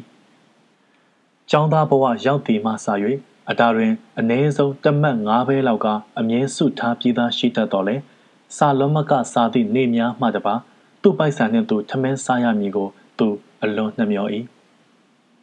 သူပတ်ဆံစုသည်မှာထမင်းနှင့်မုတ်စားရန်မဟုတ်ကြောက်တံခဲတံမှအစအင်ကြီးလုံကြီးဖနက်ဤမည်သော သူတွင်လိုအပ်သောပစ္စည်းများဝယ်ရန်သာစုဆောင်းခြင်းဖြစ်၏ထို့ကြောင့်ပင်အငတ်ခံ၍စုခဲ့သောပိုက်ဆံဖြင့်ဝယ်မစားပဲထပ်၍အငတ်ခံပြီးထိုပိုက်ဆံကိုပင်ပြန်၍စုသလိုဖြစ်နေတော့၏မနေနိုင်မထိုင်နိုင်လောက်အောင်စားသောအခါများတွင်သာအတားသည် ဘာခွေအားတခါကပြောခဲ့ပူသည့်အတိုင်းမြေပဲကြော်စားဖြူနှင့်စံပြုတ်အဖြူတဲကိုနှစ်ပြားဖို့အလွန်ဆုံးသာဝယ်စားလိမ့်ရှိ၏စာလုံးမကစာ၍သူ့သူ့ပိုက်ဆံနှင့်သူဝယ်စားပြေးတိုင်းလေငါမေ့လို့ဝယ်စားမိတယ်ရေတောက်ပြီးအိတ်လိုက်ရကောင်းသားခုငါမက်စိလေးပြတ်သွားပြီနှစ်ပြားလျော့သွားပြီစားသဖြင့်တွေးတောရေရွရင်တစ်ဖြစ်တောက်တောက်နှမျောနေတတ်ပြန်၏ ဤလိုသူ့ပိုက်ဆံနှင့်သူစားရ၍သာနှစ်ပြားလေးသုံးသည်မဟုတ်မသိမ့်မီကိုထုံးအောင်တို့တူးဦးအချိန်မီပြန်ရောက်၍ထမင်းဘိုးတပဲပေးလျင်လဲအတာသည်မြေပဲကြော်နှင့်ဆံပြုတ်ဤကြကွေးနှင့်ဆံပြုတ်ဖောဖောတီတီရသောတရုတ်ဆိုင်တို့သာဥတီပြေးလေရှိ၏စားလျင်လဲနှစ်ပြားဖို့ပင်ပို့သောနှစ်ပြားကိုအမျက်တနိုးထား၍စု၏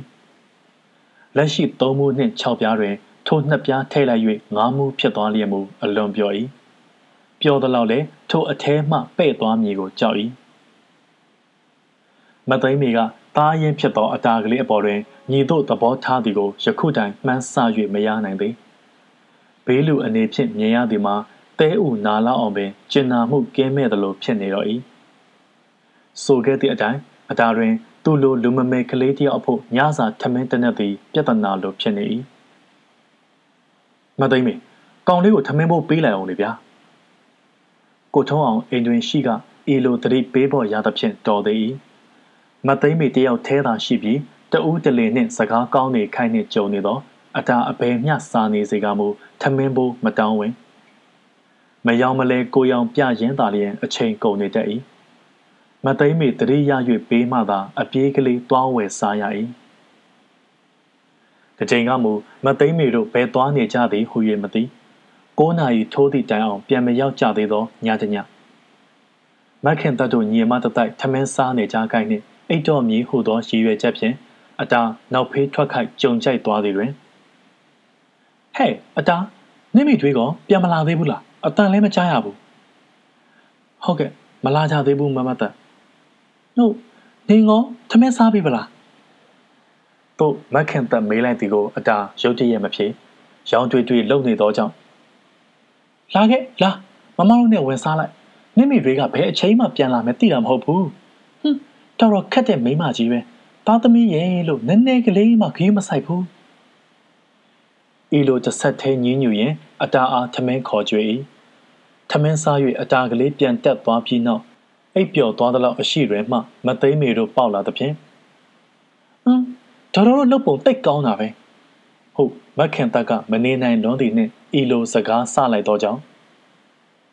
ဘာတော့မခင်တက်ရဲ့ညဥ်စာကအလန့်တကြားကြီးပါလားဟုတ်ပါဘူးတော်တော်တို့ခုလိုသွားချင်းရသွားပြီးပြန်ချင်းမှပြန်ရင်လဲခလေးကိုထမင်းပိုးလေးဖာလေးပေးထားခဲ့ဖို့ကောင်းတယ်အေးငါလည်းအရေးကြီးတဲ့ကိစ္စတစ်ခုပေါ်လာတာနဲ့အိမ်တောင်ပြန်မလာနိုင်ဘူးဘယ်မလဲအတာကောပြောလိုက်သောစကားတွင်သာဝန်ခံသလိုနှင့်နောင်တရတဲ့အောင်အတိတ်ပဲမျိုးဆောင်နေတော့လေ မျက်နှာထားမှမူတိတိတတာပြက်နေ၏နောက်ထပ်မခင်တက်ကဘာမျှဆက်မပြောနိုင်မိပင်မသိမ့်မီလဲခတ်တုတ်တုတ်လှည့်တက်သွားတော့၏ကဲအခုလိုအပြောခံရတော့ကောင်းသလားဟမ်ကျုပ်အတန်တန်ပြောတယ်အိမ်မပြန်ဘဲနဲ့ဟိုသွားတီသွားသွားခြင်းလဲတခါတည်းကိစ္စပြီးအောင်ကောင်လေးကိုညစာအတွက်ပါပေးပေးထားပါလို့အထက်ခိုးပေါ်ရောက်သည်နှင့်ကိုထုံးအောင်ကတို့လျင်နှစ်ကိုကြားတန်ဖြင့်အပြစ်တင်လိုက်သည်ကို တော်တော့ကိုထုံးအောင်ဒီအကြောင်းနောက်ထပ်မဆက်နဲ့တော့အဖြစ်ကစိုးလုံးလို့ပြောတာဗျခမရအဖို့တော့ဘာအရေးလဲမအေးအရင်မို့ပြောစရာရှိတော့ပထွေးကိုထိခိုက်လာမယ်ကျုပ်ကိုပြောကြမှာဗျသိလားတော်တော့လို့ကျမပြောနေတယ်နော်ဘာလဲမိုးကြီးချုပ်မှရံဖြစ်ချင်သလားဟုတ်လားမသိမ့်မေဤမျက်နှာထားတွင်ခုနှစ်အိမ်ကြားအော်ရောမြည်ကဲ့သို့သောအရေးအယောင်ပေါ်လာသည်တွင်မှကိုထုံးအောင်လည်းတပ်ပြင်းရှည်ချ၍စကားစဖြတ်လိုက်ရတော့၏ ဤကိစ္စကိုဤမြနှင့်ဤမာပင်ပြေးစေခြင်းသလိုဟု မသိမ့်မေဤဆန္ဒကိုကိုထုံးအောင်အကဲခတ်မှားခဲ့၏နနက်မိုးလင်း၍ထုံးစံအတိုင်းအတာကလေးလက်ဖက်ရည်ဝဲပြီးပြန်လာသည်နှင့်မသိမ့်မေလည်းတစုံတရာကိုတတိယသည့်မျက်နှာထားဖြင့်အတာအားသူ့အနီးသို့ခေါ်ယူလိုက်၏ညကနင်ထမင်းဘယ်မှာစားတယ်လဲမသိမေကအန်ကျိတ်တန်နှင့်မေးလိုက်သောကြောင့်အတာတွင်အတော်ကြီးထိတ်လန့်သွားရှာ၏ မမတတ်တို့ကခေါ်ကြွေးလို့အတာစားတာနဲ့နှင်းကိုငါဘာမှထားတယ်လဲဘသူကဘာကြွေးကြွေးငါမသိပဲမစားရဘူးလို့ဘယ်နှခါရှိပလဲငါပြောထားတာဟမ်မှန်၏သူတထူးစားနေသည်ကိုမမျှော်ရကြွေးတိုင်းလည်းမစားရဟုသောပြည့်ညက်ချက်ဖြင့်မသိမ့်မီကအတာအားဆုံးမထားဖို့၏သို့သောထမင်းစားနေချိန်၌ခေါ်ကြွေး၍စားသည်မှမူအပြစ်မရှိဟု အတာကယူဆ၏ဒါဖြင့် နောက်ကိုအတာဘယ်တော့မှမစားတော့ပါဘူးမမေခုမှမစားတော့ပါဘူးလားမသိမ့်မီလေသူ့မေးရင်ကပင်အတာဤပေါင်တွင်းကြောကိုဆွဲလိန်လိုက်၏တစ်ချက်သေးသာလိန်ုံမဟုတ်ပဲဆွဲလိန်လျက်သားပင်ကင်ထားပြေးမှငါအဆက်ကိုခွဲတဲ့အမျိုးရုပ်ဟမ်နင်နောက်ကိုဘသူဘာကြွေးကြွေးစောင်းမလားမစားပါဘူးမမေနာလုံးသဖြင့်မျက်ရည်များဖြိုင်ဖြိုင်စီးကျလာရမှာ အတားသည်ရှုံရှုံမဲမဲနှင့်ပြန်ဖြေလိုက်သည်ကိုတူတူပြောကာလနာလီအတမထွက်နဲ့ဟုတ်ပိတ်ပင်ရင်မလွတ်သေးသောပေါင်တွင်းကြောကိုထက်လိန်လိုက်ပြန်သဖြင့်အတာကလေးတွင်အသက်အောင်၍ကြိတ်ခါမျက်စိစုံမိတ်အနာခံနေရရှာ၏ထိုအပြုတ်အမူအတွက်ဝန်ဆွဲရကောင်းနိုးနိုးဖြင့်မျက်စိပြက်မျက်နှာပြက်စိတ်လက်မကောင်းဖြစ်နေသောကိုထုံးအောင်လည်းယခုမူမနေနိုင်တော့သည့်အတိုင်းမသိမေခမတဲခတ်ပါလားဟမ် ရှင်ဝင်မပြောနဲ့မပြောနဲ့ဆိုဘာမှမပြောနဲ့ဒါချမဆုံးမနေတာဘာလဲမှားတာကခမပြသိလားခလေးကိုဆုံးမဖို့မလိုဘူးခမကိုခမဆုံးမမသိမေကစကားအနေဖြင့်ဘာမှမပြောတော့ပဲမျက်စံတပြူးနှင့်ရှူရှူရှဲရှဲလှည့်ကြည့်လိုက်တော့ကြောင်းကဲခမဆုံးမတာဆိုရင်လည်းပါဇက်နဲ့ပြောပြပေါင်တွင်းကျော်ဆွဲထားတဲ့လက်ကိုလွတ်လိုက်ခလေးအသာနုနုကလေးဘဲခံနိုင်ပါလဲဗျဟုတ် စိတ်ကိုမထိန်နိုင်တော့သည့်အလားကိုထုံးအောင်လဲအနီးသို့ကတ်သွားပြီးမသိမ့်မေဤလက်ကိုဆွဲဖယ်လိုက်၏ကိုထုံးအောင်စိတ်ဆိုးမှန်းလက်သည့်ပတ်ဝန်းကျင်ကလည်းအတငိုတံကိုမကြားစေလိုသောကြောင့်မသိမ့်မေလည်းအသာတကြီးပင်အလျှော့ပေးလိုက်ပြီးမှတေးသေးချာချာနားထောင်နောက်ကိုဘသူပဲမိမိထမင်းစားပြီးမလားဆိုရင်စားပြီးပြီးမပြီးပြီးပြီးပြီလို့ပြောရမယ်ခေါ်ကျွေးရင်လည်းဘတော့မှဝင်မစားရဘူးကြားရလားဟုတ်ကဲ့ ဒါပဲနောက်တစ်ခါဒီထမင်းကိစ္စနဲ့ငါအဆက်ခွဲရင်တော့နင့်ကိုဘလို့လုတ်ပြမယ်ဆိုတာကြည့်ဒါဖြင့်ညစာထမင်းဘိုးကမနက်ကလေးကပေးထားခဲ့ပါလားမမေရဲ့အကယ်၍မသိမ့်မေသာသားသမီးကိုကျင်နာယူရတတ်သည့်အခြားသောမိခင်မျိုးဖြစ်လျင်သို့မဟုတ်သားသမီးအားရင်းရင်းနှီးနှီးတီတီတာတာဆက်ဆံခွင့်ပေးသူဖြစ်လျင်အတားသည်အထက်ပါအတိုင်းပြောလိုက်မိမိသာဖြစ်၏ ဤသည်မှာလည်းစင်စစ်မိဘကိုအာခံသည့်သဘောမျိုးမဟုတ်တရားနီးလန်းမချသည့်မသိမ့်မီ၏အကျဉ်းသာကင်းမဲ့လှသောအပြုအမူနှင့်အပြောအဆိုအတွက်အချက်ပိုင်ပိုင်ကလေးပြောလိုခြင်းသာဖြစ်၏ဤလိုပေါင်တွင်းကြောကလေးပွန်းလူမတက်ဆွဲလိန်ကျိမ်းမောင်းကလုံးဝအတိတ်ပဲမရှိသောစီကန်းချက်များဖြင့်ချုပ်ချယ်မှန်မဲလိုက်ပြီးမှအဘယ်သို့သောစိတ်မျိုးဝင်လာပြန်သည်မသိ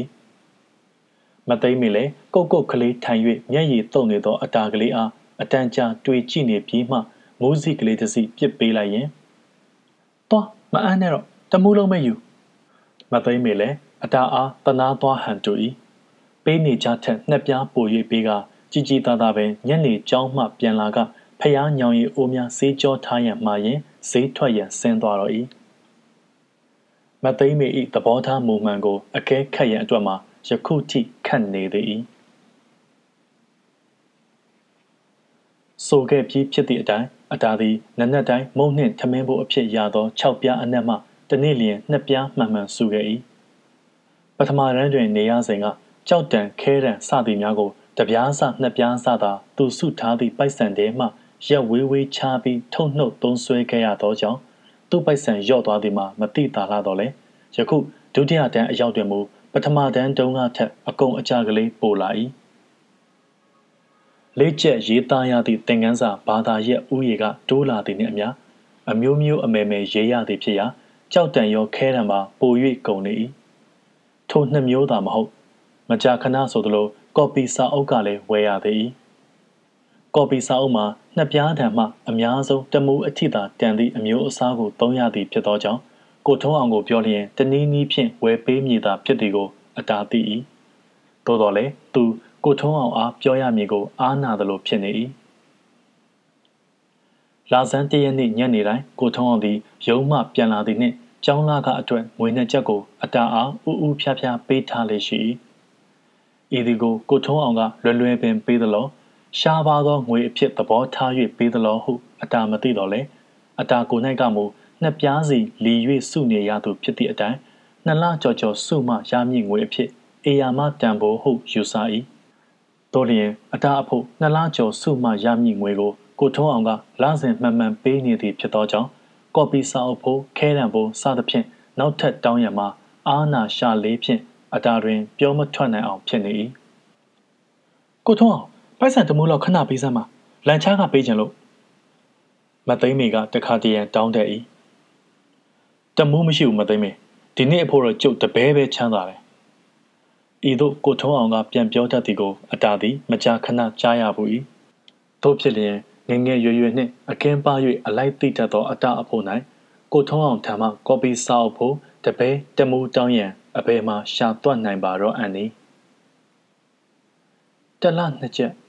နှစ်ချက်တောင်ငါအတွက်သူ့ကြောင်းလာကပေးရတာနဲတာမဟုတ်ဘူးဟူသောတိတတ်မှုကလေးဖြင့်အတာသည်ထိုထိုလိုအပ်သမျှကြောင်းသုံးပစ္စည်းကလေးများကို သူ့စုငွေထဲမှပင်ထုတ်၍ဝယ်လေးရှိ၏တို့အလျောက်လည်းသူ့စုငွေမှာအဝင်နှေးသလောက်အထွက်ကတွက်နေတော့၏ဤအရေးထဲတွင် အတန်းသားတငယ်ချင်းတယောက်တလေကပါလာသောမုံမိုးပိုက်ဆံကြပြောက်သွားသည်ဟုအတာသိလျင်လည်းမနေတတ်တပြားစနှစ်ပြားစဖဲ့၍မုံဝယ်ကြွေးတတ်သည်တခါတည်းဆီယမကရှာလပတ်ရီမှားခိုင်းပြီးပိုက်ဆံပေးရန်မေ့နေသောအခါများ၌လည်းအတာသည် သူ့အိတ်ထဲမှစိုက်ထုတ်ပေးရတတ်သေးလျက်ဆီယမက လုံးလုံးသတိမရလျင်ထိုပိုက်ဆံဆုံးရ၏သူကမူဆီယမအားသတိလည်းမပေးပြန်လဲမတောင်းတော့ပေနေ့စဉ်ရသော6ပြားအနက်မှအတာသည်ရခင်က2ပြားသာစုတော်လဲယခုမူ3ပြားမှတပဲအထိမရရအောင်စု၏နက်နက်ပိုင်းတွင်မုံကိုလုံးဝဝယ်မစားဘဲ နေ့လယ်မုတ်စားလွှတ်မှပင်များများရသောပဇွန်ကြောင်းမှုဖြူထားသည့်ခေါက်ဆွဲကြောသို့မဟုတ်အာလူးဟင်းနှင့်ပလာတာအစရှိသော အစာခံသည့်တရေစာများကိုသာနှစ်ပြားဘိုးမျှနှင့်အဝစားလေးရှိပိုက်ဆံစုခြင်းသည့်စိတ်ကပြင်းထန်လွန်သောကြောင့်စနေတနင်္ဂနွေကျောင်းနှစ်ရက်ပိတ်သည်ကိုပင်စိတ်ထဲမှမကျေနပ်ချင်သလိုဖြစ်လာ၏ကျောင်းနှစ်ရက်ပိတ်သောကြောင့်သူ့တွင်မုံဘိုးတပင်ရော့သွားသည်မဟုတ်ပါလောညဘက်တွင်လည်း သူ့မေမေပေးသောထမင်းဘိုးတပဲအနက်မှတပြားလောက်ဖြစ်စေမရအရစုလိုက်ချင်သည်ကန်စွတ်သွား၍သူထမင်းဝဲမစားရသည်မီမခင်တတ်တို့ညီအမအနက်တယောက်ယောက်ကအတာအားလမ်းထိတ်ခေါ်သွားပြီးတခုခုဝဲကျွေးလိုက်သည်ဆိုရင်ထိုညအဖို့ထ၍ဂျွန်းထိုးတော့မလောက်အတာဝမ်းမြောက်သွားလေရှိ၏ဤညလိုမျိုးနှင့်ကြုံလာမှုအတာတပဲလုံးစုမိသွားတော့၏တခါတည်း မသိမ်းမီစိတ်ကူးပေါက်၍ထမင်းရောဟင်းပါချက်သည့်နေ့တွင်မူအတာဝဝလင်လင်စားခွင့်ကြုံ၏သို့စားရသည့်အခိုက်တွင်သာတဝတပြေးနှင့်ပျော်ပျော်ကြီးစားလိုက်ခါစား၍ပြီးသည်နှင့်ထမင်းပိုးရတော်မည်မဟုတ်သည်ကို၎င်းထိုညအဖို့သူစုမိအထဲမှတပြားနှစ်ပြားရော့သွားတော်မည်ကိုတွေးမိလျက်စိတ်ကလေးမတက်မတာရှိနေရှာတတ်ပြန်၏တို့လျင်အစားထက်အစုဘက်တွင်သာစိတ်ပြင်းထန်ခဲ့သည့်အလျောက်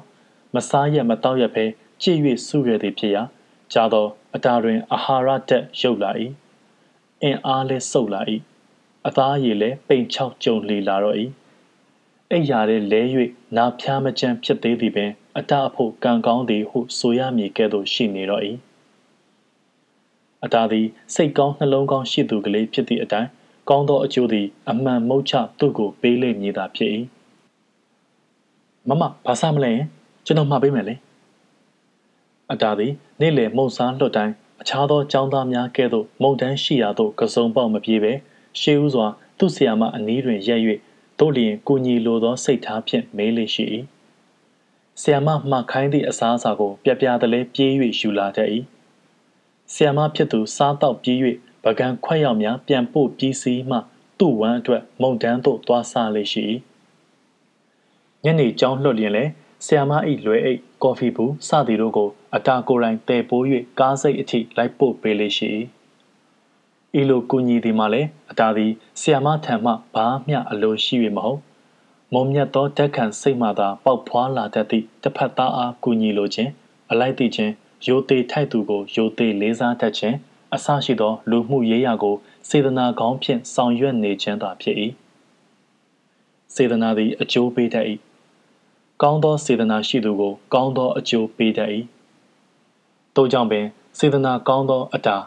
တစ်ဖက်သားကိုကူညီလိုစိတ်ရှိသည့်အတာအလိုက်တိတတ်သောအတာအားဆရာမသည်တနေ့တခြားချစ်လာ၏ချစ်သည်နှင့်အမျှလည်းအတာအဲ့ဒီပိုတဲ့ပိုက်ဆံတွေကမင်းနှစ်ပြားယူမုံဝယ်စားဟူ၍၎င်းကဲအတာကြီးဒီနေ့တော့မမမိုဟင်းကစားမယ်ဘူသီးကြော်နဲ့တစ်ခွက်ယူခဲ့နော်မင်းလည်းတစ်ခွက်စားပိုက်ဆံမမပေးမယ်ဟုတ်လားဟူ၍တမျိုး အတာဤတန်ရှင်းရိုးသားသောစေတနာသည် အတာကလေးအားအကျိုးပေးလျက်ရှိ၏ဤကဲ့သို့ဆီယာမကပေးကမ်းကျွေးမွေးလေမုံဘိုးအကုံအကြတတ်တာလေဖြင့်အတာတွင်စုငွေကလေးတိုး၍တိုး၍လာတော့၏သို့သူစုသောပိုက်ဆံကလေးတနေ့တခြားတိုးလာသလောက်ကုံစရာအပေါက်အလန်းကလည်းပေါ်၍ပေါ်၍လာပြန်၏ရာသီမှာစောင်းဝင်ခဲ့ပြီဖြစ်သောကြောင့်အတာတွင်နက်နက်စောစောကြောင်းသွားရင်းဝိတ်ရန်အနှွေးတယ်ကလေးလိုလာ၏ အမှန်လဲလို၏အတာကို၌ကလည်းအခြားသောအတန်းသားများနည်းတူဗလေစာကုတ်အင်ကြီးမဝယ်နိုင်သည့်တိုင်အောင်ဆွဲတာလေးတစ်ထည်လောက်ကိုမူဝစ်ချင်၏တစ်ချက်ခုတ်နှစ်ချက်ပြတ်ဆိုတကဲ့သို့အချမ်းလဲလုံးအများသူငါကဲ့သို့လဲဆွဲတာကလေးနှင့်လှလှပပကြောင်းတက်ချင်ရှာ၏ဤတစ်ချိန်တွင်မူမသိမ့်မီအားပိုက်ဆံအပ်၍အဝယ်မခိုင်းတော့ပဲသူ့ကိုယ်တိုင်ပင်စွတ်ကျဲဆိုင်တန်းသို့သွားကအပေါ်စားဂျပန်လုတ်ဂုံးခံဆွဲတာတစ်ထည်ကို သူကြိုက်ရအစဉ်ရွေးပြီးငါးမှတ်တိတိပေးဝယ်ခဲ့၏သို့သောထိုဆွဲတာအင်ကြီးကိုအိမ်အရောက်တပါးတည်းယူမလာဝင်ဒီဆွဲတာလေး25လမ်းနေကကျွန်တော်ကကျွန်တော်သွားဝယ်လာခဲ့တယ်အဲ့ဒါမမတက်ယူထားလိုက်ပါနော်မမေတို့ပြန်လာမှကျွန်တော်ဖို့မမတက်ကဝယ်ပေးတာဆိုပြီးမမေတို့ရှေ့မှာခေါ်ပေးပါဟုတ်လားနှုံးမို့ဆိုရင်မမေကကျွန်တော်အတိမပေးပဲဘာလို့ဝယ်ရတယ်လဲဆိုပြီးကျွန်တော်ကိုရိုက်နေလိမ့်မယ် မခင်တတ်တို့ဆိုင်ဝင်၍အတာသည်ဤလိုပြောရင်းဆွဲတာအင်ကြီးကလေးကိုပေးအပ်ခဲ့ရသည်ဤမျှသောအသက်အရွယ်နှင့်ဤလိုအတိတရားရှိပြီးဤသို့လျင်အရွယ်နှင့်မမျှအောင်ကိုကြမကိုဖန်တီးနေသူလူလိမ္မာကလေးတစ်ယောက်ဖြစ်ပါလျက်ဤကဲ့သို့ကိုပိုက်ဆံနှင့်ကိုဝယ်ဝဲသည်ကိုပင်ဤမျှလောက်သူ့မိမိကိုကြောက်နေရသည်မှာတရားလွန်သည်ထက်ပင် မကောင်းလေခြင်းဟုမခင်တတ်တို့တစုကယင်ထုမနာဖြစ်မိကြ၏ ခုလိုမဲရမယ်ပတ်စံစုပြီးကိုယ့်ဟာကိုယ်ဝယ်ဝက်တယ်ဆိုတော့မမတတ်တာမဲအမေဆိုရင်မျက်ရည်ကျမတက်ဝမ်းသာမိမှာပဲအတားရဲ့အင်းမင်းဖြစ်ပုံများနဲ့မကောင်းလိုက်တာလှိုက်လိုက်လဲလဲညင်းညူမိရင်မခင်တလည်းအတဆွဲတာထုတ်ကလေးကိုမျက်ရည်လေရွဲနှင့်ယူထားလိုက်ရတော့၏တနေ့တော့သူရသည့်မုံဘိုး6ပြားအနက်မှ2ပြားကိုအိမ်တွင်စုထားခဲ့သဖြင့်သူ့အိတ်ထဲတွင်ပဲစိတ်တစ်စီသာပါလာ၏ ထိုနေ့ကလည်းအတန်းမိုင်ဆီယာမနေမကောင်းသဖြင့်ခွင့်ယူထားသောနေ့ဖြစ်ရာမုံစားလွတ်သည်နှင့်သူ့ဆီယာမအတွက်ဘာမှဝယ်ပေးစရာမလိုသည့်အတိုင်းခောက်ဆွဲကြော်ဆိုင်သို့ဦးတီထွက်လာခဲ့ပြီးအသင့်ထုတ်ထားသောခောက်ဆွဲကြော်တုပ်တစ်ထုပ်ကိုယူ၍ဆိုင်ရှင်အတော်ကြီးအားပဲစီကလေးကိုလှမ်းပေးလိုက်၏။ကြောင်းလှုပ်ဆဖြစ်သည့်အတိုင်းဆိုင်ဟူသမျှတွင်ကျောင်းသူကျောင်းသားများဖြင့်ရှုပ်ရှက်ခတ်နေ၏။ခောက်ဆွဲကြော်ဆိုင်တွင်လည်း14 5ယောက်ဝိုင်းအောင်ရှုပ်ထွေးနေသဖြင့် ဆိုင်ရှင်သည်အတာပေးသောပဲစီကိုမူးစိတ်အထင်ဖြင့်ပိုက်ဆံ6ပြားပြန်အမ်းလိုက်၏ပထမသောအတာသည်ပိုက်ဆံ6ပြားကိုကြောင်တွေ့တွေ့ကြည့်နေမိ၏သူပေးလိုက်သည်မှာပဲစီဖြစ်လျက်အတော်ကြီးကမှား၍ပိုအမ်းလိုက်သည်ကိုအတာတေးသေးချာချာသိ၏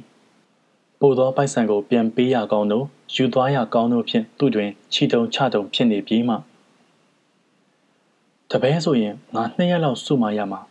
ကိစ္စမရှိဘူးငါယူသွားမယ် ဒါခိုးတာမှမဟုတ်ပဲပိုက်ဆံရှားသည်ကို၎င်းမတ်မောရမည်ကို၎င်းကောင်းကောင်းကြီးသိနေသောအတားလေပိုက်ဆံ6ပြားကိုအိတ်ထဲသို့ခတ်တုတ်တုတ်ထည့်ရင်ခေါက်ဆွဲဆိုင်အနီးမှလှည့်ထွက်လာခဲ့၏လူအေးကလေးအတားသည်အေးအေးနေ၍အေးအေးစားတတ်သူဖြစ်သည့်အတိုင်းခေါက်ဆွဲတုတ်ကလေးကိုကန်၍သူစားနေကြနေရဖြစ်သောစောင်းတော်ကူပန်းပင်အောက်သို့ရှောက်လာပြီးခေါက်ဆွဲတုတ်ကိုဖြီလိုက်၏ရခင်ရခင်အခါများကကဲ့သို့ အတာသည်တွတ်တွတ်လက်လက်မရှိလာပဲတစုံတရာအတွက်သူ့စိတ်ထဲတွင် လေးနေသလိုထင့်နေတဲ့အောင်ဖြင့်အမူအရာမှာကြောင်တွေ့တွေ့ရှိလာတော့၏ထိုတစုံတရာအတွက်ဆိုသည်မှာအခြားမဟုတ်ခေါက်ဆွဲတဲ့အတော်ကြီးကပို၍အမ်းလိုက်သောပိုက်ဆံတပဲပင်ဖြစ်၏ထိုပိုက်ဆံတပဲကိုအတော်ကြီးပို၍အမ်းလိုက်စဉ်ကအတာသည်တိလျက်နှင့်ပင်လိုချင်သောကြောင့်ယူလာခဲ့၏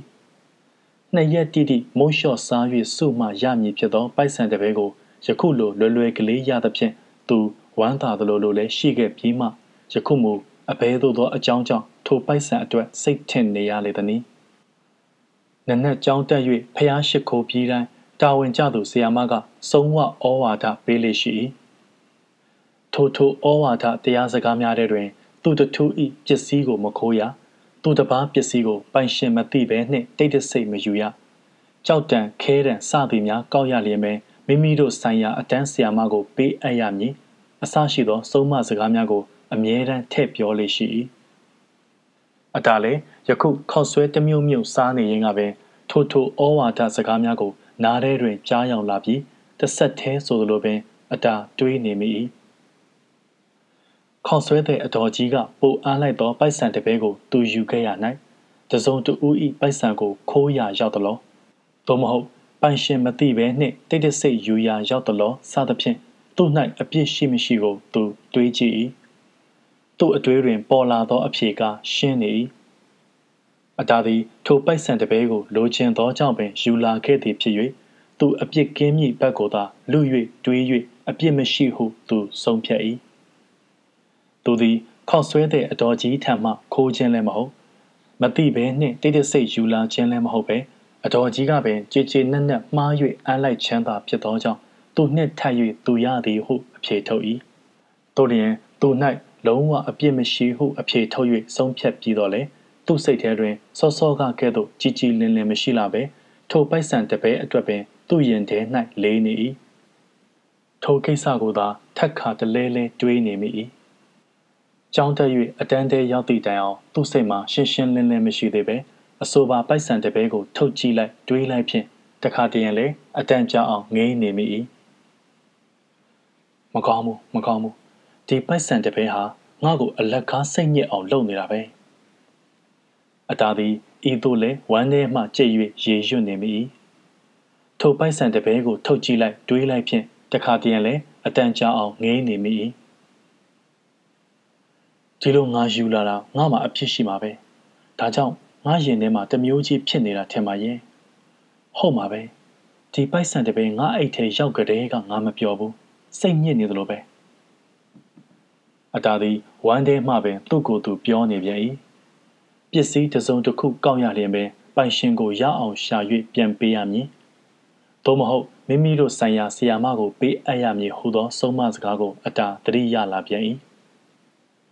ဖျားရှိခိုး၍ပြည်တိုင်းလဲတာဝန်ခံဆီယာမသည် ကျောင်းသားပေါင်းစုံကောက်ရ၍ပေးအပ်ထားသောကြောက်တံခဲတံစာအုပ်ရင်တိုစညက်ဖောင်တိန်အစရှိသောပစ္စည်းများကိုစာချင်းတစ်ခုဖြင့်ထည့်ယူလာပြီးပစ္စည်းပြောက်သူများလာယူကြရန်မကြာခဏဆိုသလိုကြေညာလေးရှိသည်ကိုလည်းအတာမြင်အောင်လာ၏ဟုတ်တယ်ကောက်ရတဲ့ပစ္စည်းတော်ပိုင်ရှင်ကိုရှာပြီးပြန်ပေးရတယ်ဆိုတော့မသိလို့မှားပြီးအန်းတဲ့ပိုက်ဆံကိုလည်းပြန်ပေးရမှာပဲပိုင်ရှင်ကိုလည်းငါသိတယ်ရှာစရာတော့မလိုဘူး ငါပြန်ပေးမယ်ဤပုံစိတ်ကူးကလေးပေါက်လာသည်နှင့်အတားသည်ငေါက်ခနေထလာတဲ့ကအတန်းဆောင်ဆရာမအားခွင့်တန်၍ထွက်သွားတော့၏ကြောင်းတက်ပြီး၍10မိနစ်မျှသာရှိသေးသောကြောင့်ဈေးသည်များမပြန်ကြသေးတယောက်မုံနှင့်တယောက်လဲလှဲ့စားရင်းစကားလက်ဆုံကြနေကြခိုင်းအတာရောက်သွားပြီးခောက်ဆွဲတဲ့အတော်ကြီးရှေ့တွင်ထိုင်လိုက်သဖြင့်ဘာလဲကလေးခောက်ဆွဲလားကုံသွားပြီကွယ် နတ်ဖန်မပဲစားတော့ဟုတ်လားဟုတ်အတော်ကြီးကပျော့ပြောင်းချိုသာသောအတန်ဖြင့်ပြောနေသောကြောင့်မဟုတ်ဘူးခမကျွန်တော်ခောက်ဆွဲစားမလို့လာတာမဟုတ်ပါဘူးစောစောကကျွန်တော်စားပြီးပါပြီ။အော်အော် no ခုလာတာကဘာပြောချင်လို့လဲခလေးရဲ့ခုနကျွန်တော်လာဝဲတော့ကကြီးကြီးကျွန်တော်ကိုပတ်စံတပဲပို့ပြီးအမ်းလိုက်တယ်ကျွန်တော်ပေးတာကပဲစီအဲ့ဒါကြီးကြီးကမိုးစီထင်ပြီး၆ပြားပြန်အမ်းလိုက်လို့ပို့နေတဲ့ပတ်စံတပဲပြန်ပေးမလို့ပါ အတားလေပျော့ပျော့ဆိုဆိုပင်အသင့်ကင်လာသောပဲစီကလေးကိုအတော်ကြီးအားလှမ်းပေးလိုက်သည်ကိုခောက်ဆွဲတဲ့ကရုတ်တရက်လက်မခံသေးပဲနေပါအောင်ကွဒီပိုက်ဆံကကြီးကြီးမှားအံ့တာမှဟုတ်ရဲ့လားမင်းဒီပြင်ဘာဝယ်စားသေးတယ်လဲဟုတ်အတော်ကြီးကမေးနေပြန်သဖြင့်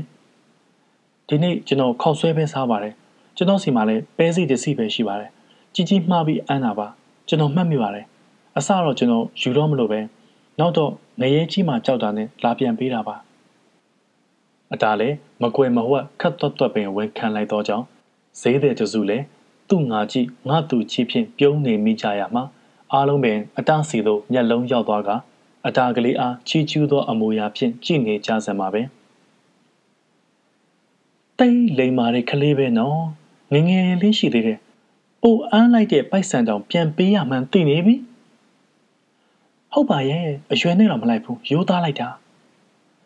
อืมကျမဖြင့်ဒီကလေးကိုကျမသားလေးပဲဖြစ်လိုက်ပါတော့လို့တော့ဆူတောင်းမိတယ်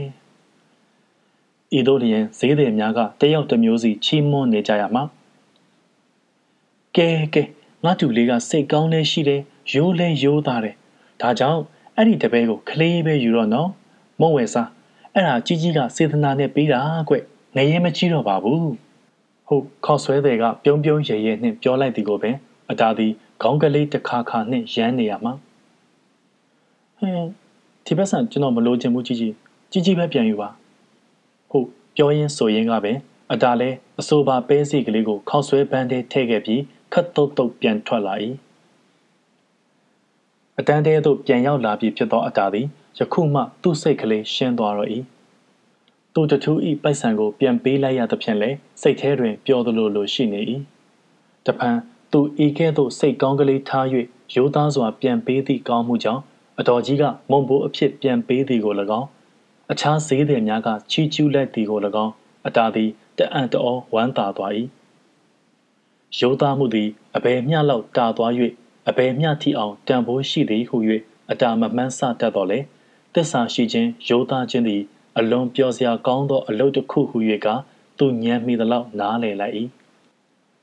ထိုနေ့လွန်မြောက်ခဲ့၍နောက်နှစ်ရက်ခြားလောက်တွင် နေ့လယ်မုံစားလွှတ်၍သူ့ဆရာမကိစ္စများလှုပ်ဆောင်ပြီးစီးခဲ့သည်နှင့်အတားလဲမုံစားရန်ထွက်လာခဲ့၏ပိုက်ဆံကလေးအကျွေနှစ်ပြားကိုခောက်ဆွဲတဲ့အတော်ကြီးအားလှမ်းပေးလိုက်ပြီးမှခောက်ဆွဲတစ်ထုပ်ကောက်ယူတွင်နေအောင်ကလေးဟုတ်ပြောရင်အတော်ကြီးသည်အတလက်ထဲမှခောက်ဆွဲထုတ်ကိုပြန်ယူပြီး နောက်ထပ်နှစ်ပြားဘိုးစာလောက်နီးပါးအပိုထည့်ပေးပြီးမှအတာအားလှမ်းပေးရင်မင်းနာမည်ဘယ်လိုခေါ်တယ်လဲကလေးအတာလို့ခေါ်ပါတယ်အေးအေးနောက်ကိုပိုက်ဆံမရှိပေမဲ့စားချင်ရင်လာယူနော်ကြည်ကြည်ကျွေးမယ်ဟုတ်လားဟုတ်ကဲ့ပိုအားလိုက်တော့ပိုက်ဆံတပဲပြန်ပေးခဲ့သည့်နေ့မှစ၍အတာသည်ရိုးသားလိမ္မာစွာသစ္စာရှိသောခလေးတရားဟု၍ အားလုံးသောဈေးသည်များကအတိအမှန်ပြုကအတာတစ်ခုခုလာဝယ်တိုင်းမေးဆွဲပါဆွဲဖြင့်ချစ်ခင်ယူရတတ်သေးတာမကစားစရာများလဲပေးကမ်းကျွေးမွေးလိုက်ကြသေး၏မင်္ဂလာပါဆရာကြီးဦးတာတို့ရဲ့အတားဆိုတဲ့စာအုပ်လေးဖတ်ပြတာဒီကနေ့အပိုင်း6ပါဤသို့ဖြင့်အတားသည်ဆရာမကပေးဈေးသည်များကကျွေးဖြင့်အတော်ကလေးစားလန့်ဖြောင်းနေတော့၏သို့သောအတားသည် ဆီယမဖြစ်သူကြွေးသောပေးသောအခါတွင်စိတ်ဆိုးမြည်ကြောက်၍မငင်းမပယ်လက်ခံစားတော့ခဲ့တော်လေဈေးသည်များပေးတိုင်းကြွေးတိုင်းကိုမူသူစားလိမ့်မရှိတခါကမသိမ့်မိသည်စိတ်လိုလက်ရဈေးသိမ်းအပြန်ဝယ်လာသောပဲမြင့်များကိုကြောင်အိမ်ထဲတွင်ထည့်ထားပြီးအတာအားစားလိုကယူစားရန်ခွင့်ပြုခဲ့သဖြင့်အတာလည်းစားကောင်းကောင်းရှိသည်နှင့်ပဲမြင့်၄၅၆ခုလောက်ယူစားမိ၏နောက်မသိမ့်မီတို့ပြန်လာ၍ ကိုထုံးအောင်နှင့်အတူပဲမြင့်ယူစားကြသည်တွင်တိတိသားသားကြီးရော့နေသဖြင့်ဟဲ့ကောင်နင်ဘယ်နှခုစားသလဲဟုတ်အတာအားမေးသဖြင့်အတာ၅ခု၆ခုလောက်စားရမယ်မေကဲကျမပြောတော့ရှင်ကကာစီကာစီနဲ့ခုကြည့်စမ်းပဲမြင့်ယူစားခြင်းစားလို့နည်းနည်းအလိုလိုက်လိုက်တာနဲ့တခါတည်းထင်တယ်လို့ယူစားပြတာပဲဟုတ်မသိမီကကိုထုံးအောင်အားလှည့်ပြောလိုက်သည်နဲ့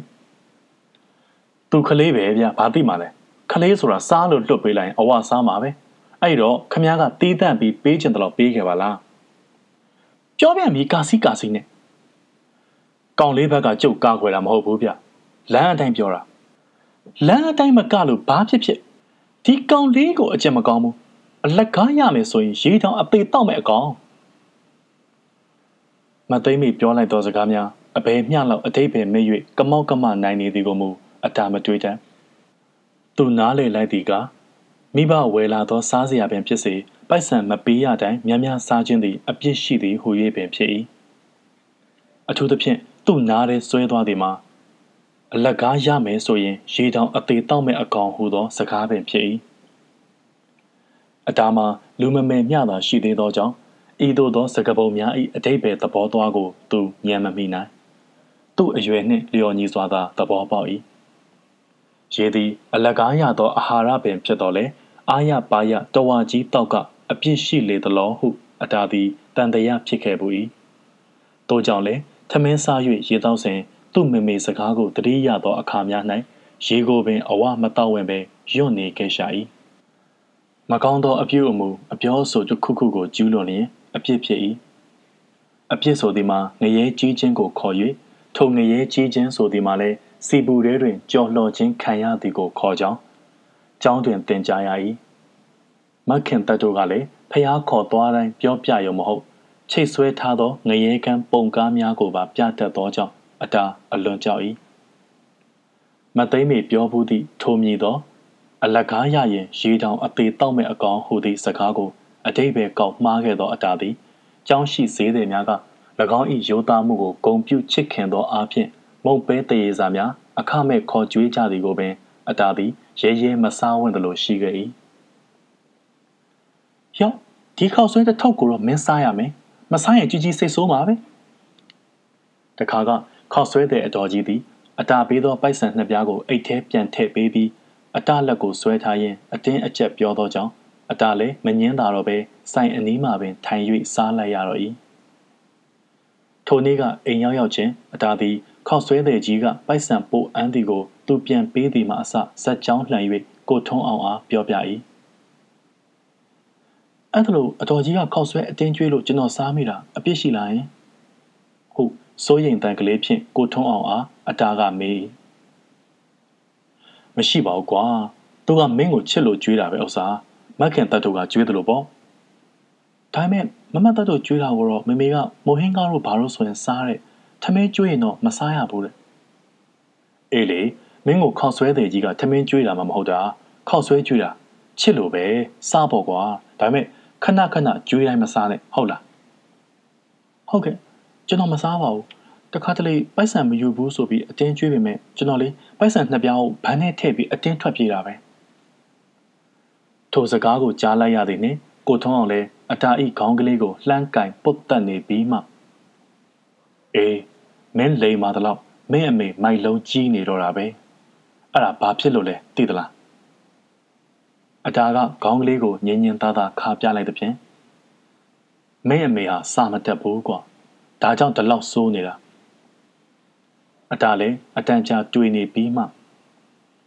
မမေငငယ်ကဘာလို့ကြောင်းမနေတာလဲလဲမိုက်လို့ပေါ့ကွာမင်းတို့မော်လမြိုင်ကဖောက်ဖောက်ကပြောဘူးတယ် ကြောင်းထားပေမဲ့မင်းအမေဟာကြောင်းမတက်ပဲကြောင်းရှိမှထိုင်ပြီးငိုးနေတာပဲတဲ့ဘလို့ရိုက်ရိုက်အနာခံနေကြောင်းမတက်ဘူးတဲ့ဒါနဲ့သူ့ကိုကြောင်းကထုတ်လိုက်ရတဲ့အတားလည်းစိတ်ဝင်စားနားထောင်နေရင်းကပဲတစုံတရာကိုမေးသင့်မမေးသင့်စဉ်းစားသလိုတွေ့နေပြီးမှ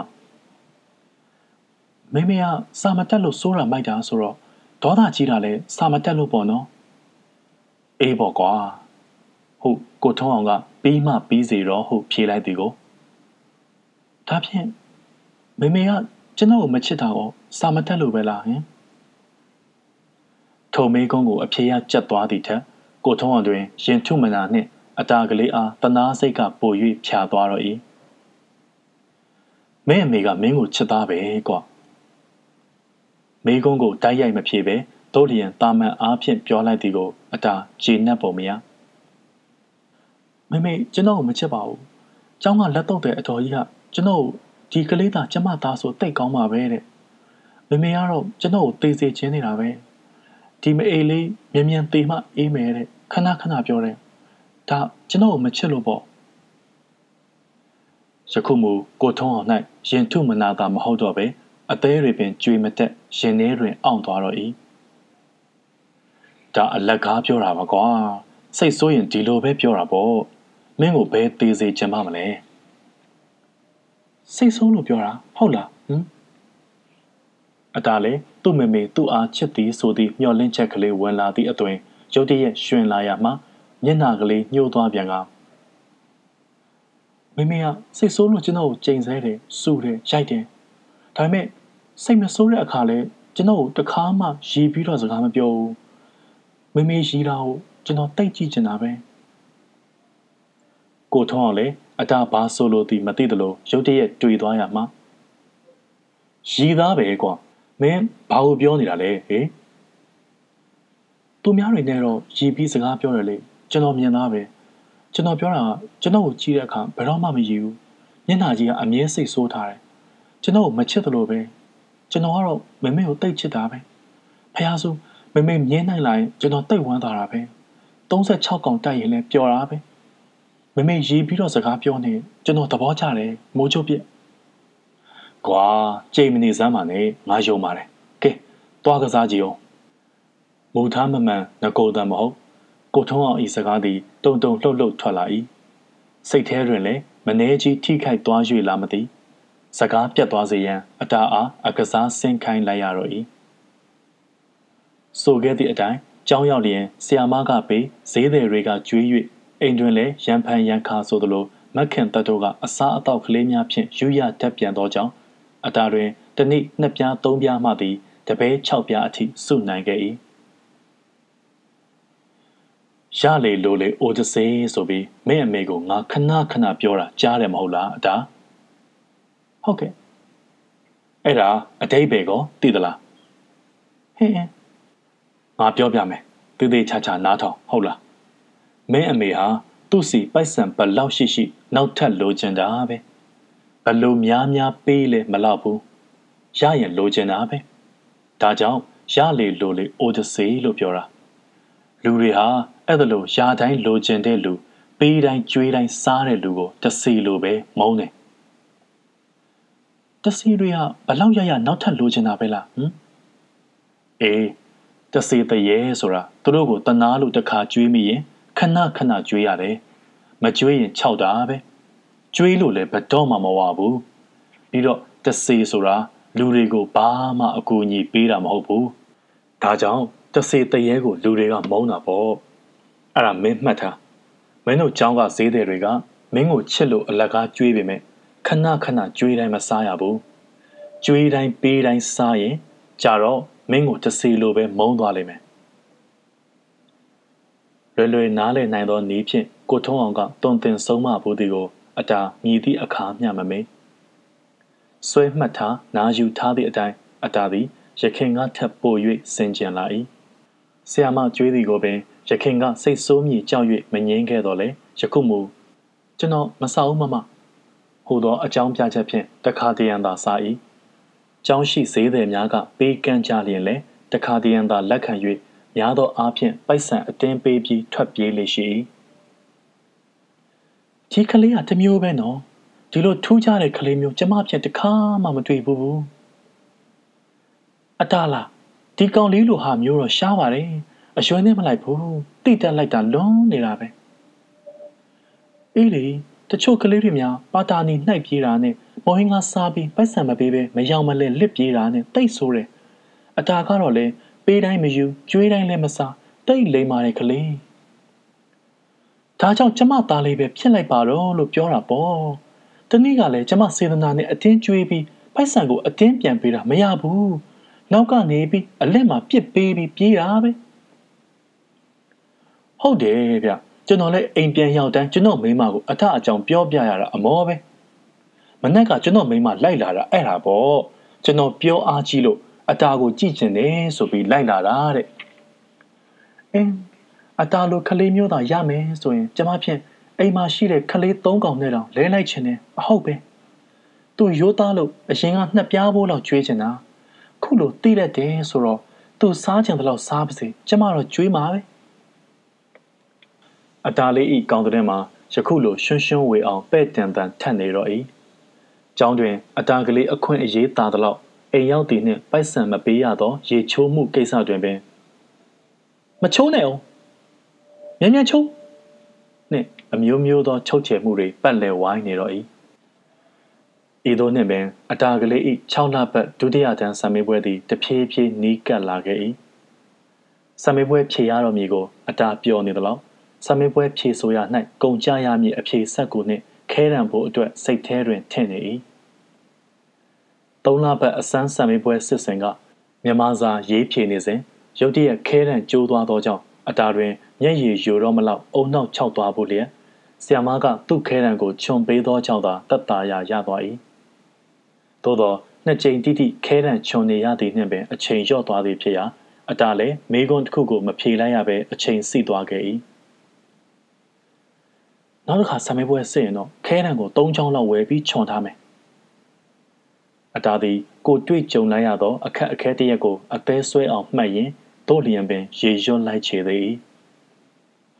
တို့စိတ်ကူးရသည့်အတိုင်းပင်အတားသည်ယခုစစ်လက်တန့်သော6လပတ်ဆံမေးပွဲ၌ခဲရန်၃ချောင်းလောက်ဝယ်ခြင်း၏ဂျပန်လုတ်ခဲရံမှာဈေးပေါ်၍နှစ်ပြားသာပေးရတော့လေမကြာခဏကြိုးတတ်၏ရေး၍လည်းမကောင်းလောက်အခြားသောအချိန်တွင်မူထိုခဲရံမျိုးကိုသုံး၍အရေးမကြီးလာတော့လေ ဆမေးပွဲအချိန်၌တထောင်တောက်ကျိုးနေမည်ကိုစိုးရိမ်သည့်အတိုင်းဂျာမနီလုတ်ငန်းကျစိတ်အကောင်းစားခဲရံကိုအတာဝဲခြင်း၏အ ਨੇ ဆုံး၃ချောင်းလောက်အသင့်ဝယ်၍ခြုံထားခြင်း၏တချောင်းတပဲပေးရမည်ဖြစ်၍ဈေးမတတ်တာလားသူ့အဖို့ခဲတံဘိုးသုံးဘဲအပြင်အဖြေစာရွက်ဘိုးကလည်းကုံစရာရှိနေသေးသည်ဖြစ်ရာစုစုပေါင်း၃မူလောက်ကုန်မည်ဟုအတာခံမှန်းထား၏ခါတိုင်းအချိန်ဆိုလျင် ထိုသုံးမူကိုသူမနှက်မျောပဲရဲရဲရောရောပင်သုံးမည်ဖြစ်၏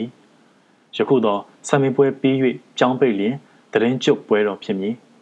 ထိုပွဲတော်ရောက်လျင်သူ့မမတ်တတို့ကဖျားသို့ခေါ်သွားပြီးတရိษံယုံဝင်၍ပျော်ပွဲစားကြမည်ဟုအတာအားပြောထားသဖြင့်သူအလွန်ဝမ်းသာနေ၏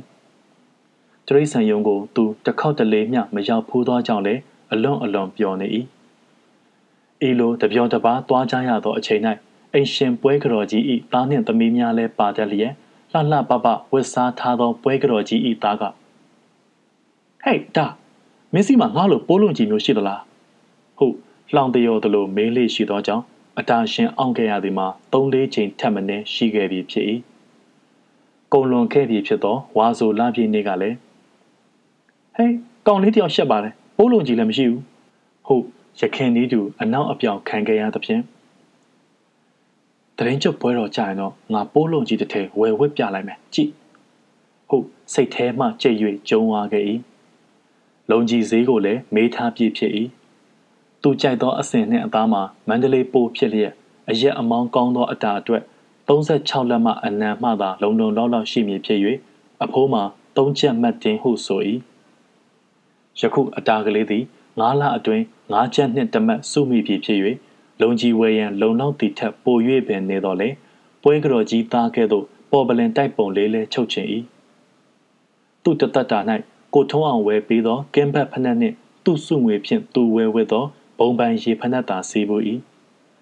ထိုခေတ်ကဆိုလျင်ယခုကဲ့သို့လေရင်ပြန်ငိမ့်ချမ်းရေးစသောဖနက်များမပေါ်သေး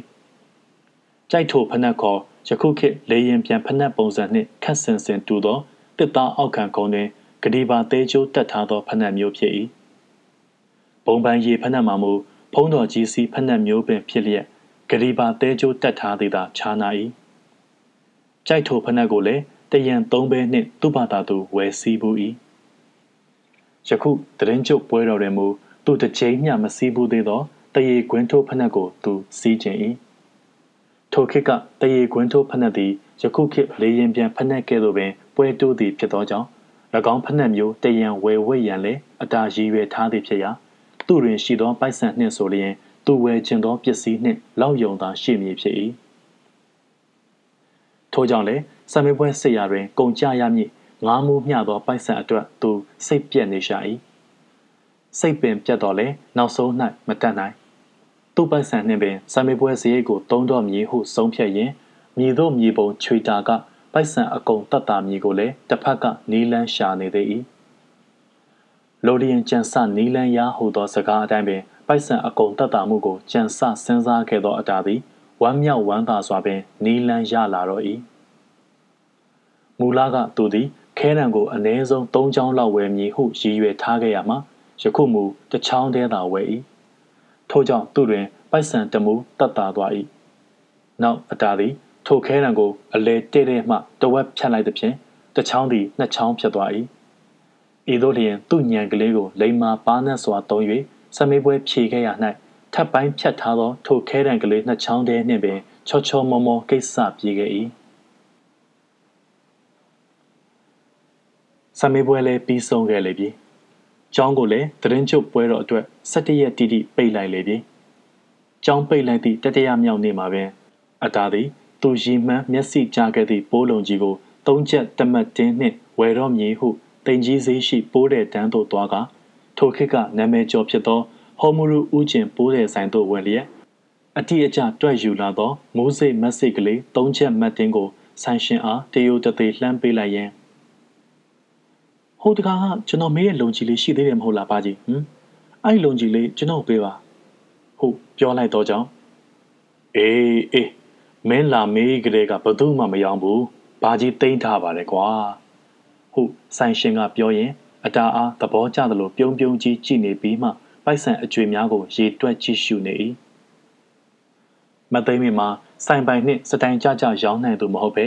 ထီဘော်လီကေကေလုံကြီးစသောပစ္စည်းများကိုနနက်တွင်အကျွေးယူ၍ရောင်းညနေတွင်အရင်ရောပစ္စည်းပါပြန်အပ်ရပြီးအမျက်အစွန်းကလေးမျှသာစားရသောလမ်းဘေးဈေးသည်မျှသာဖြစ်၏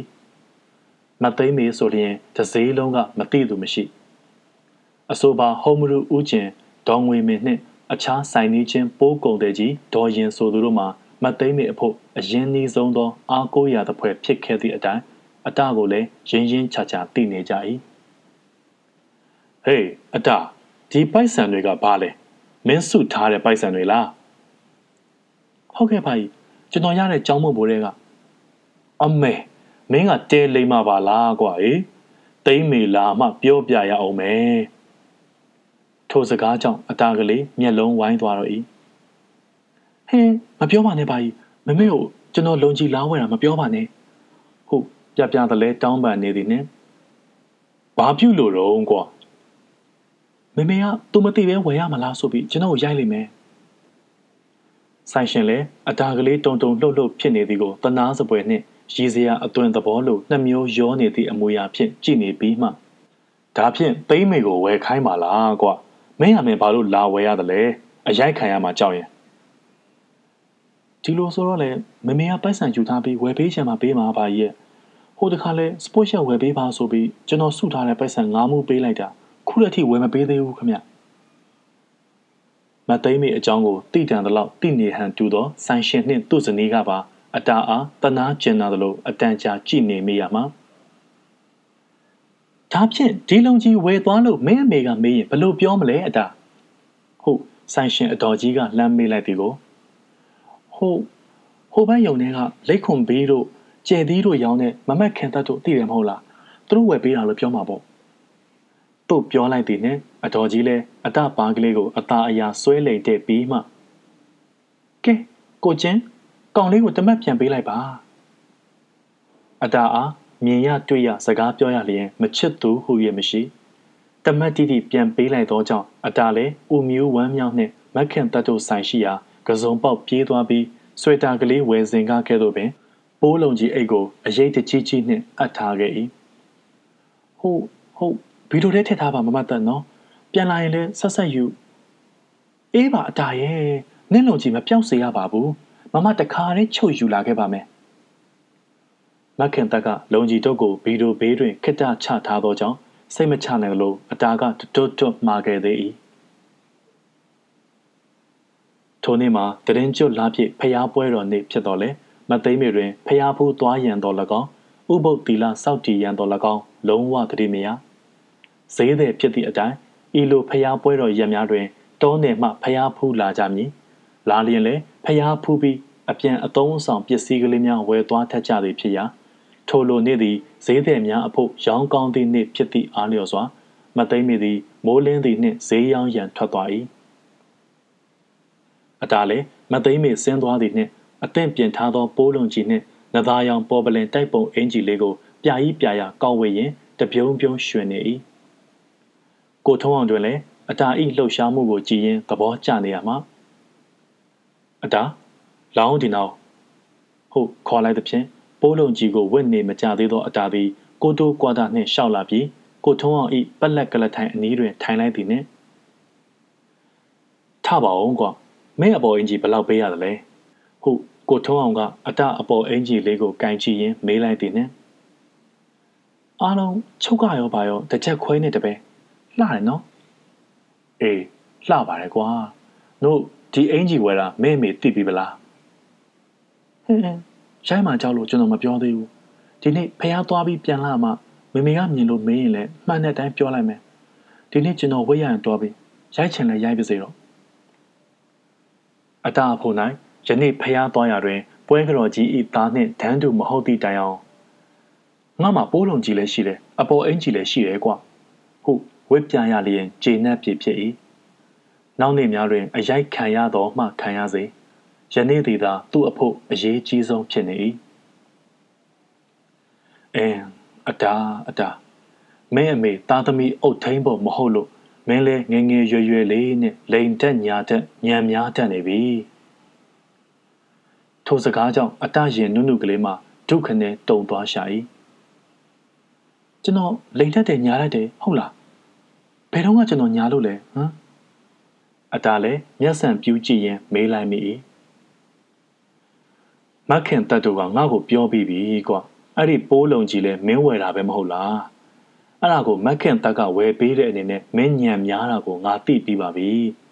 ဆွေတာတုံးကလည်းဒီလိုပဲလုပ်တယ်မဟုတ်လားဒါလိန်တက်ညာတက်တယ်ခေါ်တာပေါ့ကွာ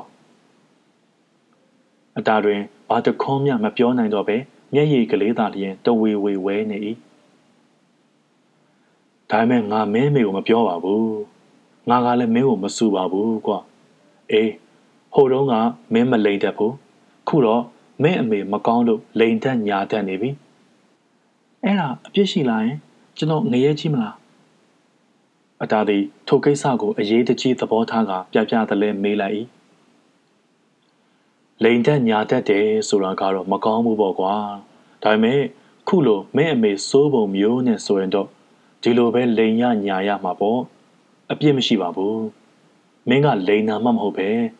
မက်ခင်တတ်တို့ကလိန်နာမဟုတ်လားမင်းငရဲမကြည့်ပါဘူးဒါဖြင့်မမတတ်တို့ငရဲကြည့်မှာပေါ့နော်အတားသည်သူ့အတွက်နှင့်တစ်ဖက်သားငရဲကြည့်မြေကိုလည်းတွေး၍ပူလိုက်သေး၏မခင်တတ်တို့လည်းငရဲမကြည့်နိုင်ဘူးပေါ့ကွာဥပမာလူဆိုးတယောက်ကငါ့ကိုတတ်ချင်လို့လာရှာတယ်ဆိုပါတော့ ငါကလည်းကြောက်တာနဲ့ဖြားလိုက်သေးပုံနေတယ်ဒီအခါမှာလူဆိုးကမင်းအဖေဘယ်သွားသလဲလို့မင်းကိုမေးရင်မင်းဘယ်လိုပြောမလဲဖြားလိုက်သေးမှာပုံနေတယ်လို့ပြောမလားအတာဟမ်ဟာဘယ်ပြောမလဲပြောရင်လူဆိုးကတတ်သွားမှာပေါ့နို့အဲ့ဒါလိန်ပြောပြတာပဲမဟုတ်လား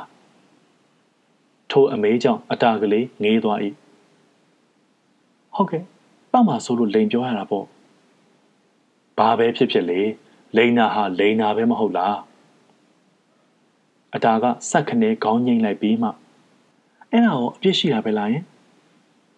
ရှိတာပေါ့ဒါပေမဲ့အဲ့ဒါလိုလိန်ပြောလိုက်တဲ့အတွက်ငါအသက်မခံရဘူးမဟုတ်လားဒါဟာလူတယောက်ရဲ့အသက်ကိုကယ်ဆယ်ရာရောက်လို့အများကြီးကုသိုလ်ရတယ်အဲ့ဒါလိုကုသိုလ်ကများတော့လိန်နဲ့အပြစ်ဟာပျောက်သွားတာပေါ့ကွငရဲမကြည့်ဘူးပေါ့ဥပမာလွယ်လွယ်ပေးက အတာနားလည်နိုင်မည်နေဖြင့်ပြောပြလိုက်မှ အတာကလေးသဘောကျသွားတော့၏မမတက်ကိုကျွန်တော်မှားထားတယ်မမီတို့ကိုမပြောပါနဲ့ဆိုတာအလကားသွားပြောတယ်ကိုထုံးအောင်အားမက်ခင်တတ်တို့ကလုံကြီးကိစ္စပြောရကောင်းလားဟုအတာကသဘောမကျတန်ကလေးဖြင့်ပြောလိုက်တဲ့ဖြင့်မင်းအမေမသိပါဘူးကွာငါ့ကိုသာပြောတာပါအဲ့ဒါမင်းဘလောက်လိမ်မာတယ်ဆိုတာကိုငါသိအောင်လို့သူတို့ကပြောပြတာလေ ငါသိတော့ဝမ်းသာရတာပေါ့ကိုထုံးအောင်လေစကားကိုအီထွင်ရုတ်တရက်ရက်လိုက်ပြီးမှခေါင်းတရမ်းရမ်းခါတဲ့က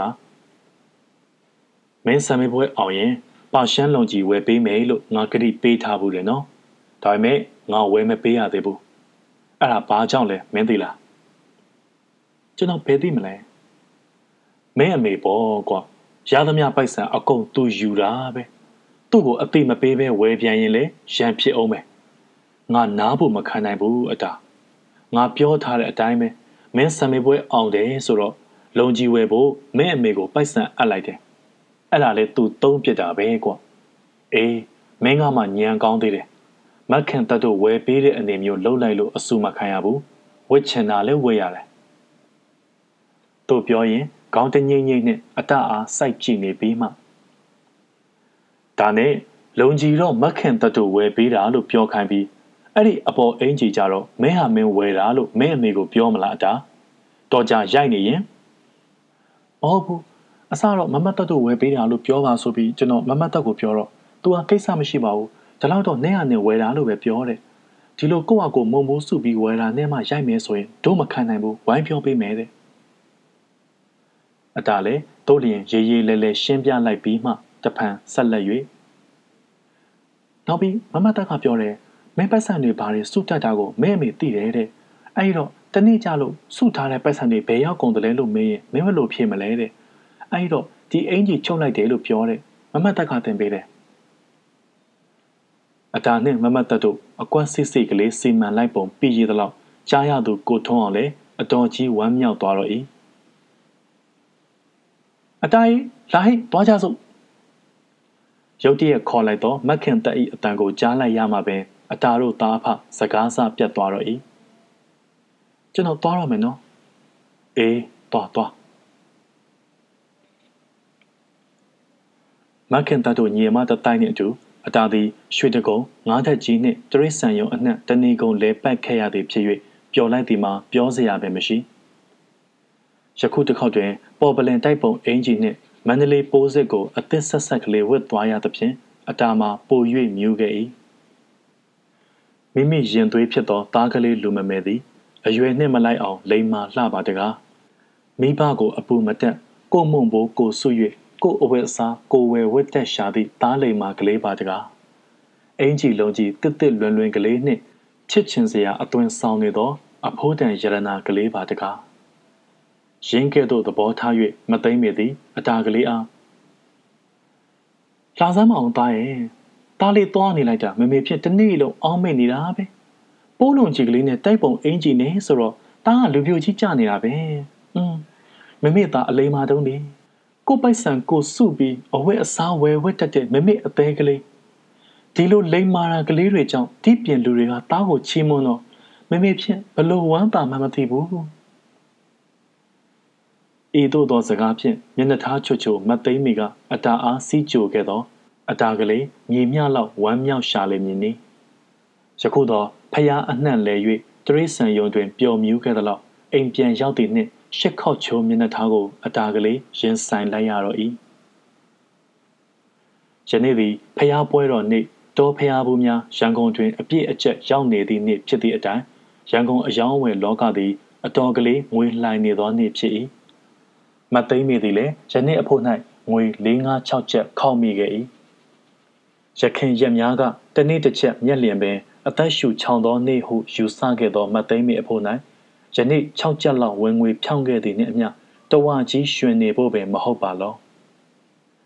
သို့သောသူ့အမူအရာတွင် လုံးဝကြည်လင်သည့်အရေးအယောင်မျိုးမတွေ့ရပဲသူ့မျက်နှာထားသည်ကျွန်တော်ကိုကြည့်ရင်မမေကအမြဲစိတ်ဆိုးနေတာပဲဟုတ်တော့ အတာပြောဘူးသည့်အသွင်မျိုးဖြင့်သာအတာကလေးရင်ဆိုင်လိုက်ရ၏သူ့တွက်ကိန်းအတိုင်းပင် မသိမ့်မိသည်အတာအားကျိမ်းမောင်းစုပူကားသူမသိပဲအင်ကြီးဝယ်ရကောင်းလားဟုတဖြစ်တောက်တောက်ပြောရင်းထိတ်တချက်ခောက်သွားသေး၏နောက်တနေ့နနက်မသိမ့်မေဈေးထွက်သွားသည်နှင့်အတာတို့သားဖလည်းရှင်သောပြုံးချင်းဖြင့်မျက်နှာချင်းဆိုင်မိကြကမင်းစိတ်သဘောထားနဲ့မင်းအမေနဲ့ကတော့တခြားစီပါပဲလားအတာဟမ် ကိုထုံးအောင်စလိုက်သောစကားမှာအတာအဖို့ရောင်ချာချာဖြစ်စေလျက်အတိတ်ပဲအကျဲအနက်ကိုလည်းရုတ်တရက်သဘောမပေါက်သလိုစဉ်းစားနေမိစဉ်မင်းကလိမ်မာတယ်စိတ်ကောင်းရှိတယ်ရိုးသားတယ်လူတစ်ဖက်သားကိုတနာတတ်တယ်အပြစ်ဖြစ်မဲ့အလုပ်ကိုမင်းကြောက်တယ်အေးမင်းအမေကတော့မင်းနဲ့စန့်ကျင်ပန်းကြီးပဲအတားသည်ယခုမှကိုထုံးအောင်ဘာဆိုလိုသည်ကိုသဘောပေါက်လာ၏သို့သော နောက်ဆုံးဝက်ကြကိုသူနားမရှင်းသလိုရှိနေသည်နှင့်စန့်ကျင်ဘက်ဆိုတာကဘာလဲမင်းလိမ်မာသလောက်မင်းအမေမိုက်တယ်မင်းစိတ်ကောင်းရှိသလောက်မင်းအမေစိတ်ကောင်းမရှိဘူးအဲ့ဓာတွေကိုစန့်ကျင်ဘက်လို့ခေါ်တာပေါ့သူ့မမေကသူ့အပေါ်စိုးသည်မှန်တော်လေသူ့ကိုထုံးအောင်ကမသိမေတွင်စိတ်ကောင်းမရှိဟုနှိမ်ချပြောသည်ကိုမူအတာမချေနှံ့နှံသလိုဖြစ်သွား၏ သူ့မမေကိုသူချစ်သည်မဟုတ်ပါလောမမေဟာစိတ်ကောင်းမရှိဘူးလားဟမ်အေးမင်းအမေဟာပိုက်ဆံသာရမယ်ဆိုရင်ဘာမဆိုလုပ်တာပဲအပြစ်ရှိတာရောဘာရော သူဘာမှမကြောက်ဘူးအဲ့ဒါစိတ်ကောင်းမရှိလို့ပေါ့ကွာထိုစကားကိုအတာလုံးဝလက်မခံနိုင်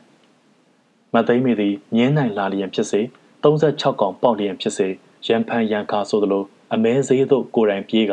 စိတ်ကလေးစားအမဲဥဆုံးစသည်များကိုတတောင်းတမောက်ဝဲလာပြီးကိုယ်တိုင်ပင်ချက်၏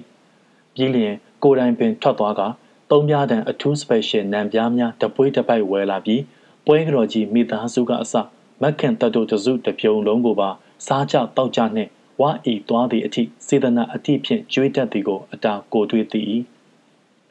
ဤသည်မှာစိတ်ကောင်းရှိ၍ကျွေးမွေးခြင်းမမြည်လေသလောအတာသည်တို့လျင်ခတ်တုတ်တုတ်ကျွေး၍ ထိုအဖြစ်ကိုကိုထုံးအောင်အားရှင်းပြလိုက်ပြီးမှကဲအဲ့ဒါကတော့မမေစိတ်ကောင်းရှိလို့မဟုတ်လားအားလုံးကိုမမေကျွေးတာပဲဟုတ်အတာကစောတကတက်လိုက်ရင်နောက်ပြီးတခါတလေမမေဈေးကပြန်လာတဲ့အခါပြောင်းမှုပြုတ်တွေဝဲလာတယ်ပဲမြစ်တွေဝဲလာတယ်အားလုံးကိုကျွေးတာပဲတခါတခါလဲအုံးထမင်းနဲ့အမဲနှက်ဟင်းချက်ပြီးတိမ်လုံးကိုကျွေးတယ်ဒါစိတ်ကောင်းရှိလို့မဟုတ်လားကဲ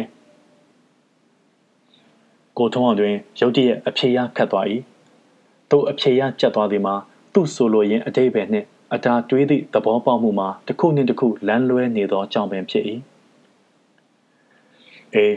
မင်းပြောတာလည်းမှန်တယ်ဒါပေမဲ့မင်းအမေရဲ့စိတ်သဘောထားဟာဘလို့ရဲလို့ငါတောင်အကဲမခတ်တတ်အောင်ဖြစ်နေပြီဟုတ်စကားဆလိုက်ပြီးမှထိုစကားသည်လည်းအတာဤအုံနောက်နှင့်ညံမမီနိုင်လောက်အောင်လေးနက်နေပြန်သောကြောင့် ကဲကွာမင်းပြောသလိုမင်းအမေဟာပိုက်ဆံကလေးဖောဖောတီတီရှိလာတာနဲ့ခောက်ဆွဲတွေကြော်ပြီးတအိမ်လုံးကိုအဝကျွေမိုးကြလက်ဖက်တွေတုပ်ပြီးပျော်ပွဲစားလို့စားပလာတာနဲ့ဟင်းနဲ့လေးငါးချက်ဖို့အကုန်ခံဝဲပြီးမက်ခင်တက်တို့ရောဒေါ်တီတို့ရောတအိမ်လုံးကိုမင်းအမေကကျွေးလာမွေးလာလောက်တာဟာစိတ်ကောင်းရှိလို့ဆိုတာတော့မှန်တယ်လေဒါပေမဲ့အဲ့ဒါလို့ဒီပြင်လူတွေဖောဖောတီတီစားရသလောက်မင်းကိုကမင်းမေမေကဝဝလင်းလင်းကျွေးရလားအတာဟမ် ဤတွင်မှအတာကလေးငိုင်ကျသွားတော့၏မသိမ့်မိသည်ဆိုခဲ့သည့်အတိုင်းသစိမ့်တရံစံများအပေါ်တွင်စေတနာဗလက်ဘွားနှင့်ကြကြနနကျွေးတတ်သလောက်အတာကလေးဆိုလျင်သူတို့စားနေရသောအနာပင်မတိရအောက်ထပ်တွင်စားနေကြသည်ဖြစ်ကအတာသည်အပေါ်ထက်ခိုးတွင်ကုတ်၍မလှုပ်ဝင်အောင်ငြိမ်နေရ၏အတာရင်လာဟိစား၍မျိုးမကြနိုင်သောမက်ခင်တတိုးကလှမ်းခေါ်လိုက်သည်ကိုပင်မခေါ်နဲ့ သူ့အပေါ်မှာခွဲပေးခဲ့ပြီးပြီမသိမေကထိုစကားမျိုးဖြင့်ဟန့်တားတတ်၏သို့သောခွဲပေးခဲ့ပြီးပြီဆိုသောစကားမှာမုတာဝါဒမျှတာဖြစ်၏သူတို့တွေပျော်တပြုံးပြုံးနှင့်မျိုးမျိုးမြက်မြက်စားနေကြခိုင်အတာမှာရှာတပြင်းပြင်းနှင့်အပေါ်ဓာတ်တွင်ကုတ်နေရ၏သူတို့မစားနိုင်၍ပိုရှမ်းမှအတာစားရ၏တခါတည်းမနှက်၍ဖယ်ထားသော ပလာတာအလဲသားနှင့်အယိုးအရင်ဟင်းကပ်ကလေးသာစားရလျက် များသောအားဖြင့်မူဝယ်လာသမျှတက်တက်ဆင်ပြောင်းသွားတတ်သောကြောင့်အတာတွင်အာကောင်အချောက်သားနှင့်ပင်စားကျွင်းစားကြံပကံခွက်ရောက်များစေရင်ငါ့ကိုတော့ဘာလို့မကြွေးပါလဲဟိုသောအတွေးဖြင့်သာဏီကုံချုပ်ခဲ့ရ၏ဤသည်ကို အတာတွေးမိလာ၏ဟုတ်တယ်နော်သူများတွေတော့စားကြံတလောက်စားရပြီကျွန်တော်ကတော့ဝအောင်မကြွေးဘူးတခါတလေကျလုံးလုံးမစားရဘူးအဲ့ဒါသူများတွေကိုစိတ်ကောင်းရှိပြီး မေမေဟာကျွန်တော်အပေါ်မှာတော့စိတ်ကောင်းမရှိဘူးနော်ကိုထုံးအောင်လည်းဟင်းကနေတပ်ပြင်းတစ်ချက်ချလိုက်ပြီးမှဒါကြောင့်ငါပြောတာပေါ့ကွာမဲအမေကိုငါဘလို့နားလေရမှန်းကိုမသိဘူးလို့သူများအပေါ်မှာရက်ရောသလောက်မဲအမေဟာမဲအပေါ်ကြတော့စိတ်ကောင်းမရှိဘူးအတာကလေးတွေ့သွား၏ကိုထုံးအောင်လည်းအတာစိတ်မကောင်းဖြစ်သွားသည်ကိုချက်ချင်းသတိထားလိုက်မိက အဲ့ဒါဘာဖြစ်လို့လဲမင်းသိသလားအတာမင်းအမေဟာဒီပြင်လူတွေအပေါ်သဘောကောင်းပြီးမင်းအပေါ်မှာတော့ဘာလို့စိတ်ကောင်းမရှိသလဲဆိုတာဘာကြောင့်လို့ထင်တယ်လဲကျွန်တော်ကန်ဆိုးလို့ပေါ့ပလက်ကလထိုင်တွင်နောက်ကိုမှီ၍ထိုင်နေသောကိုထုံးအောင်လည်းအတအဖြေကိုကြားလိုက်ရသည်နှင့်ထူးထူးထောင်ထောင်ကိုမက်၍ထိုင်မိသည့်အထိအံ့အားတင့်သွားရမှာဘာပြောတယ်ကွာမင်းကန်ဆိုးလို့ဟုတ်လား မမတတ်တော့ကပြောတာပဲနင့်အမေအရင်ခောက်ခောက်ကနင့်အပေါ်ဒီလောက်ရက်ဆက်တယ်ဆိုတာဟာနင်ကန်ဆိုးလို့ပဲအတားတဲ့နင့်ကန်ဆိုးလို့ဒီမိမကြီးသားလာဖြစ်ရတာတဲ့မခင်တတ်တော့ကပြောလိုက်ဒီမှာအတစကားအရာအပေါ်ယံမျှဖြစ်သည်ကိုကိုထွန်းအောင်တတိထားမိလိုက်၏နေယောမင်းတည်တည်ချာချာနားလည်အောင်ငါပြောပြမယ်မခင်တတ်တို့ပြောသလိုမင်းကုသိုလ်ဆိုးလို့မင်းအမေကမင်းပေါ်မှာရက်ဆက်နေတာအမှန်ပဲကွာ အဲ့ဒါဘာကြောင့်လဲဆိုတော့မင်းဟိုဘဝကတူးတယောက်အပေါ်မှာဒီလိုပဲရက်ဆက်ခဲ့စိုးခဲ့ဘူးလို့ဒီဘဝမှာမင်းခုလိုခံရတာပဲငါပြောတာနားလေရလားအတားအတားလည်းမရှင်းသေးသလိုတွေးနေပြန်တော့ကြောင်းဒီမှာတာမင်းဟိုတလောကငါ့ကိုပြောပြတယ်မဟုတ်လားလမ်းထိပ်ကဘာခွေးအကြောင်းလေဟုတ်ကဲ့အေးအဲ့ဒီဘာခွေးကိုမင်းပေတံနဲ့ဘာပြုလို့ရိုက်တယ်လဲ သူကမင်းကိုဘာမှမလုပ်ရင်မင်းရိုက်မလားအတားလည်းခေါင်းကလေးကိုအသာခါပြရင်သူကကျွန်တော်အနိုင်ကျင့်လို့ရိုက်တာပေါ့အဲ့ဒီလိုပေါ့ကွာလူတယောက်ဟာဒီပြင်လူတယောက်ကိုမတရားနှိပ်စက်ရင်တနေ့ကျတော့သူလည်းပြန်ပြီးအနှိပ်စက်ခံရတတ်တယ်ကဲမင်းဟိုတုန်းကဘာခွေးကိုတိတ်ကြောက်ရတာပဲဆိုခုတော့သူကမင်းကိုပြန်ပြီးကြောက်နေရတယ်လို့မင်းပြောဘူးတယ်ဟုတ်ရဲ့လားဟုတ်ကဲ့ကျောင်းကကောင်တွေလည်းအရင်ကလိုအနိုင်မကျင့်ရတော့ဘူး အေးဒီသဘောမျိုးပေါ့ကွာကိုထွန်းအောင်ကစကားမဆုံးသေးမိပဲဘာခွေးကကျွန်တော်အနိုင်ကျင့်တာလဲဒီဘဝသူကျွန်တော်ကိုပြန်ကြောက်ရတာလဲဒီဘဝပဲမမိန်နဲ့ကျွန်တော်ကြတော့ဘာဖြစ်လို့ဟိုဘဝဒီဘဝဖြစ်နေတာလဲကိုထုံးအောင်လည်းအတာမေးလိုက်တော့ကတ်တီးကတ်သက်အတွေးကြောင့်ရုတ်တရက်မဖြေတတ်အောင်ရောင်တွေ့တွေ့ဖြစ်သွားတော့၏အတော်ကလေးအချိန်ယူစဉ်းစားနေမိပြီးမှဒါကဒီလိုလေကွာ မင်းနဲ့ဘာခွေးတို့ကရွယ်သူကလေးချင်းအနေနဲ့အနိုင်ကျင့်တာရန်စတာမျိုးမဟုတ်လားဒီတော့ဒီဘဝမှာတင်ဝစ်လေတာပေါ့ကွာမင်းနဲ့မင်းအမေကတားမိအနေမျိုးနဲ့ဆိုတော့ဥပမာဟိုဘဝတုန်းကမင်းအမေဟာမင်းသမီးဒါမှမဟုတ်သားတခုခုပေါ့ကွာမင်းကသူ့အမေဒါမှမဟုတ်အဖေဒါမှမဟုတ်လေမိထွေးပထွေးတခုခုဖြစ်လိမ့်မယ်အဲဟိုဘဝတုန်းကသူ့ကိုမင်းအမျိုးမျိုးနှိပ်စက်ခဲ့လို့ ဒီဘဝကျတော့မင်းကသူ့သားလာဖြစ်ပြီးသူကမင်းကိုနှိပ်စက်တယ်လို့လုပ်နေတာဖြစ်မှာပဲယခုမူအတားသည်အတော်အတန်သဘောပေါက်နေပြီကဲ့သို့ခတ်တွေ့တွေ့ကလေးနားဆွင့်နေဒီလိုဆိုရင်နောက်တစ်ခါဘဝကျတော့မေမေကကျွန်တော်ကလေးလာဖြစ်ပြီးကျွန်တော်ကပြန်ပြီးနှိပ်စက်ရအောင်မလားဟမ်ပေါပေါရှာရှာအတားလေတို့လျင်ကောက်ခါငင်ကမေးလိုက်တော့ကြောင်း ကိုထုံးအောင်ကတစုံတစ်ခုကိုရုတ်တရက်သတိရသလိုဖြင့်ကဲအတားငါမေးမယ်ခုမင်းအမေဟာမင်းအပေါ်မှာအတော့ကိုစိုးတယ်နော်အဲ့ဒါမင်းသူ့ကိုစိတ်မဆိုးဘူးလားမမုန်းဘူးလားဟင်းကျွန်တော်စိတ်မဆိုးချစ်တယ်မမေကိုကျွန်တော်တိတ်ချစ်တယ်နောက်ဘဝကျွန်တော်ကလေးဖြစ်လာရင်လည်းကျွန်တော်ချစ်မှာပဲမနှိမ့်ဆက်ဘူးရိုက်လည်းမရိုက်ဘူးအော်လည်းမအော်ဘူးမုန်းနေပါတွေအများကြီးဝယ်ကျွေးမယ်အင်ကြီးလှလှလေးတွေဝယ်ပေးမယ်ပြီးတော့ တော်ပါတော့အတားရဲ့မင်းမင်းကိုထုံးအောင်မှာဆက်၍ပြောရန်ပင်စကားဆရှာမရနိုင်တော့ပဲအတပါကလေးနှစ်ဖက်ကိုလက်ဝါးနှစ်ခုဖြင့်စုအုပ်ဆွဲခါလျက်ကျင်နာအရေးအယောင်ကိုပြရင်ပြုံးလိုက်မိ၏ကိုထုံးအောင်တွင်အဘယ်မျှလောက်ကြည်နူးဝမ်းမြောက်သွားသည်မသိ